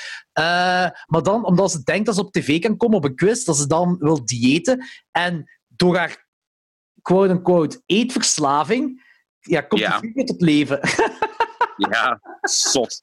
Trouwens, dan wil ik nog vragen aan u. Die TV-host, die, die quizmaster, dat Ja. lijkt me zo'n bekend iemand. Die komt me heel bekend voor. Ja, maar ik denk dat dat vooral is omdat al die TV-hosts die die dingen doen, er allemaal heel generic uitzien. Is dat niet? Ja, ik, ik, Allemaal zo die, die, die Colgate-smile, die geliktheid, die, die, die fake, sympathieke uitstraling. Ja, ik denk dat dat daarmee te maken heeft. Ja. Dat, weet jij nog hoe die heette? Nope. Was dat Tabby... Erg, ik heb, die, ik heb die film nog geen week geleden teruggezien. Ik weet al niet meer hoe die heet. Ja. Maar dat, dat wordt maar één of twee keer gezegd. Denk. Was dat Tabby Tibbons? Geen idee. Ik weet dat er heel iets geroepen met Juice. Ah ja, eh, ah, Sarah Juice of zoiets. Of, ah, ik weet het ook niet meer. Eh, maar in ieder geval, top film, Weekend for a Dream. Soundtrack, montage, acteerwerk ook. Eh, de- ook gewoon het uitgangspunt van verslaving en wat verslaving met doet. Want niet alleen, je hebt zo de drie heroïne-junkies, waarbij alle drie iets verschillend mee gebeurt op het laatste. Eh, wat dingen zijn dat, je, dat niemand zijn leven wilt meemaken, volgens mij. Maar ook met Sarah Goldfarb, hè. Ook zij, hè, die daar eh, ja, speed of weet ik veel wat toegediend krijgen als dieetpillen en die shock, uiteindelijk shocktherapie moet doen. Eh, eh, Ja, ja, holy shit. Ja. Weet je, en, hartbrekend. en het, het, het, is gewoon, eh, ten eerste, die, die pillen hebben bestaan. Als ja. als hormaansmiddelen. En wat ik nog wil zeggen is, gelijk een trainspotting maakt heroïne cool. Ondanks ja het ja, ook nog altijd fucked up gaat. Maar deze film maakt teruggebruik echt niet cool, ja. Nee, nee, nee, nee, nee, nee, nee. Dat laat, eh, dat laat de fucked up shit zien van die kant. Ah, de, de, de juiste kant ook eigenlijk echt. Van, eh, Ja, van, ja. eh, van, van dat soort harddrugs. En het Ja. Ook gewoon, je hebt op een bepaald moment een scène waarbij Jared Leto en dan die, die Wayne brotherkegel eh aan het quote-unquote feesten zijn in hun eigen appartement. Of in, in, in, in die Way- Wayne-kerel zijn appartement. Maar dat is gewoon, die hebben fucked up shit gedaan, die hebben fucked up drugs genomen en die leggen plaatjes op en die zijn daar op hun eigen aan het dansen. En je ziet dat die twee kerels heel veel plezier hebben, maar dat komt zo zielig over. Dat Ja. komt zo Ja. zielig over dat je denkt van, jullie zijn twee marginale kerels die, Yep. Ay, dat is zo, dat is goed, dat is goed op beeld gebracht, hè, om dat gevoel zo over te Heel brengen. Dat is heel cool gedaan, hè. Eh, maar ja, magnifiek film. En, en, en vooral, zeker nu bij een rewatch na zoveel jaar, het is ook nog altijd een B-film. Het is nog altijd een heel low-budget film, eh, waarmee ze heel veel gedaan hebben. Ja, ik, maar, ja, het is een B-film, maar die voelt niet aan als B-film. Gewoon Nee. door de vindingrijkheid van Aronofsky. Dat is echt heel goed gedaan. Dat is echt dat is, eh, Ja. een topper van een film. En ik vind eigenlijk zot dat die al 20 jaar oud is op dit moment. Ja, en die, ja, en gelijk zei, die staat er nog altijd. Eh, ja, dat is sowieso een dikke vier sterren voor mij. Hoor. Ah, zeker. Voor mij ook vier sterren. Eh, zeker weten. En de laatste, Christiane F. Ehm, ja, die heb ik dus niet meer kunnen zien wegens tijdsgebrek. Ik heb die een jaar of, Ah, dat is jammer. ja, ik heb die een jaar of vier geleden gezien. Ehm, maar ik herinner me dat die echt wel heel... Ja, dat is een typische Duitse stijl, hè. Grauw, bleek, geen compromissen. Eigenlijk is dat een, een soort registratie, wat, wat heroïne met u doet. Niks wordt verbloemd. Eh, zelfs de superieure soundtrack van David Bowie kan niet verbloemen wat fuck er gebeurt met iemand als je aan heroïne begint op zo'n jonge leeftijd. Joh. En dat geeft ook perfect het beeld neer van Duitsland in die tijd. Ja, daar die is ook- 70, hè. Want Ja. Dat, is, dat, is, dat is toch Berlijn, hè? ja, ja, Berlijn, ja. De, de Bahnham Zo Ja. is, eh, is het En dat is ook- treinstation. En, en dat is ook echt zo. Hier speelt de stad ook weer een personage. Gelijk in de New York Grip. Oh ja, zeker. Eh, voor de luisteraars die deze film niet kennen, Christiane F. dat is gebaseerd op een boek, eh, wat eigenlijk een biografie is van, van, van Christiane. Dat is een waargebeurd verhaal. En dat is, eh, zij, is, zij en haar beste vriendin zijn heel, heel jonge heroïnehoertjes, als in begonnen op 13 jaar. En haar vriendin, Babs, is de jongste heroïne-dode van Berlijn geweest op dat moment. Zij was 14 jaar toen ze stierf aan een overdosis. Eh, en die film, dat is eigenlijk het verhaal van haar, van Christiane. De- zij, zij is begonnen met... met ja, de eerste keer dat zij heroïne heeft gedaan, is op een concert van David Bowie. Eh, dat zij dan heroïne heeft gesnoven in, in, de auto bij vrienden. En dat is, de film laat ze ook zien dat ze naar... eerst gaat het over de discotheek Sound. Maar ja, dat is nog van voor mijn tijd, die discotheek. Dat was zo de grootste discotheek van Europa. Eh, dat is afgebrand, ik denk, ergens in de jaren 90 of eind jaren 80. En dan hebben ze het nog eens heropgebouwd, maar dat was dan... Er zat geen link meer in met de oude discotheek. En die sound, dat was echt blijkbaar de Walhalla voor drugs en, en fucked up shit en van dat allemaal. Maar heel veel jonge mensen, dat was een probleem blijkbaar in Berlijn in die tijd, in de jaren 70. Dat ging echt over pre-tieners tot, tot jonge tieners die dan naar daar gingen voor eh, te, eh, omdat ze een slecht leven hadden bij een thuis of. En daar gingen ze drugs doen. En heel veel kwamen in contact met heroïne. En die, die vonden elkaar allemaal in die Banham Zo. Dat is dan die treinstation in Berlijn. En die waren, dat waren allemaal eh eh heroïnehoeren. Zowel mannelijk als vrouwelijk. Allemaal. En Christiane, die had dan eh, op, daar een sound, dat een kerel leren kennen. Detlef heet die kerel. Ja. En die Detlef, die, had al heel snel, die, die kwam al heel snel aan de heroïne, terwijl zij daar zei van dat iedereen er vanaf moest blijven. Maar omdat zij, zij was 13 jaar op dat moment, dus Christiane. En zij nam wel al verschillende andere dingen, pillen en weet ik veel. Ze snoof hier en daar nog waarschijnlijk wel iets en, en wiet en whatever allemaal. Maar eh, dan, omdat die, zij vond dat ze eh, niet op hetzelfde niveau zat als Detlef en de vrienden van Detlef. Dus zij wou ook zo... Maar zij was 13 jaar, moet je denken. Dus als je verliefd bent als Dat is, 13 zo, dat, het eerste middelbare. ja, die persoon waar jij verliefd Nee. bent als 13-jarige, dat is je leven. Hè. Dat is heel... ah, zo, dat is, dat is, je maakt sowieso stomme beslissingen. Buiten drugs maak je al stomme beslissingen omdat je verliefd bent op een persoon als je 13 jaar bent. Dus Yep. laat staan als er dan heroïne in, eh, in bij komt. En dan effectief dus ook zo dat die... eh zeiden, die deed dan dus eh, voor, voor gesmeed te zijn met, met, met die vrienden snoofsten als heroïne. En ze zegt ook de classic van, de, de klassieke lijn van ja, ja, maar ik heb mezelf ook onder controle, dus eh, bij mij doet dat niet zoiets. Terwijl die vrienden zeggen van ja, eh, je gaat heel snel op hetzelfde niveau zijn als ons en je gaat jezelf moeten prostitueren dan ook en bla bla bla allemaal. Eh, en zij snuift dan de hele heroïne aan een bepaald moment dan op wc, omdat ze het beu is om niet op hetzelfde niveau te zijn als haar vriendje. Spuit zij dan ook voor de eerste keer. En kei- dat, dat, was, dat zo'n zotte scène. Ik vind het echt een beetje jammer dat jij die niet gezien hebt. Maar dat is zo'n zotte scène dat je ziet dat zij krijgt die naald niet in haar ader, in haar arm. Maar zij vraagt ook eerst een heroïnekit van een heroïne-junkie die pas heroïne heeft gedaan. Dan vraagt ze, ja, mag ik even uw kit lenen? Want ik wil ook heroïne eens gebruiken. Dus dan zit ze op wc, zit zij dan die, dingen, te- maar dat lukt niet echt. En die ene heroïne-junkie zit zo wat te kijken en zij wordt echt kwaad. Ziet je dan niet dat ik moeilijkheden heb? Help mij eens even erbij, hè. En Ja. dan krijgt zij die eerste spuit in haar lichaam, eh, ja, wat dan de rest van haar leven bepaalt natuurlijk. Het zotte, het- dan heb je een heel zotte afkikscène, waarbij, want zij zei, eh, zij doet nog eens heroïne bij haar thuis dan, eh, want haar thuissituatie is ook fucked up. De ouders zijn gescheiden, de zus is bij de, de vader gaan wonen, maar in de film gaan ze daar heel licht over. Dat die, die, zij woont dan bij haar moeder, de moeder heeft een nieuwe vriend, Eh, maar blijkbaar in het boek gaan ze veel felder over, want Christian heeft altijd gezegd van ja, ik heb spijt van de film eigenlijk, want de film laat meer zien over mijn verslaving en niet mij als persoon. Eh, en die, eh, die gaan ook te licht over het ouderlijk misbruik bij mij en mijn zus. Want daar gaan Ja. ze eigenlijk de film niet echt op in. Niet echt heel hard. Maar toch, ja, je merkt altijd aan verwaarloosbaar kind is, want die zit tot een koddende nacht in het station van Berlijn rond te tippelen eigenlijk. Maar die neemt dan ook eens bij haar thuis heroïne. En dat, ja, ik kan niet echt zeggen dat dan een, een, een, eh, eh, dat dan overdosis was, maar die toch bijna precies of zo. En die moeder komt dat te weten, dat vriendje komt ook te weten. Ze ligt in de kamer.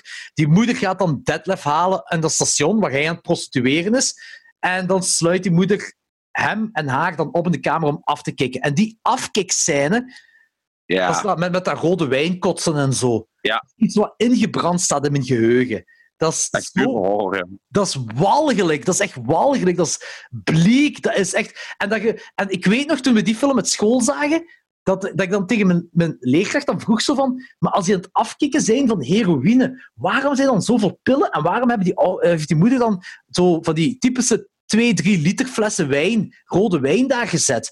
En dat hij zegt van, ja, maar ja, je moet iets hebben om, om je pijn te controleren of te proberen te controleren. Al is dat maar een, eh, een, eh, een, een, een, een soort van... eh, moet je het zeggen? Placebo. Al is dat maar een soort van placebo-effect, want dat gaat toch je heroïne niet kunnen, je Ja, want- niet kunnen onderdrukken. Maar Dat, meer die constant zuipen ervan en zo tijdens de afkicken. dat is de grootste fout die veel mensen maken die aan heroïne beginnen. Allee, ik ben helemaal geen expert, ik heb het nooit gedaan. Eh, maar de Ik meeste denk dat mensen wij denken... deze, oh, eh, deze podcast ook niet aan het doen waren als jij het gedaan had. Nee, inderdaad. Maar veel mensen denken van, oh, weet je, één keer heroïne en ik blijf er vanaf. Maar uw lichaam krijgt na één shot zo'n zware afkick. Dat is echt volgens mij te vergelijken met alsof je 80 jaar is en corona hebt. Uw lichaam gaat door immense pijnen. Na één shot al, na één afkick. Dat is echt... Maar die Ja. kick, de, de shot zelf zou dat schijnt een- de grootste plezier zijn. Het is eh, Ja, ja, ja. wat, wat er het na gebeurt. afkick, hè. Ja, dat, de het afkick, over ja. afkick, afkick, ja. Het schijnt. Ja, dat laat ze ook wel in de film zien, zo van, eh, dat ze dus Detlef, eh, ja, Christiana en Detlef en de vrienden dan, hè, eh, hun, ja, hun leven draait om de volgende... Vol, de- de- hun Ja. leven draait van shot tot shot. Daar draait het eigenlijk om. Want ze zeggen van, ja, ik moet nu... Oh, oh, nu of binnen een half uur moet ik mijn shot hebben, want anders beginnen de horrors. Ik moet het nu hebben. Ik moet, ik, eh, dit, ah, is, is gestoord Ja. En gewoon, ze laten het realistisch zien. Er is niks voor Hollywood aan deze film. Nee, nee, nee, nee. Dat is een heel koude film. Eigenlijk is het de, de beste voorlichtingsfilm die er is. Ik heb deze film in het middelbaar gezien en ik weet, als ik een kleine heb, dan ga ik die ook hem of haar Ja. in het middelbaar laten zien. Eh, zeker voor leer die uitgaan, want dit heeft mij heel veel doen beseffen over drugsgebruik, eh, deze Ja. film. Dit is, dat, is een, eh, dat is een film die... Dit is toch maar... Ik denk de derde keer dat ik die film zie, misschien de tweede keer zelfs. Eh, maar mijn eerste view ervan in het middelbaar dan, eh, in de klas, is ingebrand in mijn geheugen. Over hoe bleek deze film is en hoe realistisch ook. En plus, al die acteurs die erin meedoen, waren allemaal first-time acteurs. Dat zijn ook effectief kinderen van 12, 13 jaar. En de figuranten dat in de film gebruikt zijn, in, die, in dat treinstation en in die discotheek, zijn echte kind-prostituees-junkies. Nee, vuil. Ja, die ze hebben gevraagd om mee te doen, waarschijnlijk voor wat geld, of wat, wat eigenlijk niet echt eh, oké is om te doen. Ah, ik weet niet hoe ze het hebben gefixt, maar dat zijn dus blijkbaar echte junkies, echte kind-junkies, prostituees van eh, in de tijd dat ze gevraagd hebben om even te figureren. Dat is ook gestoord. En Ja, ik heb het boek heb ik nooit gelezen, Christiane F. Ik heb het nu wel besteld. Eh, het boek. Ik heb ook eh, het tweede boek besteld, want Christiane heeft een tweede boek geschreven. Alles wat zich na die film afspeelt. Omdat zij... Ik weet niet of je nog weet hoe de film eindigt. De film Nee. ehm, eindigt in principe in een positieve noot. Uh, als in, zij weet niet wat ja, heeft ruzie met Detlef omwille van seksuele toestanden met... Ja, ne, omdat hij zich prostitueert en het gaat over anale seks met hem en dan de klant. daar hebben ze ruzie over. Zij komt ehm, dus, ja, ik, ik, ben nu wel volledig aan het spoilen, maar het is, dat is eigenlijk een levensverhaal ook. Uh, dus als je de biografie opzoekt, dan, dan gaat je ook allemaal te weten. Ja, dat maakt niet uit. Je kunt niet spoilen in deze film. Dat maakt echt ja, niet uit. Ja, je gevoel gaat toch niet weg als je die film voor de eerste keer kijkt. Nee. Maar dus zij gaat weg dan daar. Ze heeft ruzie met, met die deadlap, met haar vriendje dan. De hare wereld eigenlijk. Oh, even zo, wat ik ook nog weet. Van een paar mensen die met Babs, hè, met, met, met haar vriendin, in, in haar appartement. Uh, die, ja, die moeder is weg, die is constant weg. En die heeft een taart al klaargezet met kaartjes op. En zij is 14, Christiana wordt 14 jaar op dat moment. En dan zeggen ze, ah, dan zit je eindelijk volwassen en dit en dat. Maar die, dat is al een heroïne-junkie. En zij wordt nog 14 jaar, dus dat is gestoord. Maar, uh, ja. dus zij gaat weg van Detlef. En ze is op zoek naar Babs. Uh, uh, ze is aan het zoeken, heel lang aan het zoeken naar Babs. En dan komt zij een, een krantenstandje tegen met de nieuwe kranten van de, dat s ochtends de kranten op de krantenstandjes worden geleverd. En daar ziet zij de hoofdpagina, wat blijkbaar dus echt was in de tijd. Dat was echt uh, frontpage nieuws. De jongste heroïnedoden van, van Berlijn, misschien zelfs Europa. Dat was dan die Babs, haar beste vriendin. Uh, en dan zij. Uh, heeft ze zich laten opnemen bij, met haar moeder bij haar tante of zoiets. Ze is dan verhuisd naar haar tante om af te kicken van de drugs. En het eindigt dan met een, een, een monoloog van haar. Dat ze zegt van ja, ik ben naar mijn tante gegaan om af te kicken en uh, ik, heb ik ben ondertussen al 18 maanden clean. Uh, ik heb de kracht gekregen om uh, om af te kijken van heroïne. En ik hoop in mijn hart dat Detlef, dus haar vriendje, dat ook krijgt, die kracht. Maar ik kan op dit moment mijn kracht niet geven aan hem, omdat ik het zelf nodig heb. Zo eindigt dat. Dus eigenlijk een beetje op een positieve noot. Maar als je dan gaat lezen over Christiane F., uh, het laatste artikel wat ik van haar vond, is in 2018 geschreven, waarbij zij uh, echt ook nog zegt van, ja, zij is nooit uit het drugsmilieu gegaan. Zij is daarna, omdat zij heeft zo... Zij zegt zo van, zij heeft na die film, heeft zij in een soort van waan geleefd. Zo, zo een heel rare vibe geleefd. Als in van met alle celebrity literatuurmensen, zeker van Duitsland, omdat haar boek zo heel uh, populair was dan begin jaren 80. Uh, eh, die film is van 81, het boek is van 78. maar tegelijkertijd ook met heroïne-junkies, omdat zij nooit van de hardrock is afgestapt. Dus zij heeft, ja, na die film... Dus zij heeft ook gezegd, zo, mijn heel leven lang heb ik altijd eigenlijk aan de drugs gezeten, in en uit. Ik zat altijd in en uit de drugsdingen. En uh, haar vrienden, die, uh, die zij van toen kende, die nu nog... Ik, ik heb gisteravond nog om twee uur s'nachts de reportages te kijken op YouTube op ja. uh, Christiane F., waarbij zij aan het woord komt, waarbij de echte Detlef aan het woord komt, waarbij er verschillende vrienden van haar van, in de Banham zo nog aan het woord kwamen. Blijkbaar was er een uh, er is een, een, een, eh, artikel online, je vindt dat ergens, van een jongske die acht jaar was toen hij voor de eerste keer in die sounddiscotheek kwam. En zij, hij hoorde bij de vriendenklik van, van, van, uh, van Christiana F. Hij zegt wel dat hij nooit heroïne heeft gedaan, maar wel dus op die leeftijd verslaafd is geraakt aan alcohol. Acht jaar, jong. Dat is gestoord, hè?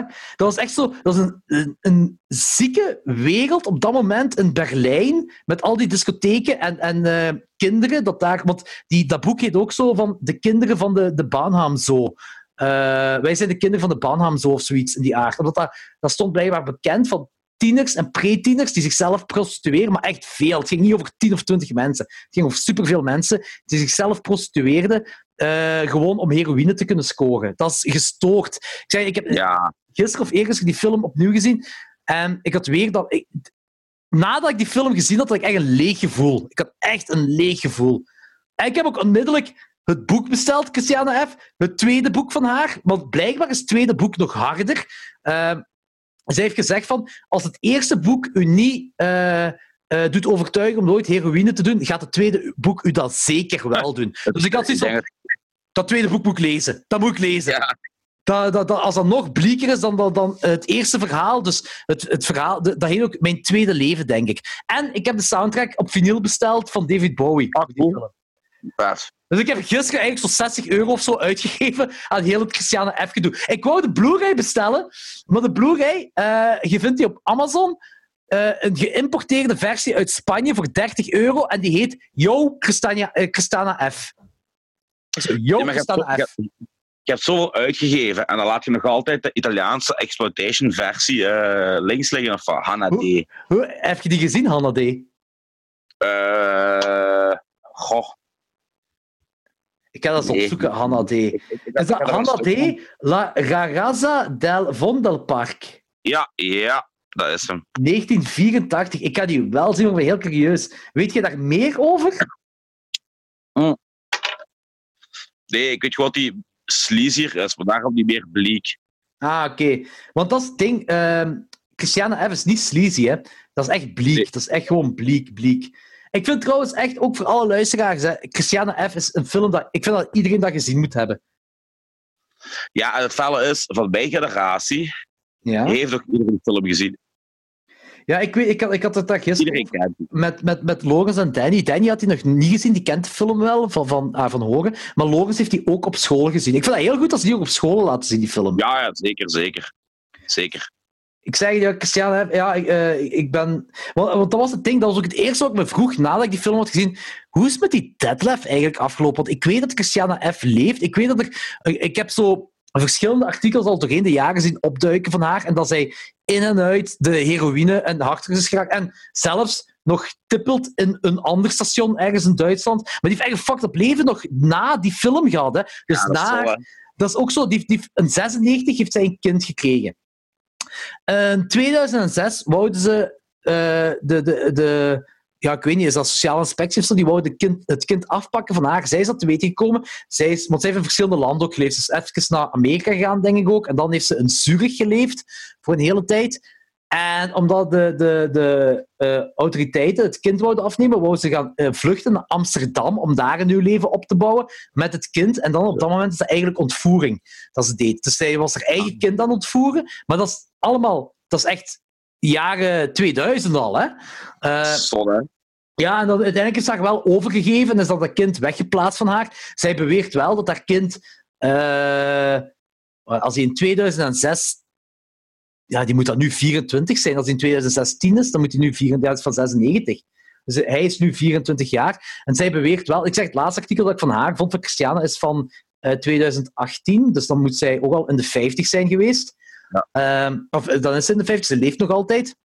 En zij zegt, mijn kind is wel eh, een goede kerel, dus die zit niet aan de drugs of zo van die dingen allemaal. Zij wel nog altijd.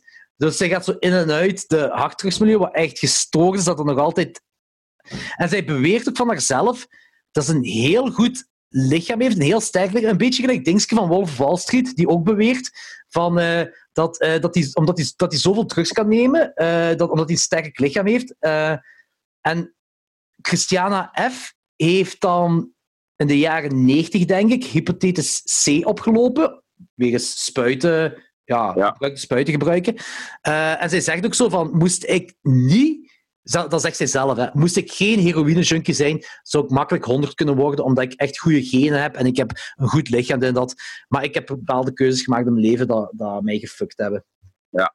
En die eh, actrice dat Christiane F. speelt, is ook effectief, denk ik, 13 of 14 jaar in de film. Dus dat, dat komt echt... Omdat dat zo realistisch gefilmd is, komt dat zo, zo hard, goed ook, hè.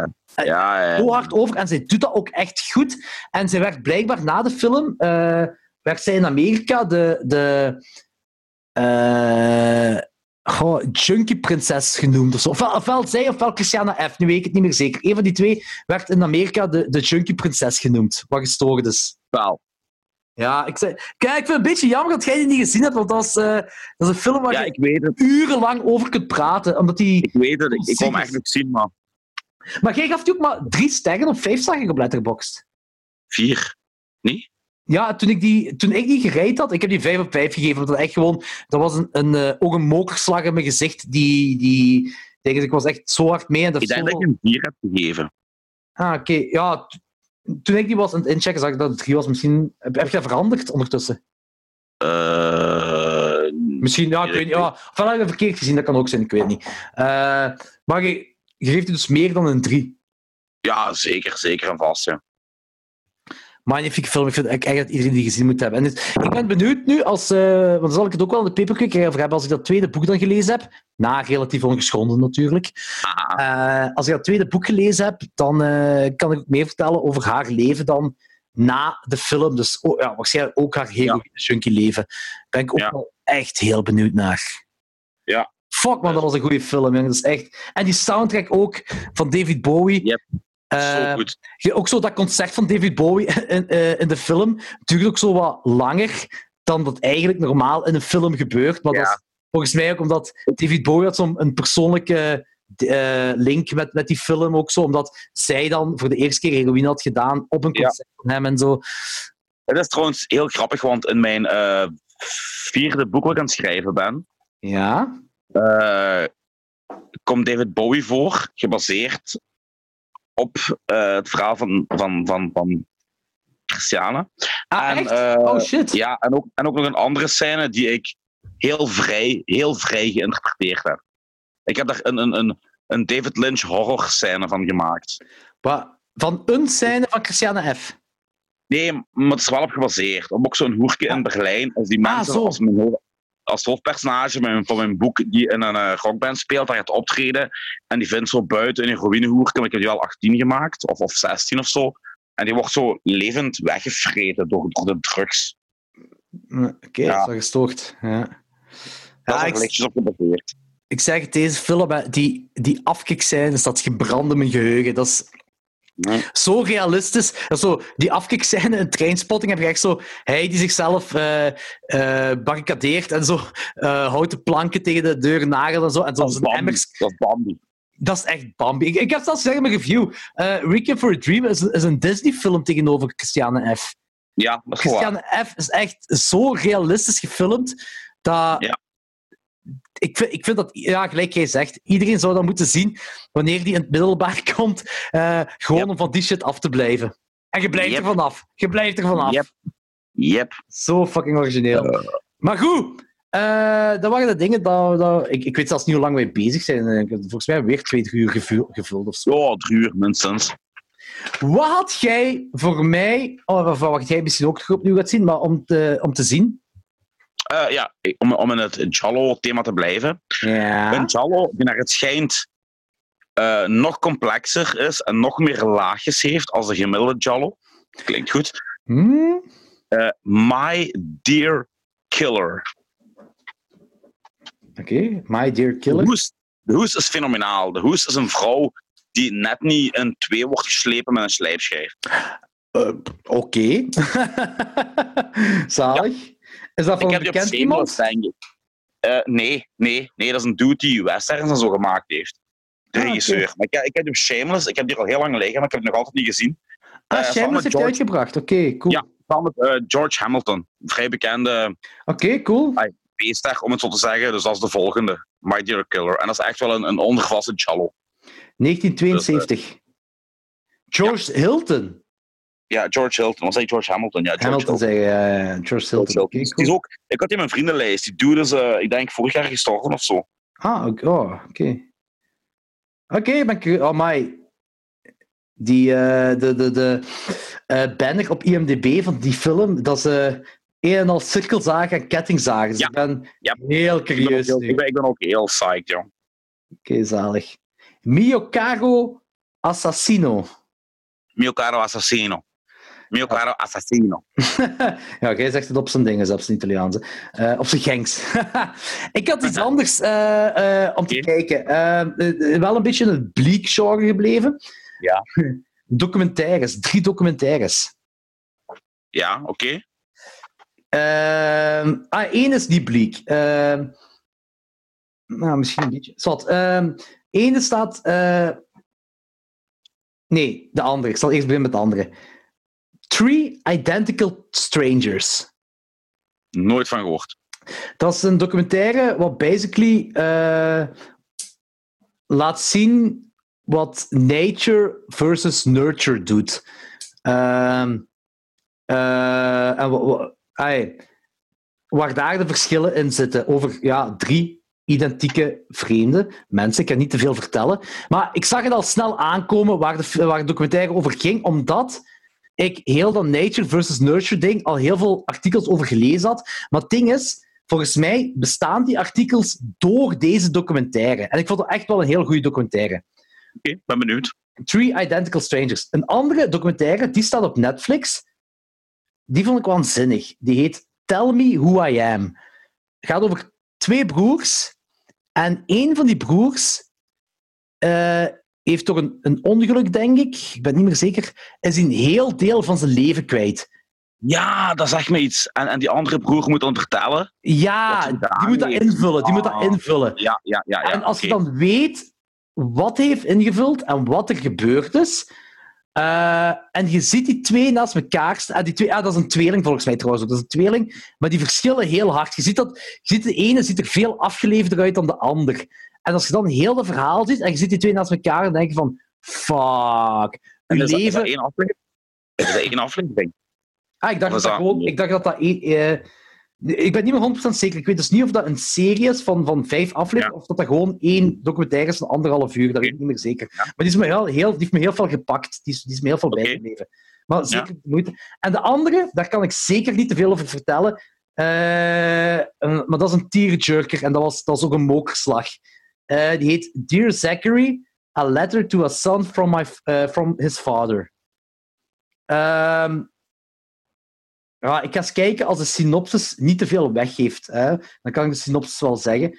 Ik Eh. haat bierjerkers, ja. Ja, maar dat is echt... Dat is, ik vind dat iedereen die ook... Dit is ook iets wat iedereen gezien moet hebben. Ehm, dat is... Ja... Ik, ik kan er even niet te veel over zeggen. Ook wanneer we deze... Dat is ook voor de luisteraars. Deze drie documentaires. Three Identical Strangers. Tell Me Who I Am. En Dear Zachary, A Letter to a Son from His Father. Kijk die documentaires. Vooraleer de peperkwekerij eh, ja, volgende keer misschien niet, want dan gaan we met Jannik hebben over andere dingen, Ja. de, de- die daarna. Kijk deze drie, zeker die laatste, want vanaf het begin, eh je denkt, ah ja, het gaat die kant op, en ik denk na tien minuten heb je zo echt zoiets van, echt een baksteen in je maag. En dan denk je van, what the fuck? Echt zot. Ehm, en, en ik wil het niet spoilen, je moet het zelf beleven. Ja, Ehm. Wacht, eh, als ik zie, de, de, de synopsis is... In 2001, Andrew Bagby, a medical resident, is murdered not long after breaking up with his girlfriend. Uh, soon after, when she announced she's pregnant, one of Andrew's many close friends, Kurt, begins to film a gift to the child. Dus die dude is vermoord, zijn vriendin blijkt zwanger te zijn, en hij wil dan eigenlijk een, doc- een documentaire reportage maken over zijn vader voor zijn eh, voor dat kind Ja. dat nog geboren moet worden. Dat is de uitgang van de film. Maar daar gaat de film niet over. Daar gaat het documentaire. Daar gaat, het gaat veel zotter- Ja, het is daarmee... eh, check dat ook zeker. We gaan binnen twee weken gaan we die bespreken. Ik ga het zeker Ja, inzetten Ik heb tijd. volle- volledig met spoilers eh, gaat bijkomen. Ook voor de luisteraars. Kijk die documentaires. Three Identical Strangers, Tell Me Who I Am. Die, die Tell Me Who I Am staat op Netflix. En dan Dear Zachary, A Letter to a Son from His Father. En, en, en eh, dan kun je meejanken met ons. Oké. nee, goed. Goed, Anthony, tot zicht af. Ja, Eh, het was heel tof, jongen. volgende week zit jij terug. Je doet mee, hè? Ik doe mee ook. Fuck dat, ja. Ja. Speel nog wat spelletjes ondertussen. Ja, ik ga proberen. Eh, ik, ik, ik, ik weet niet juist waarom ik dat... Maar ik wil het ook hebben over zo games waarmee ik ben opgegroeid. Zo. Oh, ik ook. Ik, ik kan het over oldschool games hebben. Zeker, zeker. Dat gaat zeker tof worden. Dat is altijd tof om te horen. Oké, Goed. Dat is tof. Jongen. voor de luisteraars, eh, mail naar depeperkwekerij.gmail.com. Eh en gelijk ik er straks zei toen Anthony even weg was, laat weten als je wilt dat ik de peperkwekerij op een apart kanaal zet. Of dat je dan nog op klokslag 12 wilt horen. Ik weet niet wat makkelijker is op het moment eigenlijk.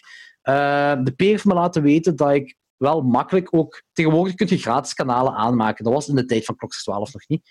Eh, dus ik kan het perfect op een apart kanaal zetten. Misschien is dat makkelijker om een beetje onderscheid te maken. Ik kan misschien ook een social media account maken voor het peperkwekerij. Yes, Dat is makkelijk, hè? yes. Ja, misschien zoiets. Goed, eh, tot volgende week. yes. Chokers, bikers. Joke is bike. Dat is echt zo de running joke, hè?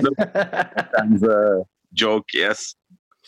Eh, hoe doe ik nu stoprecording? Misschien moet mijn harde schijf terug volgeraken, dat het vanzelf gaat. ah, hier.